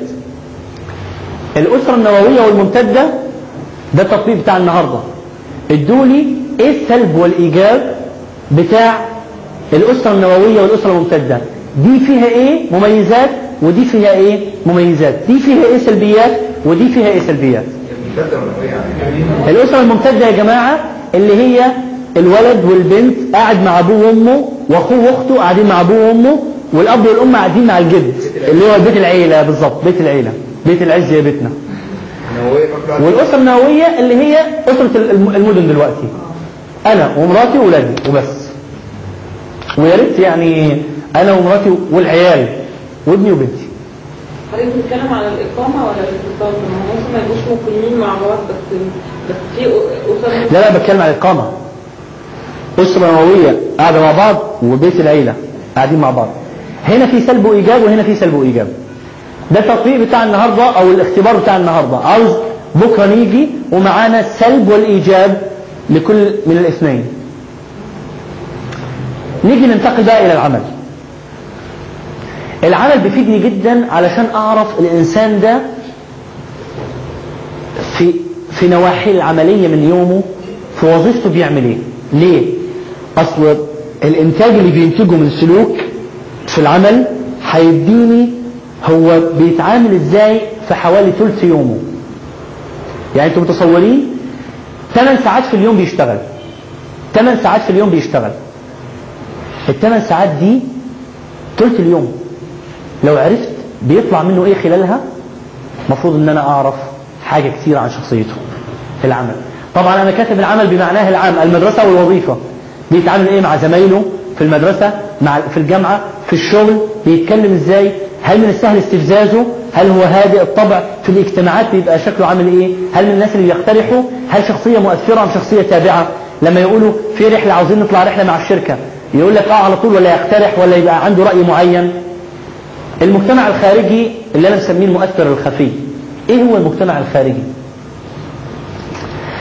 للأسف في أيامنا دي الناس لما عاوزة تفكر في حد تبص على الأسرة الشغل والصحبة اللي هم الصداقة الشديدة دي الأنتيم هي هي أنتيم ولا أنتيم ولا إيه؟ أنتيم ها؟ أنتي مم. آه أنتي؟ طيب لكن بينسوا مجتمع مؤثر جدا ما حدش بيتكلم عنه مع إنه من أكثر المجتمعات تاثيرا في الناس. هو إيه ده؟ الحتة اللي أنت بتعدي بيها من أول ما تطلع من البيت لحد ما توصل للشغل لحد ما توصل للمدرسة لحد ما توصل للجامعة. يا أخي الولد في المدرسة ما حدش بيقول أي كلمة مش كويسة. وفي البيت ما حدش بيقول أي حاجة. أمال بيطلع الكلام ده منين؟ طب أنت شفت هو بيعدي فين؟ شفت بيسمع إيه بالطريق؟ شفت الناس اللي في الحارة بيتكلموا إزاي وبيسمع منهم إيه؟ شفت الجيران بيسمعوه إيه؟ في المقابل تلاقي شخص معين يقول لك يا أخي والله أنا في حاجة متغيرة فيها مش عارف إيه إيه. بقيت كل ما أطلع بسلم كده. تروح تراجع مع الحاجة تلاقي إنه الجار عوده إنه كل ما يشوفه يسلم عليه. فتلقائيا الجار أثر عليه وبقى يسلم زي ما الجار علمه. ده مؤثر خفي ولكنه مهم جدا. إني أعرف هو بيعدي فين. تصوروا انك وانت معدي في السوق المحلات اللي بتعدي بيها والكلام اللي يحصل جواها والناس اللي قاعدين حو... على الكراسي حوالين الطاولات دول في شيشة ولا في كافي شوب ولا في مطعم دول كلهم بيأثروا فيك. دي كلها خواطر بتخش. بس مؤثر خفي. اتفضل.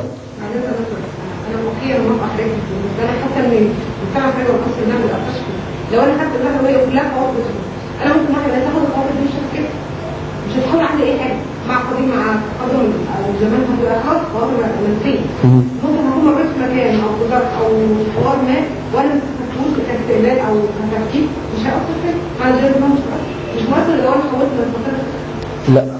ده مؤثر لما بتحولوش من خاطره الفكرة. ده لما انت عشان كده اتكلمنا عن الرسائل الإيحائية. طب ما انت الدعاية بت- بتعدي قدامك كده وما بتفككتيهاش يبقى إيه المشكلة؟ ما انت لأنك ما فككتيهاش بقت مشكلة. عشان كده قلت مثال ال- الولد الصغير اللي عمال يقول الفاظ مش كويسة. هو عمال يقولها. والكبير طب بلاش لحظة شوية. انت لو لو انت مستريحة في الشغل ومستريحة في بيتك وعديتي في منطقة يا أخي مش عارف إيه كذا والبنزين مغلينه مش عارف إيه ورغيف العيش بقى مش عارف إيه وكل يوم تقولوا لنا فكوا الحزام فك. وانت رايحة لهناك توصلي للشغل طبعا هي شدوا الحزام مش فكوا الحزام. وانت واصله للشغل توصلي معبأة سلبيا. طب معبأة بإيه؟ معبأة بإيه؟ بالحاجات اللي عدت عليكي مع إنك ما فككتيهاش بس أهو دخل. وتوصلي متضايقة. في إيه؟ ما أعرفش. آه لازم تعرفي. أنت عديتي في كذا كلمة سلبية وانت وأنت جاية. أنت أحيانا تبقي معدية أنت بعيد عن الكلام ده. لكن وأنت ماشية تلاقي حد يقول كلمة نابيه لفظ مش كويس. يكفر لا قدر الله. بعد فترة تلاقي إنه الكلمة دي ممكن لا قدر الله تجي لك حتى لو كوسواس. طب جت منين؟ ما هي دخلت. ما إحنا قلنا أي خاطرة تخش يبقى لها موقع في الدماغ. يبقى تخش وتتفكك علشان لما تيجي مرة تانية تلاقي لها إجابة جاهزة. أحسن ما إنها يعني لما أنا ماشي مع حد وأسمع كلمة أقول له بص بص الموقف ده. قبل كام يوم كنا مع الشباب واحد معدي كده في عربية فوقف ونزل وقعد يتكلم معاه مش عارف إيه. وراه عربية تانية اللي بتسوقها واحدة متبرجة بتدخن أو بتشرب سجاير. فالشباب إحنا واقفين فبصوا عليها. رحت أنا قايل لهم لاحظتوا الموقف؟ فأحد الإخوة قال لي آه. والتاني إيه في إيه؟ اللي قال لي في إيه؟ أنا أخشى عليه. ليه؟ لأن الموقف ده عدى بس هيتحط جواه. يا أخي شوف الناس. آه عفوا عفوا. آه الموقف ده كله أنا استوقفته ليه؟ صبرت. لا ادت كلاكس ولا لحد ما مع إنه غلطان واقف في نص الشارع. قلت لهم تصوروا لو الموقف ده عدى وما وقفناش فككناه وعدى موقف آخر. نفس الموقف بس اللي اللي راكبه العربية بقى واحدة متحجبة. وتيت تيت تيت شوف يا أخي الناس دول. طب ليه يا أخي؟ جبتها منين؟ أصلا أنا شفت قبل كده آه يبقى لازم تقف وتفكك علشان ما تعديش عليك بشكل خفي. الصحبة وهي حاجة برضو مهمة جدا. الناس اللي معاك الزمالة الناس اللي معاك في المدرسة دول مش دول مش أصدقاء بقى مش أنسين. دول بقى صحبة زمالة. أعرف دول أعرف حاجة كتير عن شخصيتك. ليه؟ دول صحبة دول أنا مش مختارهم. آه أنت مش مختارهم. بس هعرف أنت المحيط بتاعك عامل إيه؟ بتسمع إيه؟ أنت مش مختار إنك تقعد مع جماعة كل كلامهم تافه في آخر أغنية وألبوم وفيديو كليب وفيلم وكذا. لكن هعرف المدخلات اللي عمالة تخش عليك قد إيه. وهيبقى سهل عليا أعرف بعد كده لو اتكلمت كلمة معينة يبقى أنت جبتها منين. في حاجة؟ آه. الحاجة الأخيرة بقى اتفضل عمرو. آه.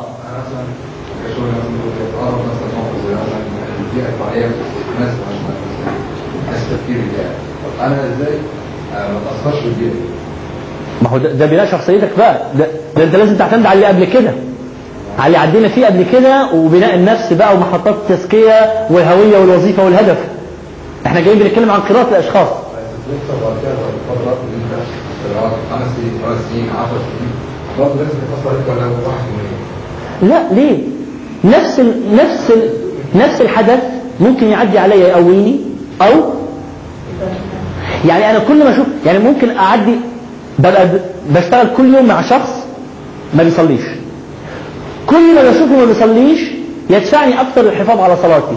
وإني أتعلم حاجة جديدة علشان أحاول أدخله منها. وإني أحاول بأسلوب تاني جديد. يبقى وجوده في حياتي دفعني قصدي أمال إيه؟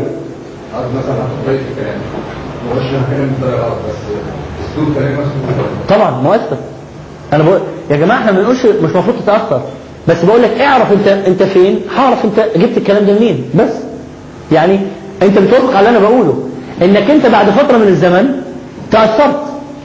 يبقى لازم ما هو- طبيعي. ما انت آه. ليه ما تأثرش؟ إذا حاجة كويسة تأثر بيها. ارجع للهوية والوظيفة والهدف. واشتغل على نفسك.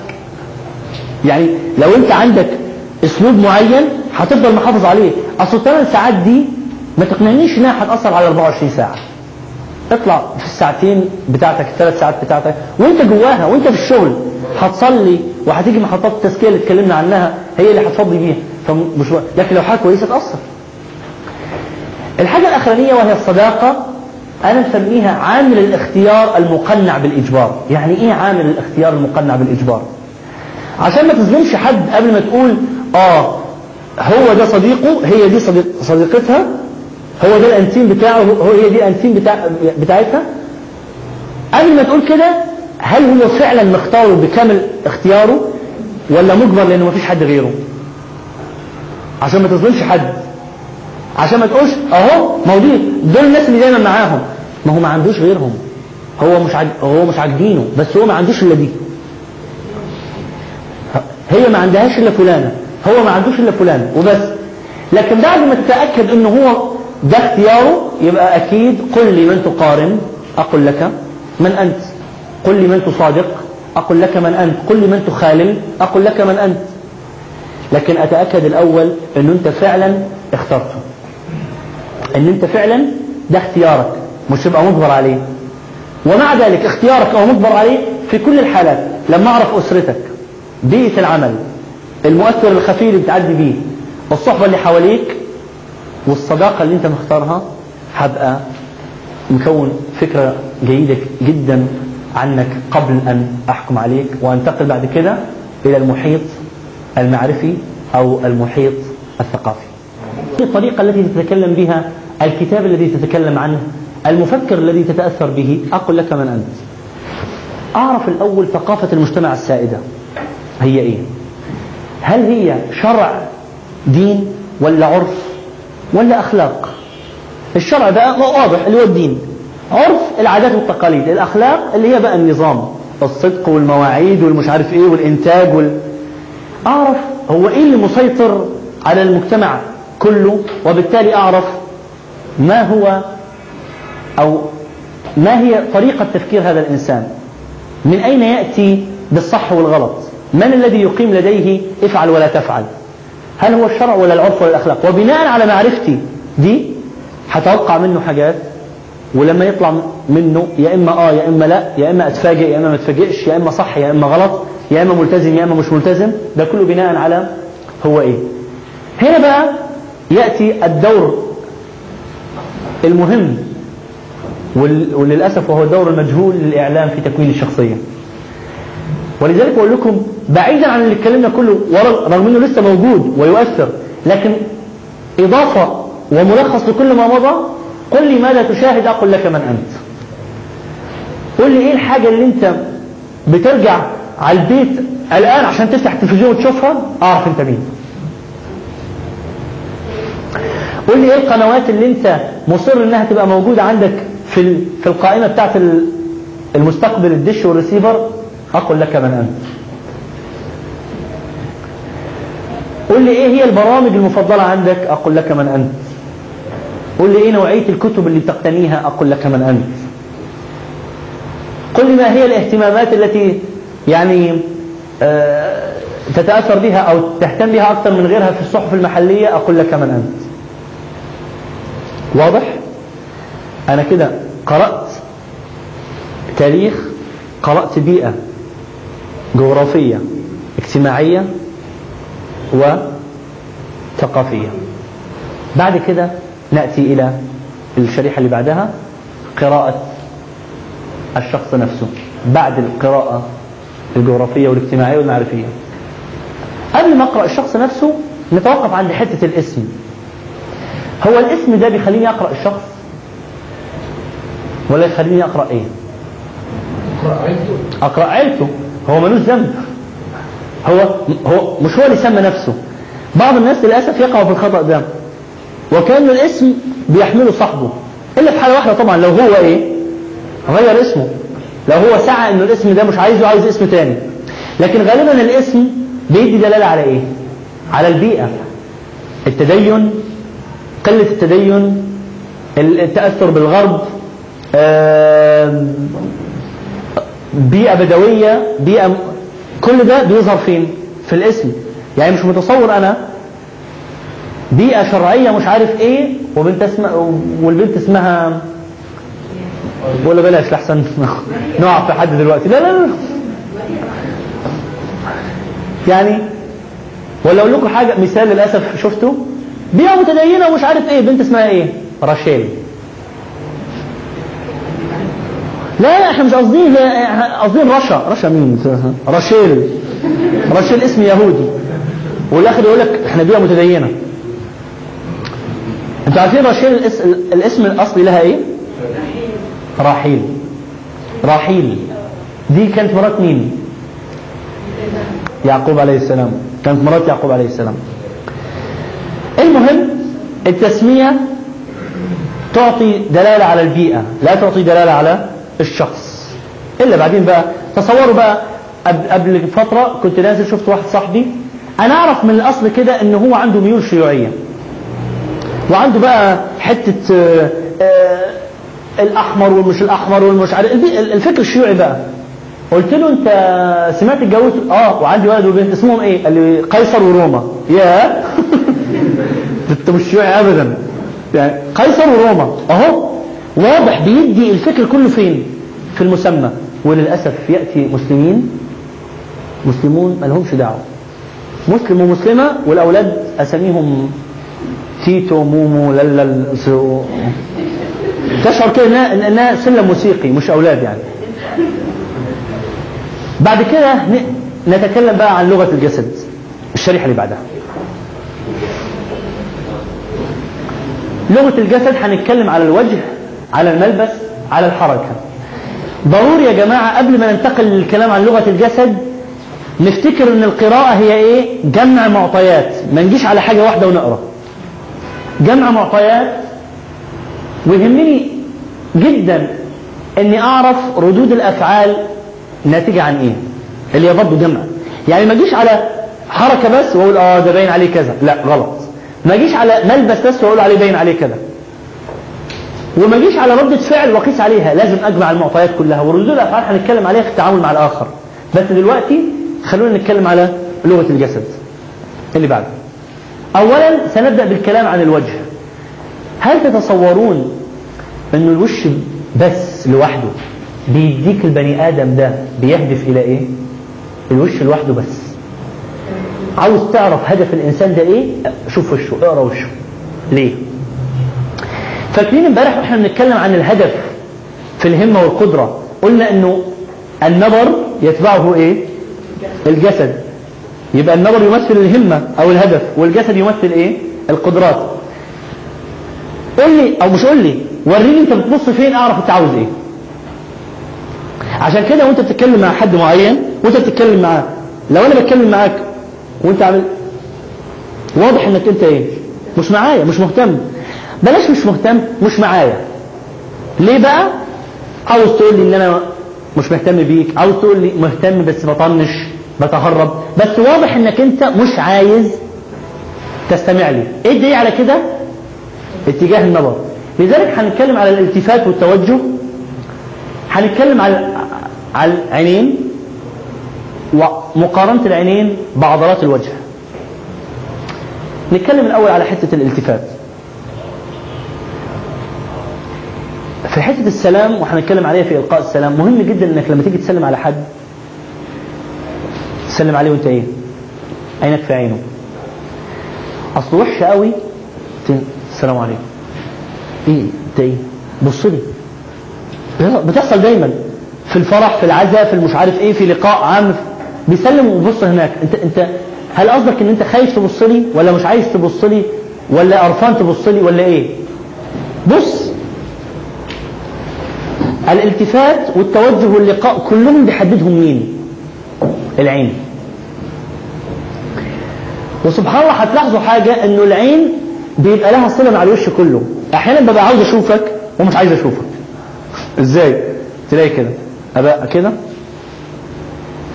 أنا أنا عاوز أنا عاوز أبص أهو وشي متوجه فين؟ هنا. بس مش قادر. بتهرب كده. بس أنا عاوز أسمع لك. اللي مش عايز أصلا يعمل إيه؟ واللي مش عايز أصلا؟ كل كل الجسد بيتبع إيه؟ النظر. النظر اولا. النظر اولا. فرق كبير بين شخص يسلم بالطريقة دي. السلام عليكم ورحمة الله. عينه في عينك.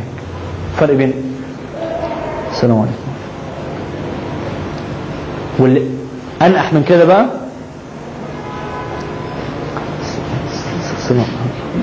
هي في إيه الأولاني عارف عايز إيه؟ مطمئن مقدر لنفسه محترمني حتى لو مش محترمني بيدي السلام حقه.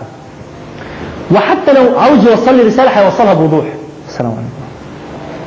هو اداني نظرة بسيطة كده بس أنت يا عبد الرحمن لا تستحق مني أكتر من كده. لكن ما تبقاش بقى واحد مش عارف عارف؟ عارفين الأفلام الصامتة؟ متحرك روبوت كده. إيه حتة العينين بقى؟ العين بتوريني الشخص ده بيهدف إلى إيه. ده اللي تشوفوه في المجمعات التجارية. أنا دايما بجيب مثال على المجمع التجاري. تخش كده تشوف شباب كده ماشيين مع بعض ما لهمش أي داعي. ما لهمش لازمة إلا إنهم يعني ناخدهم مثال نديهم في الدورة. بيبقى ماشي كده.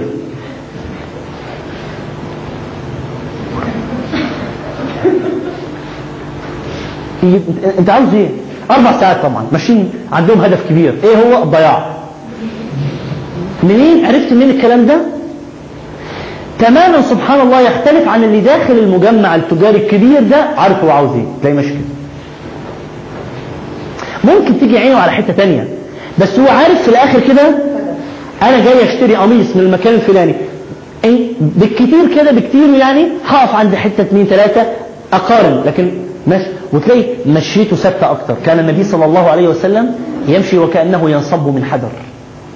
بثبات عارفين ليه؟ يبقى نازل من من حتة كده. ماشي. مش بقى ماشي. وهنتكلم بعد كده ال ال الانح علاقة الأطراف في النظر النظر عادة إذا كنت متجه لحاجة معينة الأطراف كلها تجتمع. بالمناسبة أنا بتكلم على الحاجات المعممة اللي ما حدش بيختلف عليها لذلك مش هنتكلم على الحتت اللي اللي قلنا ما فيهاش بقى تعميم تقف إزاي ومش عارف إيه لكن بتكلم على الحاجات اللي متفق عليها. النظر يتوجه إلى ما يهتم به الإنسان. عاوز تعرف بقى الشخص ده متكلف ما يفعل ولا مش متكلف؟ قارن العينين وعضلات العينين بإيه؟ بعضلات الوش. عاوز تعرف الشخص ده بيبتسم حقيقة؟ بص الابتسامة بتاعته دي. طالعة مع الابتسامة اللي هنا مع حتة الارتفاع اللي في في الجفنين دول إذا آه أهو طلع طلع بجد. لكن هو هلكان ومش عارف إيه وتعبان عارفين؟ تطلع السيركل فيس ده. أعمل إيه بقى؟ قالوا لازم تضحك. أكتر حاجة بشوفها عند. وأحزن عليهم بتوع مندوبين المبيعات دول. تلاقي واحدة واقفة ومعاها البرفيوم. Would you please try this perfume هي معيطه ومهزقها المدير قبل شوية لازم حاجة حاجة محزنة.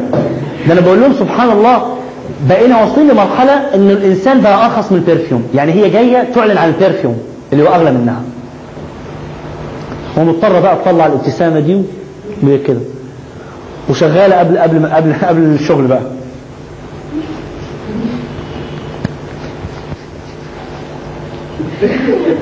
والله بشوفهم والله ده مش تمثيل.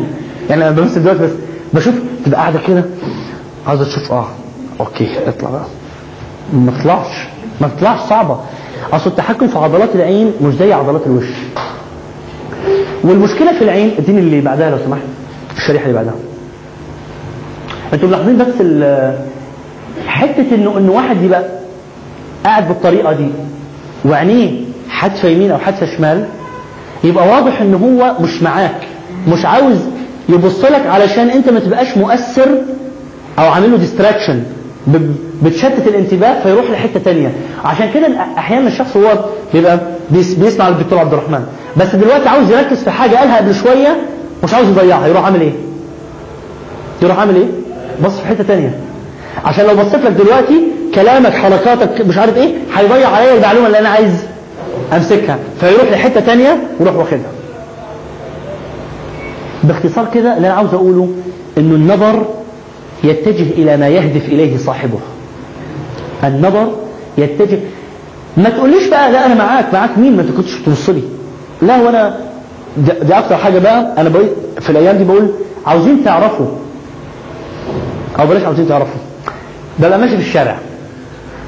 أعرف إنه في منظر كده حرام ماشي حواليا من نظرات الشباب.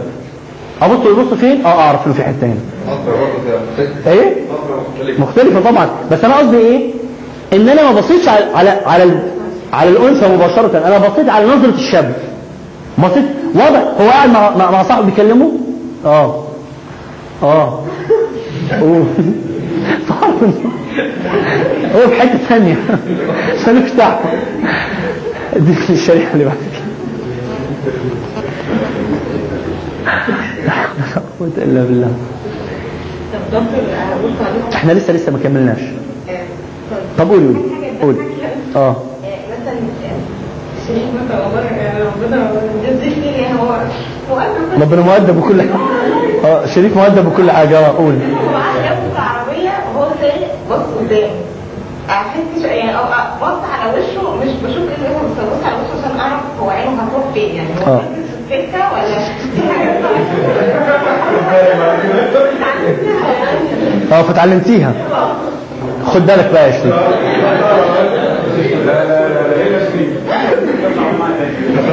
أنتوا ملاحظين بس هنا؟ عضلات الوش مع مع العين. عضلات الوش دايما بتبقى لها علاقة مع العين. الإنسان بقى يجير سبحان الله لما يحاول قدر الإمكان انه يمسك تعبير بيطلع هتلاقي ان العضلات مش مستريحة. يعني لما لما الابتسامه بتطلع بأريحية ماشية كده. لما أنا عاوز أبتسم ومش عاوز أبتسم عارفين؟ شايفين دي؟ الولد ده بيعيط. هو مش عاوز يوري الناس إن هو بيعيط. طبعا بالمناسبة الأطفال عندهم حتة العزة النفس دي أحيانا فعلا بيبقى ملاحظين طالعه فين. أنا عرفت إزاي إن هو عاوز يعيط ومش عارف ومش عاوز يخلي الناس انهم يعرفوا إنه يعيط. عرفتها منين؟ لا مش من الدمعة لا طبعا. من أهو. شايفين حتة العضلات اللي اللي من الكمشه دي؟ مشغل عضلات أكتر علشان علشان يكتب حاجة طالعة. لكنها لو طالعة بأريحية كان كان هيكتب عارفين يعني إيه؟ لكن هو مش مش عايزها تطلع. لذلك الإنسان عندما يتكلف أنا بقى دلوقتي مركز. أنا مركز أهو. لما عاوز أركز أكتر أعمل إيه؟ شايفين الحتة دي؟ صح؟ بستخدم عضلات أكتر للتعبير عن حاجة جوايا. لما بستغرب من حاجة يا إيه ده؟ ياه صح؟ تقطيب الكبين ده. باختصار كده لما تعرف إنه في لما تشوف أجزاء أكتر من عضلات الوش اشتغلت اعرف إنه في شغل أكتر على الحكاية دي. إما إن أنا عايز أبين لك حاجة بشكل أكتر أو عايز أكتم حاجة ضد طالعة ضد الحركة. دي الشريحة اللي بعدها. السلام ورد السلام طبعا قلناها قبل شوية. لما أنت تسلم على شخص الأصل إنه يبقى الالتقاء كله انت انت أنت بتسلم على مين؟ بتسلم عليا. يبقى تبص على مين؟ تبص عليا.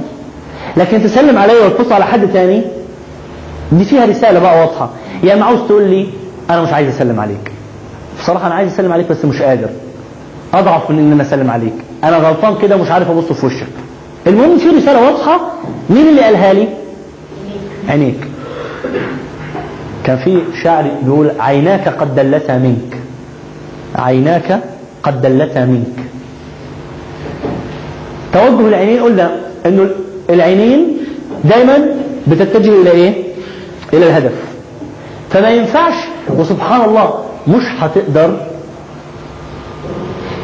لا مش هتقدر تقنعني بإنك أنت بتهتم بحاجة وبص في حاجة تانية. مش هتقدر تقول لي لا أنا معاك. طب بتبص فين؟ أه، ببص هناك بس عشان أبقى معاك.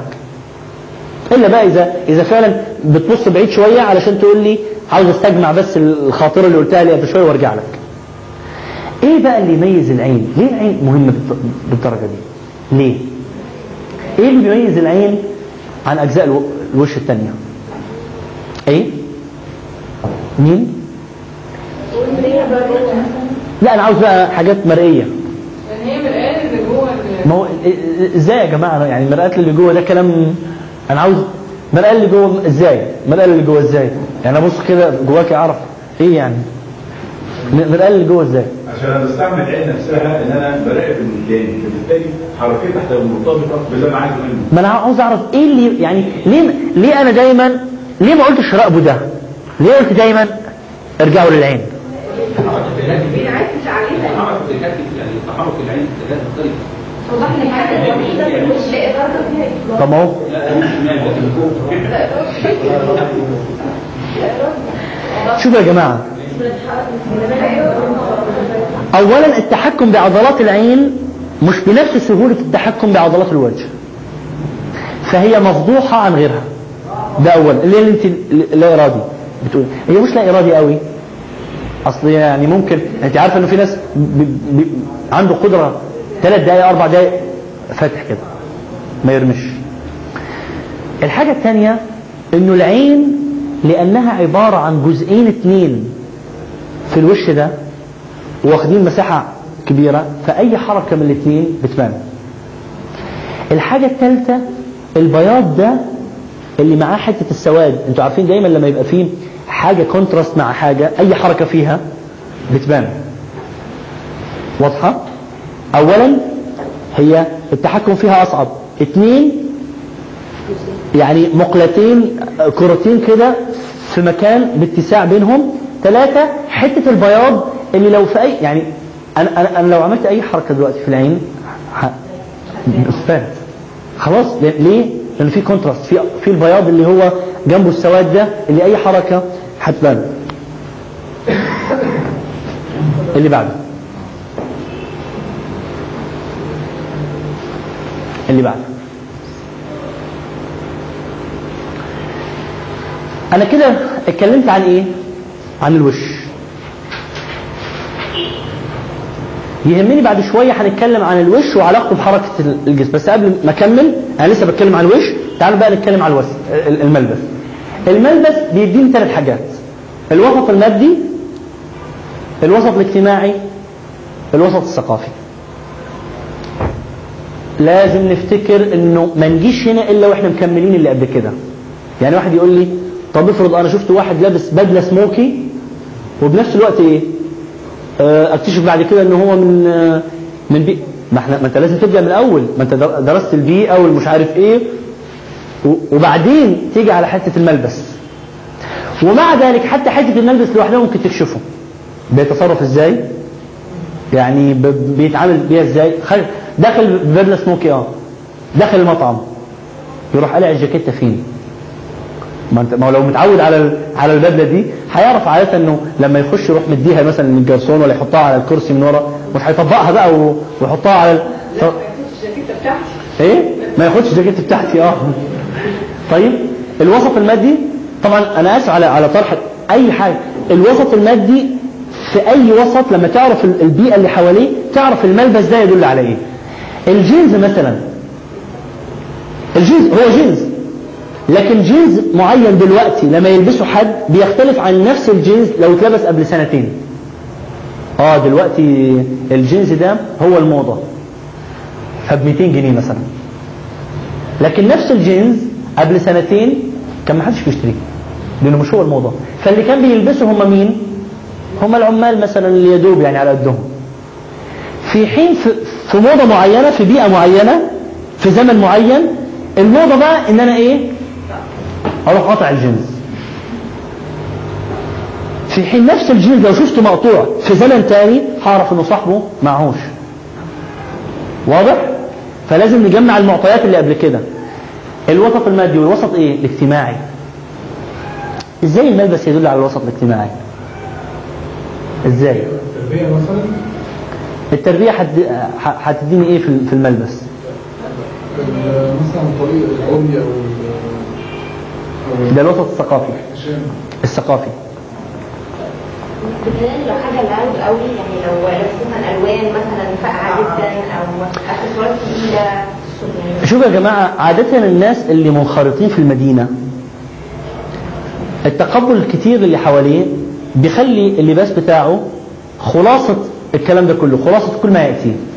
لكن تعالوا خلي واحد مثلا من الريف أو من الصعيد أو من الصحراء من البادية يلبس بنطلون وقميص. هتلاقيه مباشرة لأنه أصلا حتة الذوق دي ما ما عاشهاش. ففجأة تلاقي ألوان صاخبة.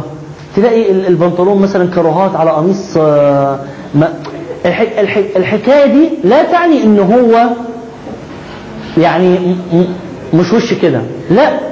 بس هي الحته من الآخر إنه تدلك على أنه لم لم ينسجم مع اللباس ده وده على كده خليه يلبس مرتين ثلاثة أربعة خمسة بعد كده هيعتدل اللبس. هتلاقيه اللبس مع إن طبعا لا يعني الكلام ده إنه اللي لبسه ده هو هو اللي غلط لا بس بس هو اللي لبسه غير معتاد عليه غير اعتيادي يمكن يكون هو اللي موضة بعد كده بس بس هو غير اعتيادي. فحدلني هو جاي من من أنهي طبقه بالظبط؟ إحنا مش عاوزين أسامي يا جماعة. طيب بس هنشيله في. طبعا طبعا يعني أمثلة كتيرة. أمثلة كتيرة لما لما تشوف واحد من الجزيرة العربية طالع أوروبا لأول مرة. بص اللبس بقى. ليه؟ لا لا مش بس حتة ال- ال- البنطلون مرفوع ولا مش مرفوع. هو متعود على البياض. اللبس الأبيض والألوان اللي هي كونتراست أبيض. ومثلا وجاكيت أسود مثلا أو حذاء أسود. يطلع بقى يلبس إيه؟ فيا إما يضطر بقى علشان يتجاوز ال- ال- الخطأ اللي ممكن يقع فيه بدل بقى إيف سان لوران وجافينشي ومش عارف إيه.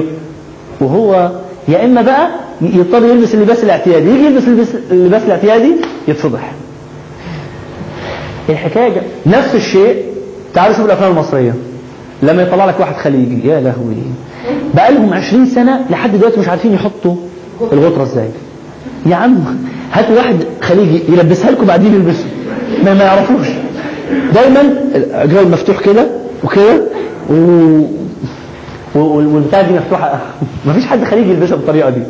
هي باختصار كده الملبس بيديك انطباع هو منين وجاي منين الوسط المادي بتاعه وبعدين درجة الفكرة المؤثرة في اللباس ده. الإسراف الألوان ال- الماركات العري التبرج ال- الحجاب وهكذا آه. آه في بحث قريته على بداية آه، ذوبان حرب البلدة يعني آه. العلاقات الأمريكية أول واحد راح من روسيا طبعا معتبرين نفسهم رايحين دولة رأسمالية آه. فاشتروا بدل غالية جدا آه. واقتصادهم كده. الامريكان عند استقبالهم قالوا دول شعب يعني اغلبه بروليتاريا مش مش مش لازم والأمريكان بطبعهم شعب. طبعا ففوقوا الروس وهم نازلين ببدل كده إن الأمريكان واقفين بقمصان كروات وجيبس وبعضهم بشورت يعني بيقابلهم. فكانت يعني كان البحث المعمول بيه على فرق آه، طبعا. فرق اثر الثقافة. أنتوا لاحظتوا أنتوا لاحظتوا ال- اللباس اداني الطريقة اللي فكر بيها. هو فكر بكذا كذا كذا فراح لابس كده. وده فكر بكذا كذا كذا فراح لابس كده. ولذلك أرجع وأقول اللباس لوحده إحنا قلنا قراءة شخصية مش تهجئة. طيب؟ اللباس لوحده ما يدينيش حاجة لازم أعرف اللي قبليه. جه إزاي لحد ما لبس؟ بالطريقة دي. الموقف الساخر يا دكتور بتاع نجيب الريحاني غزل البنات يعني ده حاجة ما تتعداش بالنسبة للموضوع ده. اللي هو؟ اللي هو شاف شاف الأول كان واحد الجرسون بتاع القهوة. آه آه. في الآخر الباشا جاي لابس لبس بتاع المزارع المزارع. طبعا. يعني طبعا. صح. هي باختصار يا جماعة أنا بأكد على أنه المعطى الواحد لا يكفي لقراءة الأشخاص. المعطى الواحد لا يكفي لقراءة الأشخاص. عليك كنت عاوز تقولي حاجة. اللي هو الثانية آه.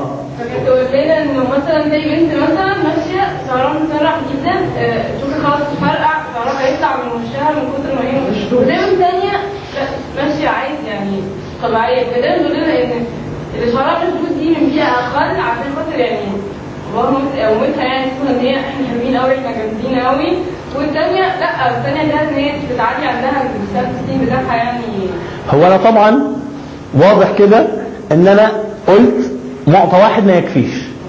لأنه بالمناسبة بعض العوائل مثلا ال royal يعني families في- بريطانيا في المدارس الداخلية بقى بنات ال- ال- الطبقة دي دايما شعرها مشدود. دايما شعرها مشدود. طيب؟ مع إنه عوائل التانية اللي هي التجار بقى واللي متحكمين في اقتصاد البلد بناتهم حاجة تانية. شعرها بقى مفتوح. مع ان هما الاثنين بيحكموا البلد.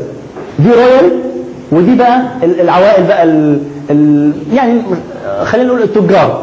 طيب؟ فما أقدرش أقول بالعكس. وفي المقابل أيضا لما نيجي على بعض يعني بعض البيئات ال- البسيطة علشان تحافظ على البنت بقى مش عارف إيه تروح عاملة فيها الكلام ده. تاك تاك مش عارف إيه وتفكها من هنا ومن هنا ومن هنا وتطلعي وبيئة ومن نفس البيئة ممكن واحدة لا عايزة بنتها يعني في الآخر هي في الآخر إحنا كده لازم نشوف الطريقة اللي بنفكر بيها. لأنه أنا ممكن ألبس نفس اللباس وأطلع ب ولذلك كويس فكرتيني هنا أنا هنا أحب أعلق على حتة الأبراج. الدلو والحمل وال... والجدي والجوزاء والكلام ده. أقل أقل دليل على إنه الكلام ده فاضي. أو أو بلاش نقول ليس لا ينطبق على شيء علمي. هات لي خمس أشخاص من أبراج مختلفة. عرضيهم لنفس الموقف. واحد من برج الأسد والثاني الدلو والثالث العذراء وواحد الميزان وواحد مثلا الحمل. طيب. الخمسة دول المفروض استجابتهم لحالة الغضب تختلف. واحد ناري والثاني مائي والثالث هوائي والمش مش كده؟ عرضيهم لنفس الموقف. لكن كلهم عندهم فكرة اسمها ليس الشديد بالسرعه إنما الشديد الذي يملك نفسه عند الغضب. الكل هيهدأ. طلعي بقى الأبراج بقى فين فأنا لازم أعرف الخلفية اللي يفكر منها الإنسان قبل ما أشوف بيتصرف إزاي. واضح أظن ال- المثال اللي أنا عاوز أقوله هنا. ال- المثال هنا اللي أنا عاوز أقوله إنه تصوروا حتى مع إنه الحجاب الأربعة متحجبات لكن كل حجاب فيهم بيديني انطباع جاية منين؟ أو متأثرة بإيه؟ الحجاب اللي هنا حاجة واللي هنا حاجة واللي هنا حاجة واللي هنا حاجة صح؟ البساطة في اللبس على لا الأناقة أكتر على تنسيق الألوان أكتر على حتة البلطو والمش عارف ال- ده ده بيدفع فيه أكتر الأيام دي صح؟ بيدفع فيه أكتر بكتير من ده. إلا إذا كانت ماركة بقى إذا كانت براند. أنتم ملاحظين؟ نفس المعطى لازم تعرف هو جه منين. قبل ما تقرر اللي قدامك وتحكم عليه. نكلم الوجه الملبس الحركة. في الحركة هنتكلم على الجلسة والوقفة والمشي. الجلسة والوقفة والمشي. في الجلسة يهمني أتكلم على ارتباط أطراف الجسم بإيه. إحنا اتكلمنا في الوجه على إيه. أهم حاجة في الجسم لازم يقرأ إيه. النظر. دايما نشوف أطراف الجسم علاقتها إيه. بالنظر. اصل النظر طالما هو متجه جهة معينة وأطراف الجسم كلها معاه يبقى متأكد ألف بالمية إنه مية في المية ده بيركز على على المكان اللي بيبص له. عمال ينتبه. أنتوا عارفين تبقى قاعد انت أحيانا؟ أنا هحتاج هنا كرسي. ممكن تجيبوا لي كرسي؟ اديني ده وخد اللي وراك مباشرة.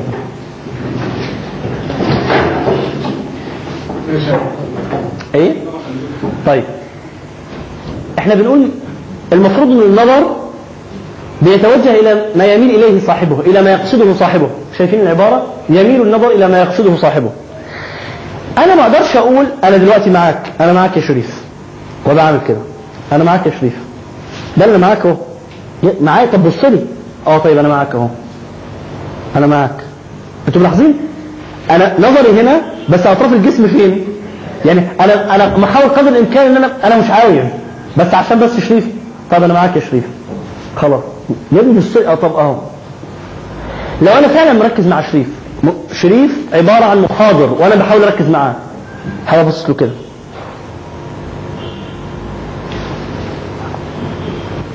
صح؟ شو ده اللي بيحصل؟ كل ما تركز أكتر كل ما تلاقي نفسك مش مش بقى. أصل لو ركزت قوي كده.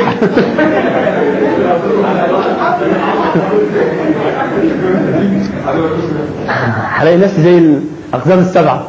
فلو كل ما ركزت أكتر كل ما مالت أطراف الجسم إلى حيث يميل النظر. فتلاقي بدل ما بقى قاعد كده يعني مش لا يمكن أتخيل بني آدم يدعي إنه مركز مع المحاضر وهو كده. ده؟ آه ممكن. لا أصلا هي دي طريقة تركيزي. ممكن تركز بس انت هتبقى استثناء عن القاعدة. القاعدة بتقول عادة كل ما تبقى مركز أكتر كل ما يميل الجسم ده انت حتى أحيانا لما تبقى مركز وعاوز تنشد أكتر تلاقي نفسك حتى الجلسة بتاعتك بتعدلها. عارفين الحتة دي؟ أحيانا بتبقى بتبص على شخص معين ودخل حتة كده معين عاوز يدعو مثلا محاضر ولا داعية ولا ولا حتى فيلم متأثر فيه قوي ويبقى جنبك ناس معينين مش عايز بقى تنشغل بيهم فعاوز تقول لهم بطريقة غير مباشرة أنا مع الفيلم أنا مع الشيخ أنا مع المحاضر. ترى اعمل كده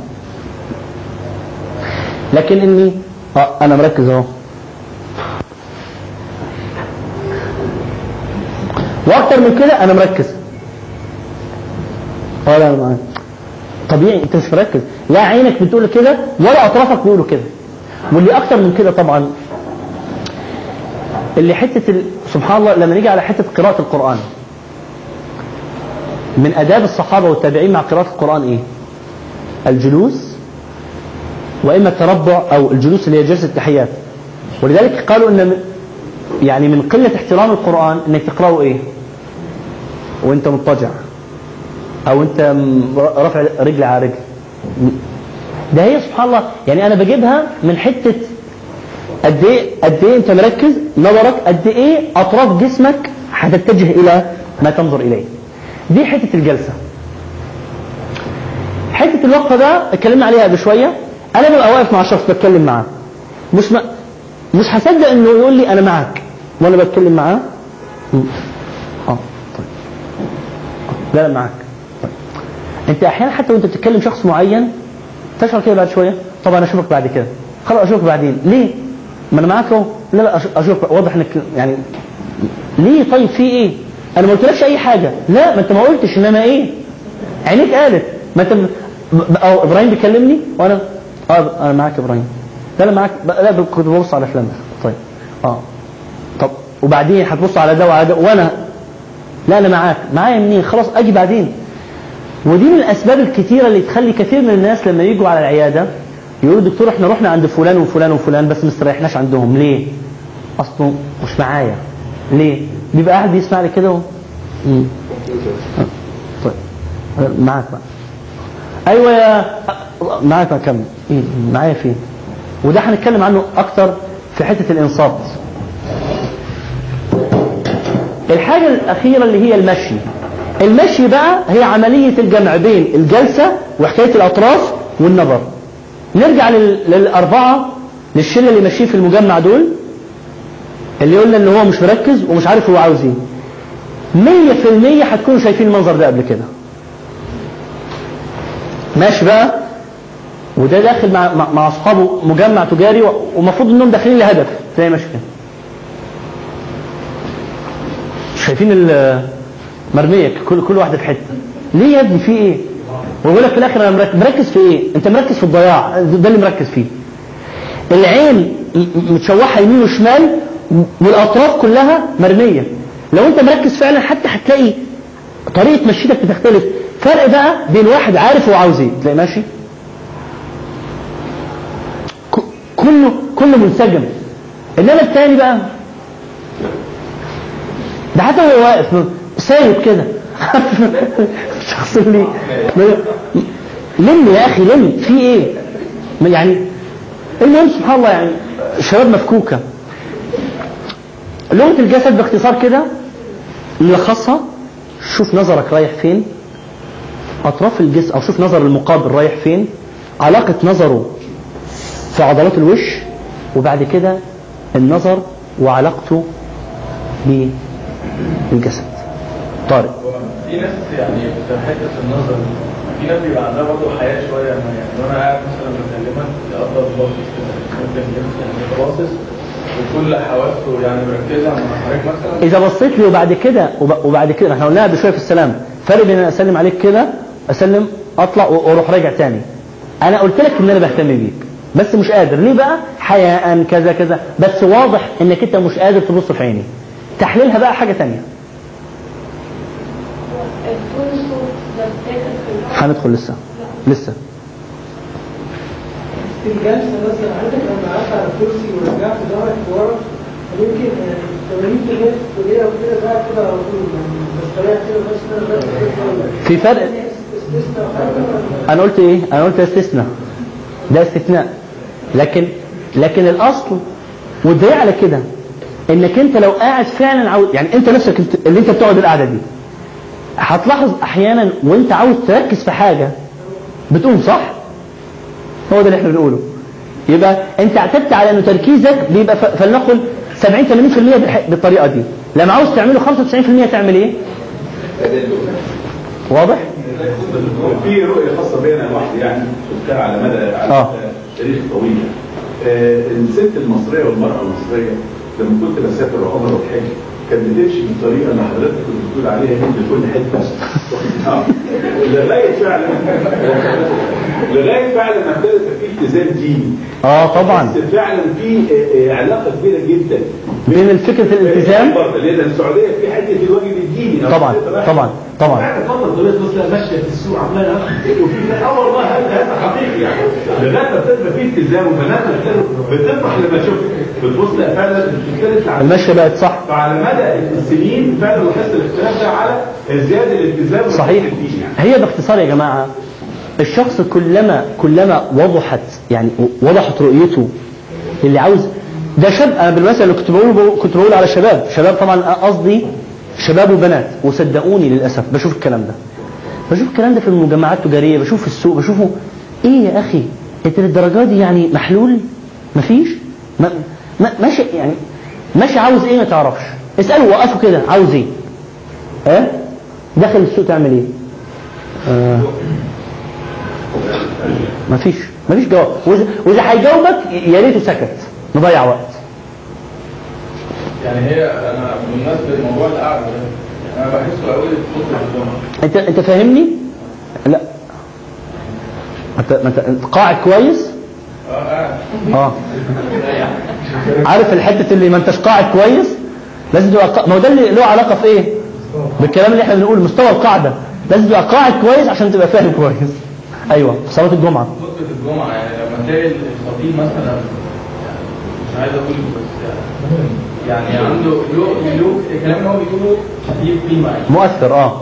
تلاقي ان انت جسمك كله حتى لو انت صح. قاعد كده جسمك كله بيتجه له طبعا طبعا. غير لما تبقى قاعد. طبعا طبعا طبعا. كنت بتتكلم ساعات وبقى عايزه اكتب بس أنا مش مركزة. ما إحنا قلنا له سبب. لا مش مركزة فعلا معايا. يعني أنا ما إحنا قلنا له سبب. أنت السبب زي ما لما بتكلم معاكي وعاوز امسك حاجة انت قلتيها فاروح شايح بنظري للحاجة دي علشان ما تلخبطينيش أروح مجمعها معايا وأروح راجع لك تاني. ده اللي انت بتعمليه. طبعا لا ده واضح. في تعليق ولا؟ الإنسان وهو بيدعي من قمة التركيز أحيانا بيبقى عمال يدعي كده. أقرب أقرب. لما عاوز خلاص بقى يشعر بهذا الدعاء حقيقة بيبقى وكلما قل تركيزه كلما تلاقي ناس والله أنا بشوفها. ناس بيصلوا أحيانا. طب ليه يا أخي؟ نزلها. نزلها. وكانوا عمال يدعي على الإمام؟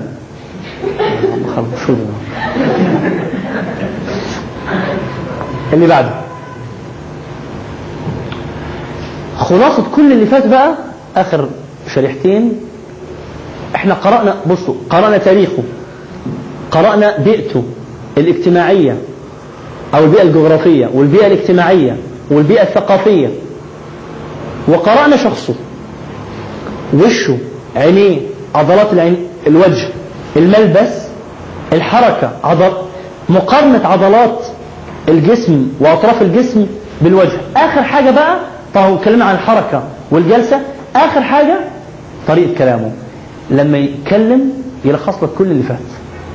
إن شاء الله قراءتك للي فات كله كانت حاجة وطلع حاجة تانية؟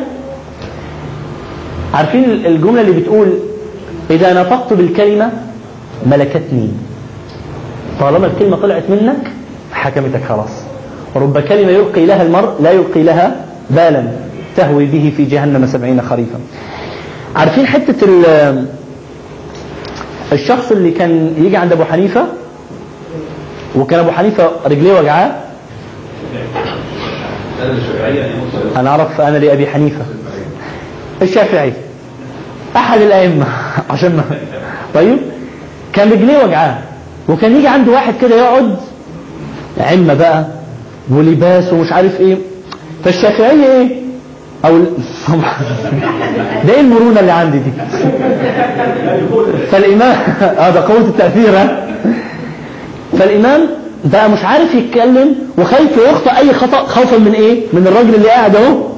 و- وعليه بقى أبهة ال- العلماء. و- ورجليه وجعاه مش, مش عارف يمدها استحياء من الراجل. في يوم من الأيام راح قايل له إيه؟ راح قايل له إيه؟ عارف قال له إيه؟ ناموسة. لا مش ناموسة. دم لا لا لا دي دم مربوط بينجس دي- أيوه. لو الشمس ط... لا لو الشمس طلعت قبل الشروق. لو الشمس طلعت قبل الشروق يبقى وضع الصيام إيه؟ قال له نعم. قال له لو, لو الشمس طلعت قبل الشروق لاحظوا الراجل ده بكل أبهة لما اتكلم أعلن عن نفسه. راح قايل إيه؟ أنا لفلان. أنا للشافعي أن يمد ساقيه. خلاص بقى انت فضحت نفسك. أنا كنت محترمك كل ده. إيه؟ كان ابن حنبل. مين بيقول كان المالك؟ طيب. أنا للشافعي أو أنا للإمام أن يمد ساقيه. ليه؟ ما أنت نطقت بقى وقلت لي أنت إيه؟ فليقل خيرا أو ليصمت. محصلة جميع ما مضى هي الكلمات ولذلك إذا نطقت بالكلمة ملكتني. لغة الكلام عنوان للشخصية المتكلمة. علشان كده الكلام ده عايز له إيه؟ عايز له إنصات وملاحظة. مع مراعاة ربط الكلمات مع ما سبق. يعني اللي قاله ده أربطه مع كل اللي فات. الشخص اللي بيتكلم ده لو حد عاوز يحلل لي شخصيته يقرأ لي شخصيته هيقول عنه إيه؟ اللي قال لو لو الشمس طلعت قبل المشرق هيقول عنه إيه؟ إيه إيه لا لا أبيض دي يعني عاوز تقر بقى باللي فات بالقبهه وال- والمش عارف إيه. هل هتطلع منك نفس التحليل لو شخص بسيط؟ لو شخص هيئته بسيطة؟ هتقول عنه إيه؟ غالبا هتقول عنه إيه؟ شخص جاهل متكلف محاول أن يعني أن يضع نفسه في غير موضوعه عاوز كده يخش يعني حلقة العلماء من من فوق. يعني. إيه؟ يعني واضح حتى ان مجلس العلم. ما يلزموش. ما يلزموش فعلا. لكن لو كان شخص بسيط في هيئته كنت هتقول لا مبرر أهو. واحد جاي ويستمع ويستمع ويستمع. لكن ليه بقى ليه حكمك اختلف لبس ده؟ اختلف عن لبس ده. الطريقة اللي اتفضلي عارف إحنا اللي حكمنا مش هو اللي قال إحنا ما إحنا ما إحنا بن- بنينا على إيه؟ بنينا على المظهر على طريقة كلامه. بعد ما- بعد المظهر. اول أول حاجة خدناها عنه إن هو مظهره ادانا فعلا الإمام يضم رجليه في دي كلها. المظهر ده ممكن مظهر مظهر عالي ممكن مظهر؟ مظهر لا ما هو ما هو كان مظهره مظهر عالم. ما هو في أيامها. يعني تصوري؟ آه طبعا. أنت دلوقتي تصوري لما حد يخش هنا لابس لباس مشايخ الأزهر. طيب؟ عليه. لا ممتاز ممتاز ممتاز حلو حلو. لأنه عندك ملفات إنه ممكن في ممثلين يظهروا بالمظهر ده. بس هل الملفات بتقول لك إن الممثل هيخرج في الشارع يلبس الكلام ده ويخش على القاعة هنا؟ إلا إذا كان جاي على الاستوديو اللي فوق. لا لا معاكي. نستخدمها صح. إلا إذا كان ممكن يبقى جاي فوق كومبارس ونازل عندنا بالغلط. لكن لا لا بجد. لكن لو لو ما كانش في مكتب فوق هيبقى احتمالك بعيد صح؟ اللي بعده سن آه ما كانش في سينما صحيح. إزاي بقى أفكر بشخصية المقابل لما يتكلم؟ اول حاجة اسألها لنفسي. هو بيتكلم عن إيه؟ صدقوني كل اللي فات هتلاقوه بيتلخص هنا. الشخص اللي امامي بيتكلم عن إيه؟ عما تتكلم الشخصية المقابلة. بتتكلم عن جمادات ولا عن أشخاص ولا عن أفكار؟ عارفين المقولة المشهورة؟ الناس الصغار بيتكلموا عن إيه؟ عن جمادات عن, عن العربية الموبايل الشقة العفش هو ده كل كلامه. اللي أكبر من كده يتكلم عن إيه؟ عن أشخاص. فلان فلانة فلانة قالت فلان مش عارف إيه. الع- العمالقة بقى بيتكلموا عن إيه؟ عن أفكار. هو حصل إيه في القضية الفلانية؟ هو الإسلام وضعه إيه اليومين دول؟ هو هو إخواننا في فلسطين بيعملوا إيه؟ والعراق وضعها إيه؟ والشباب اللي و و و و و. والانتخابات في البلد الفلاني سمعتوا عن البلد الفلاني كان عامل فيها إيه؟ وال... وأوضاع الإعلام العربي إيه؟ والقنوات الفضائية عاملة كده كل كلامه عن إيه؟ عن أفكار. كيف تتكلم الشخصية المقابلة؟ بهدوء. وده دليل على حاجة من اثنين دبلوماسية عشان ما يغلطش أو إن هو ده إيه؟ هي دي طبيعته. تسابق مع المقابل عاوز يسبقك عشان يقول لك إن أنا أفهم أكتر منك وأنا بعرف أكتر منك وأنا مش عارف وأنا قلت الكلمة قبل ما تقولها التقطيع التأتأة كنا لسه بنتكلم امبارح في الحكاية دي التأتأة. الإنسان بيتأتأ ليه؟ لما ما يبقاش عارف هو عاوز إيه. إحنا بنشبهها كده. لما أنا أبقى عارف إنه عاوز أوصل للنقطة دي تلاقوني الخط بيطلع إيه؟ انسيابي. لكن لما بقاش عارف ببقى ماشي لما بقى عارف هوصل فين يطلع الخط بانسيابية الثبات. هل هي طريقة كلامه دايما نفس طريقة الكلام ولا بيستفز أحيانا وبيقطع أحيانا؟ لما يشوف شخص معين يعني يا أخي فلان ماله؟ إيه؟ لما يبقى معايا بيبقى عال. أول ما يخش حد وحد مين؟ فلان بالذات. أو أي حد من طرف فلان. والتكرار. في ناس هنتكلم عليه بعد شوية حتة بيكرر جمل معينة. قبل ما اتكلم على حكاية التكرار أسأل سؤال برضو. ما علاقة لغة الكلام بلغة الجسد؟ هل تسير اللغتان بشكل متوازي؟ إزاي يعني؟ واحد بيتكلم عن أفكار. يا أخي آه، يعني ما عجبنيش اللي حصل امبارح سبحان الله. والله إخواننا دول بيتعذبوا بطريقة مش عارف إيه. وهو بيتكلم؟ أهو أفكار كبيرة أهو. وهو بيتكلم؟ والله إخواننا يا أخي آه إخواننا يا أخي بيتعذبوا والوضع عندهم. آه يعني أنا أنا متألم للجماعة اللي للجماعة اللي إحنا فين بالظبط أيوه للجماعة اللي إيه ده؟ غير بقى بيتكلم عن فكرة وعايش مع الفكرة عينيه رايحة اتجاه الفكرة.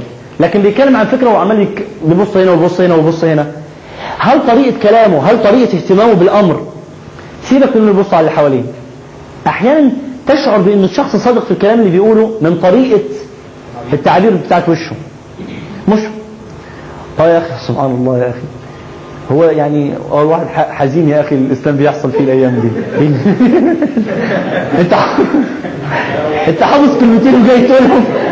إيه؟ انت انت يعني وزار مفهمينه إن الابتسامة تكشيره يعني هو- ضاحكين عليه. طبعا مهم جدا إنه أقرأ برضه لغة الوش مع لغة الكلام. الشريحة اللي بعد كده بعض الأشخاص بتكرر كلمات كثيره الشريحة اللي بعدها. بعض الأشخاص بتكرر أنا أنت هم. إذا كان من أنت وهم وفلان وفلانة دول من الأشخاص اللي مشغولين بإيه؟ بالأشخاص. بالآخر. فلان قال كده فلان قال كده وفلان عمل مش عارف إيه. شفت فلان راح عامل إيه؟ شو؟ وفي ناس بيهتموا بالموضوع. في ناس بقى بيهتموا بالتاريخ بس. الماضي. يا أخي إحنا كنا مش عارف إيه وكنا مش عارف ويا أيام ما كنا و... يرحم الله تلك الأيام يا أخي لما الواحد كان مش عارف إيه وايه و... و... الناس دول اللي بيقعوا فيه بقى قلة الواقعية وكثرة الانصدام بال... بالمعطيات ال... ال... اليومين دول. لأنه عارفين حتة اللي واقف في الزمن فاكرين حتة الزمن اللي متوقف عنده والغربة؟ في ناس كلامهم كله إحنا هنعمل إيه النهارده؟ هتعمل إيه دلوقتي؟ عارف أنت خططت بقى ولا ولا هتمشي وخلاص؟ هتطلع من الدورة دي هتعمل إيه؟ الواقع عنده ده كويس في حالة واحدة إنه يستفيد من هنا وما يهملش إيه؟ المستقبل. في ناس بقى كل كلامهم عن إيه؟ خيالي شوية. بص على الواقع تلاقيه مفيش. أنا هعمل وهسوي وإحنا لازم نعمل وإحنا إمتى؟ والأمة هي اللي هتقود الأمة في يوم من الأيام. طب أوكي وأنت بتعمل إيه دلوقتي؟ ما انت هو في يوم من الأيام. يا ابني قول لي أنت بتعمل إيه دلوقتي؟ ما هو مش معقولة. في ناس بيكثروا جد جدا الكلام عن المستقبل والآمال وال اللي بيتكلموا عن المستقبل عادة والواقع اللي بيجمعوا بين ده وده بيتكلموا غالبا بخطط وقرارات. تعرف إنه أنا عملت كده وبخطط لكده وقررت كده. كلامه بيجمع بين إيه وإيه؟ بين الواقع وبين المستقبل. في ناس بقى بيتكلموا معظم كلامهم عن إنجازات ونجاحات. دول دول فين وفين؟ ماضي وواقع. أنا لو عاوز أختار إني أبقى واحد من دول هختار فين؟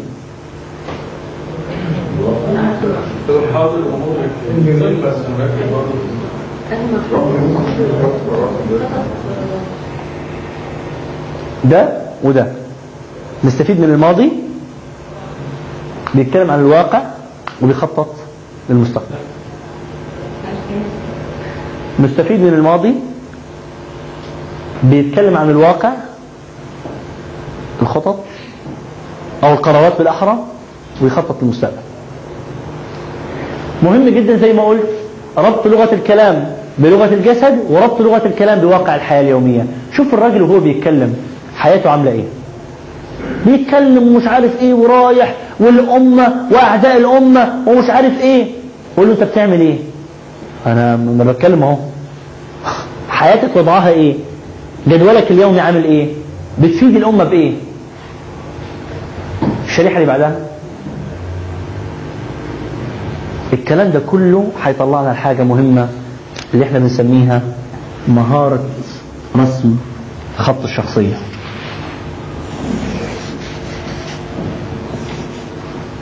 إزاي يعني؟ أول ما أعرف الشخص ده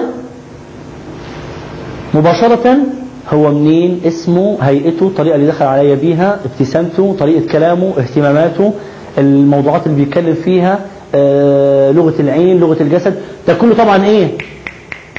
في لحظات. أروح مباشرة من الملفات اللي عندي بقى أحط له خط. الشخص ده من النوعية اللي يا إما هتعمل كده اللي طرف نقيض يا ممكن تعمل كده من الصفر ل 180 ليه بقى؟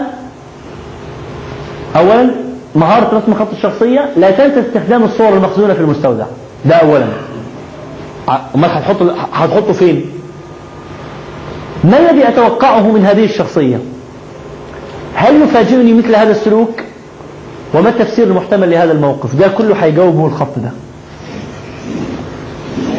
ليه؟ في يوم من الأيام أول ما ما استلمت شغلي في دايرة راح دخل علي أحد الشباب ومعاه شخص. قال له دكتور عبد الرحمن أنت دكتور عبد الرحمن؟ يا أخي ده أنت طلعت وفضحونا وأنت طلعت ازعه ولا مش عارف إيه. وراح قاعد. أول لقاء طبعا. مباشرة حطيت صفر 180 ده من النوعية البسيطة الطيبة اللي غير متكلفة لدرجة إنه يا إما في يوم من الأيام حاجة من بدون أي سابق إنذار ألاقيه حاطط لي هدية كده لأنه عارفين العاطفة الجياشة اللي بتبقى عند دول؟ يا إما هو هو اللي في يوم من الأيام أجي ما يسلمش عليا. ليه؟ أصل أنا عديته وما سلمتش عليه. عارفين؟ بيبقى يا كده يا كده. فلو حصل أي حاجة من الاثنين دول هبقى متوقع. مش هيفاجئني السلوك ده؟ أنا توقعت. فمش هيفاجئني السلوك ده؟ وعندي تفسير مباشرة محتمل للموقف ده. فما تفاجئش. شخص معين لما يخش يسلم عليهم. أهلا أهلا. عارفين. هنتكلم عليه بكرة. أهلا ازيك خلاص. أحط له صفر 180 ده شخصية بين قوسين متكبرة. ضعيفة من الداخل. فيا إما هيبقى ذلك الشخص اللي في يوم من الأيام ممكن لو سمع إن أنا يعني عرفت حاجة أو أو ممكن أنا أبص له من جوه بطريقة معينة يكرهني ويبقى مش عايز يطيقني ومش عايز يشوفني ولا ولا طايق يشوفني. يا إما هو نفس الشخصية اللي في يوم من الأيام في لمحة كده ينهار بكاء الاثنين لو حصلوا مش هبقى متفاجئ. ليه؟ متوقع مش هتفاجئني والتفسير جاهز. الأمثلة كثيرة مش مش عاوز أطول النهاردة يمكن بكرة ناخد أمثلة أكتر من واقع الحياة اليومية. ال- الشريحة اللي بعد كده اللي بعدها. إيه المعوقات بقى اللي تعيق قراءة الأشخاص؟ المعوقات التي تعيق قراءة الأشخاص؟ ارجعوا لمنهجية التفكير كلها. يا إما حواسك مش عارف تستخدمها يا إما ما عندكش حتة التلقي والاستفهام. الحواس دي ما تلقتش خواطر وخزنتها يا إما ما عندكش حتة تلقي والاستفهام بتحكم على طول. يا إما أنت ما قرأتش نفسك أصلا. يا إما ما عندكش مرجعية معينة تقيس على أساسها الشخصيات أو ما عندكش حتة الإنصات والملاحظة. واحدة من دول أو كلهم إذا مش موجودين بيعيق قراءة الأشخاص. آخر حاجة دي طبعا بس مراجعة لل كان في سؤال؟ هي اللي ابدا كلها عندي كلها عندي. الشخص اللي قدامي ده طبق فاضي أو طبق بالأحرى يعني جاي لي على طبق من ذهب ال- اللي فاضل عليا أنا بس. اللي بعده ده بس تفكير كده في منهجيه التفكير اللي بعده ده هنتكلم عليه في التعامل مع الآخرين.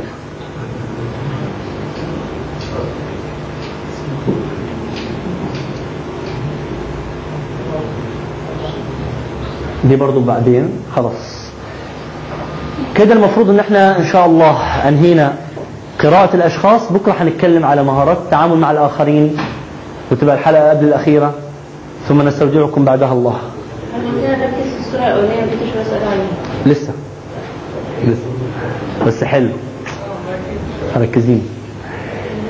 ملخص كده قراءة الأشخاص لازم أبدأ بنفسي أولا ثم أقرأ على قدر ما أستطيع من كتب السير لأنها فيها ملفات عينات مجانية كثيرة بعد كده أنطلق.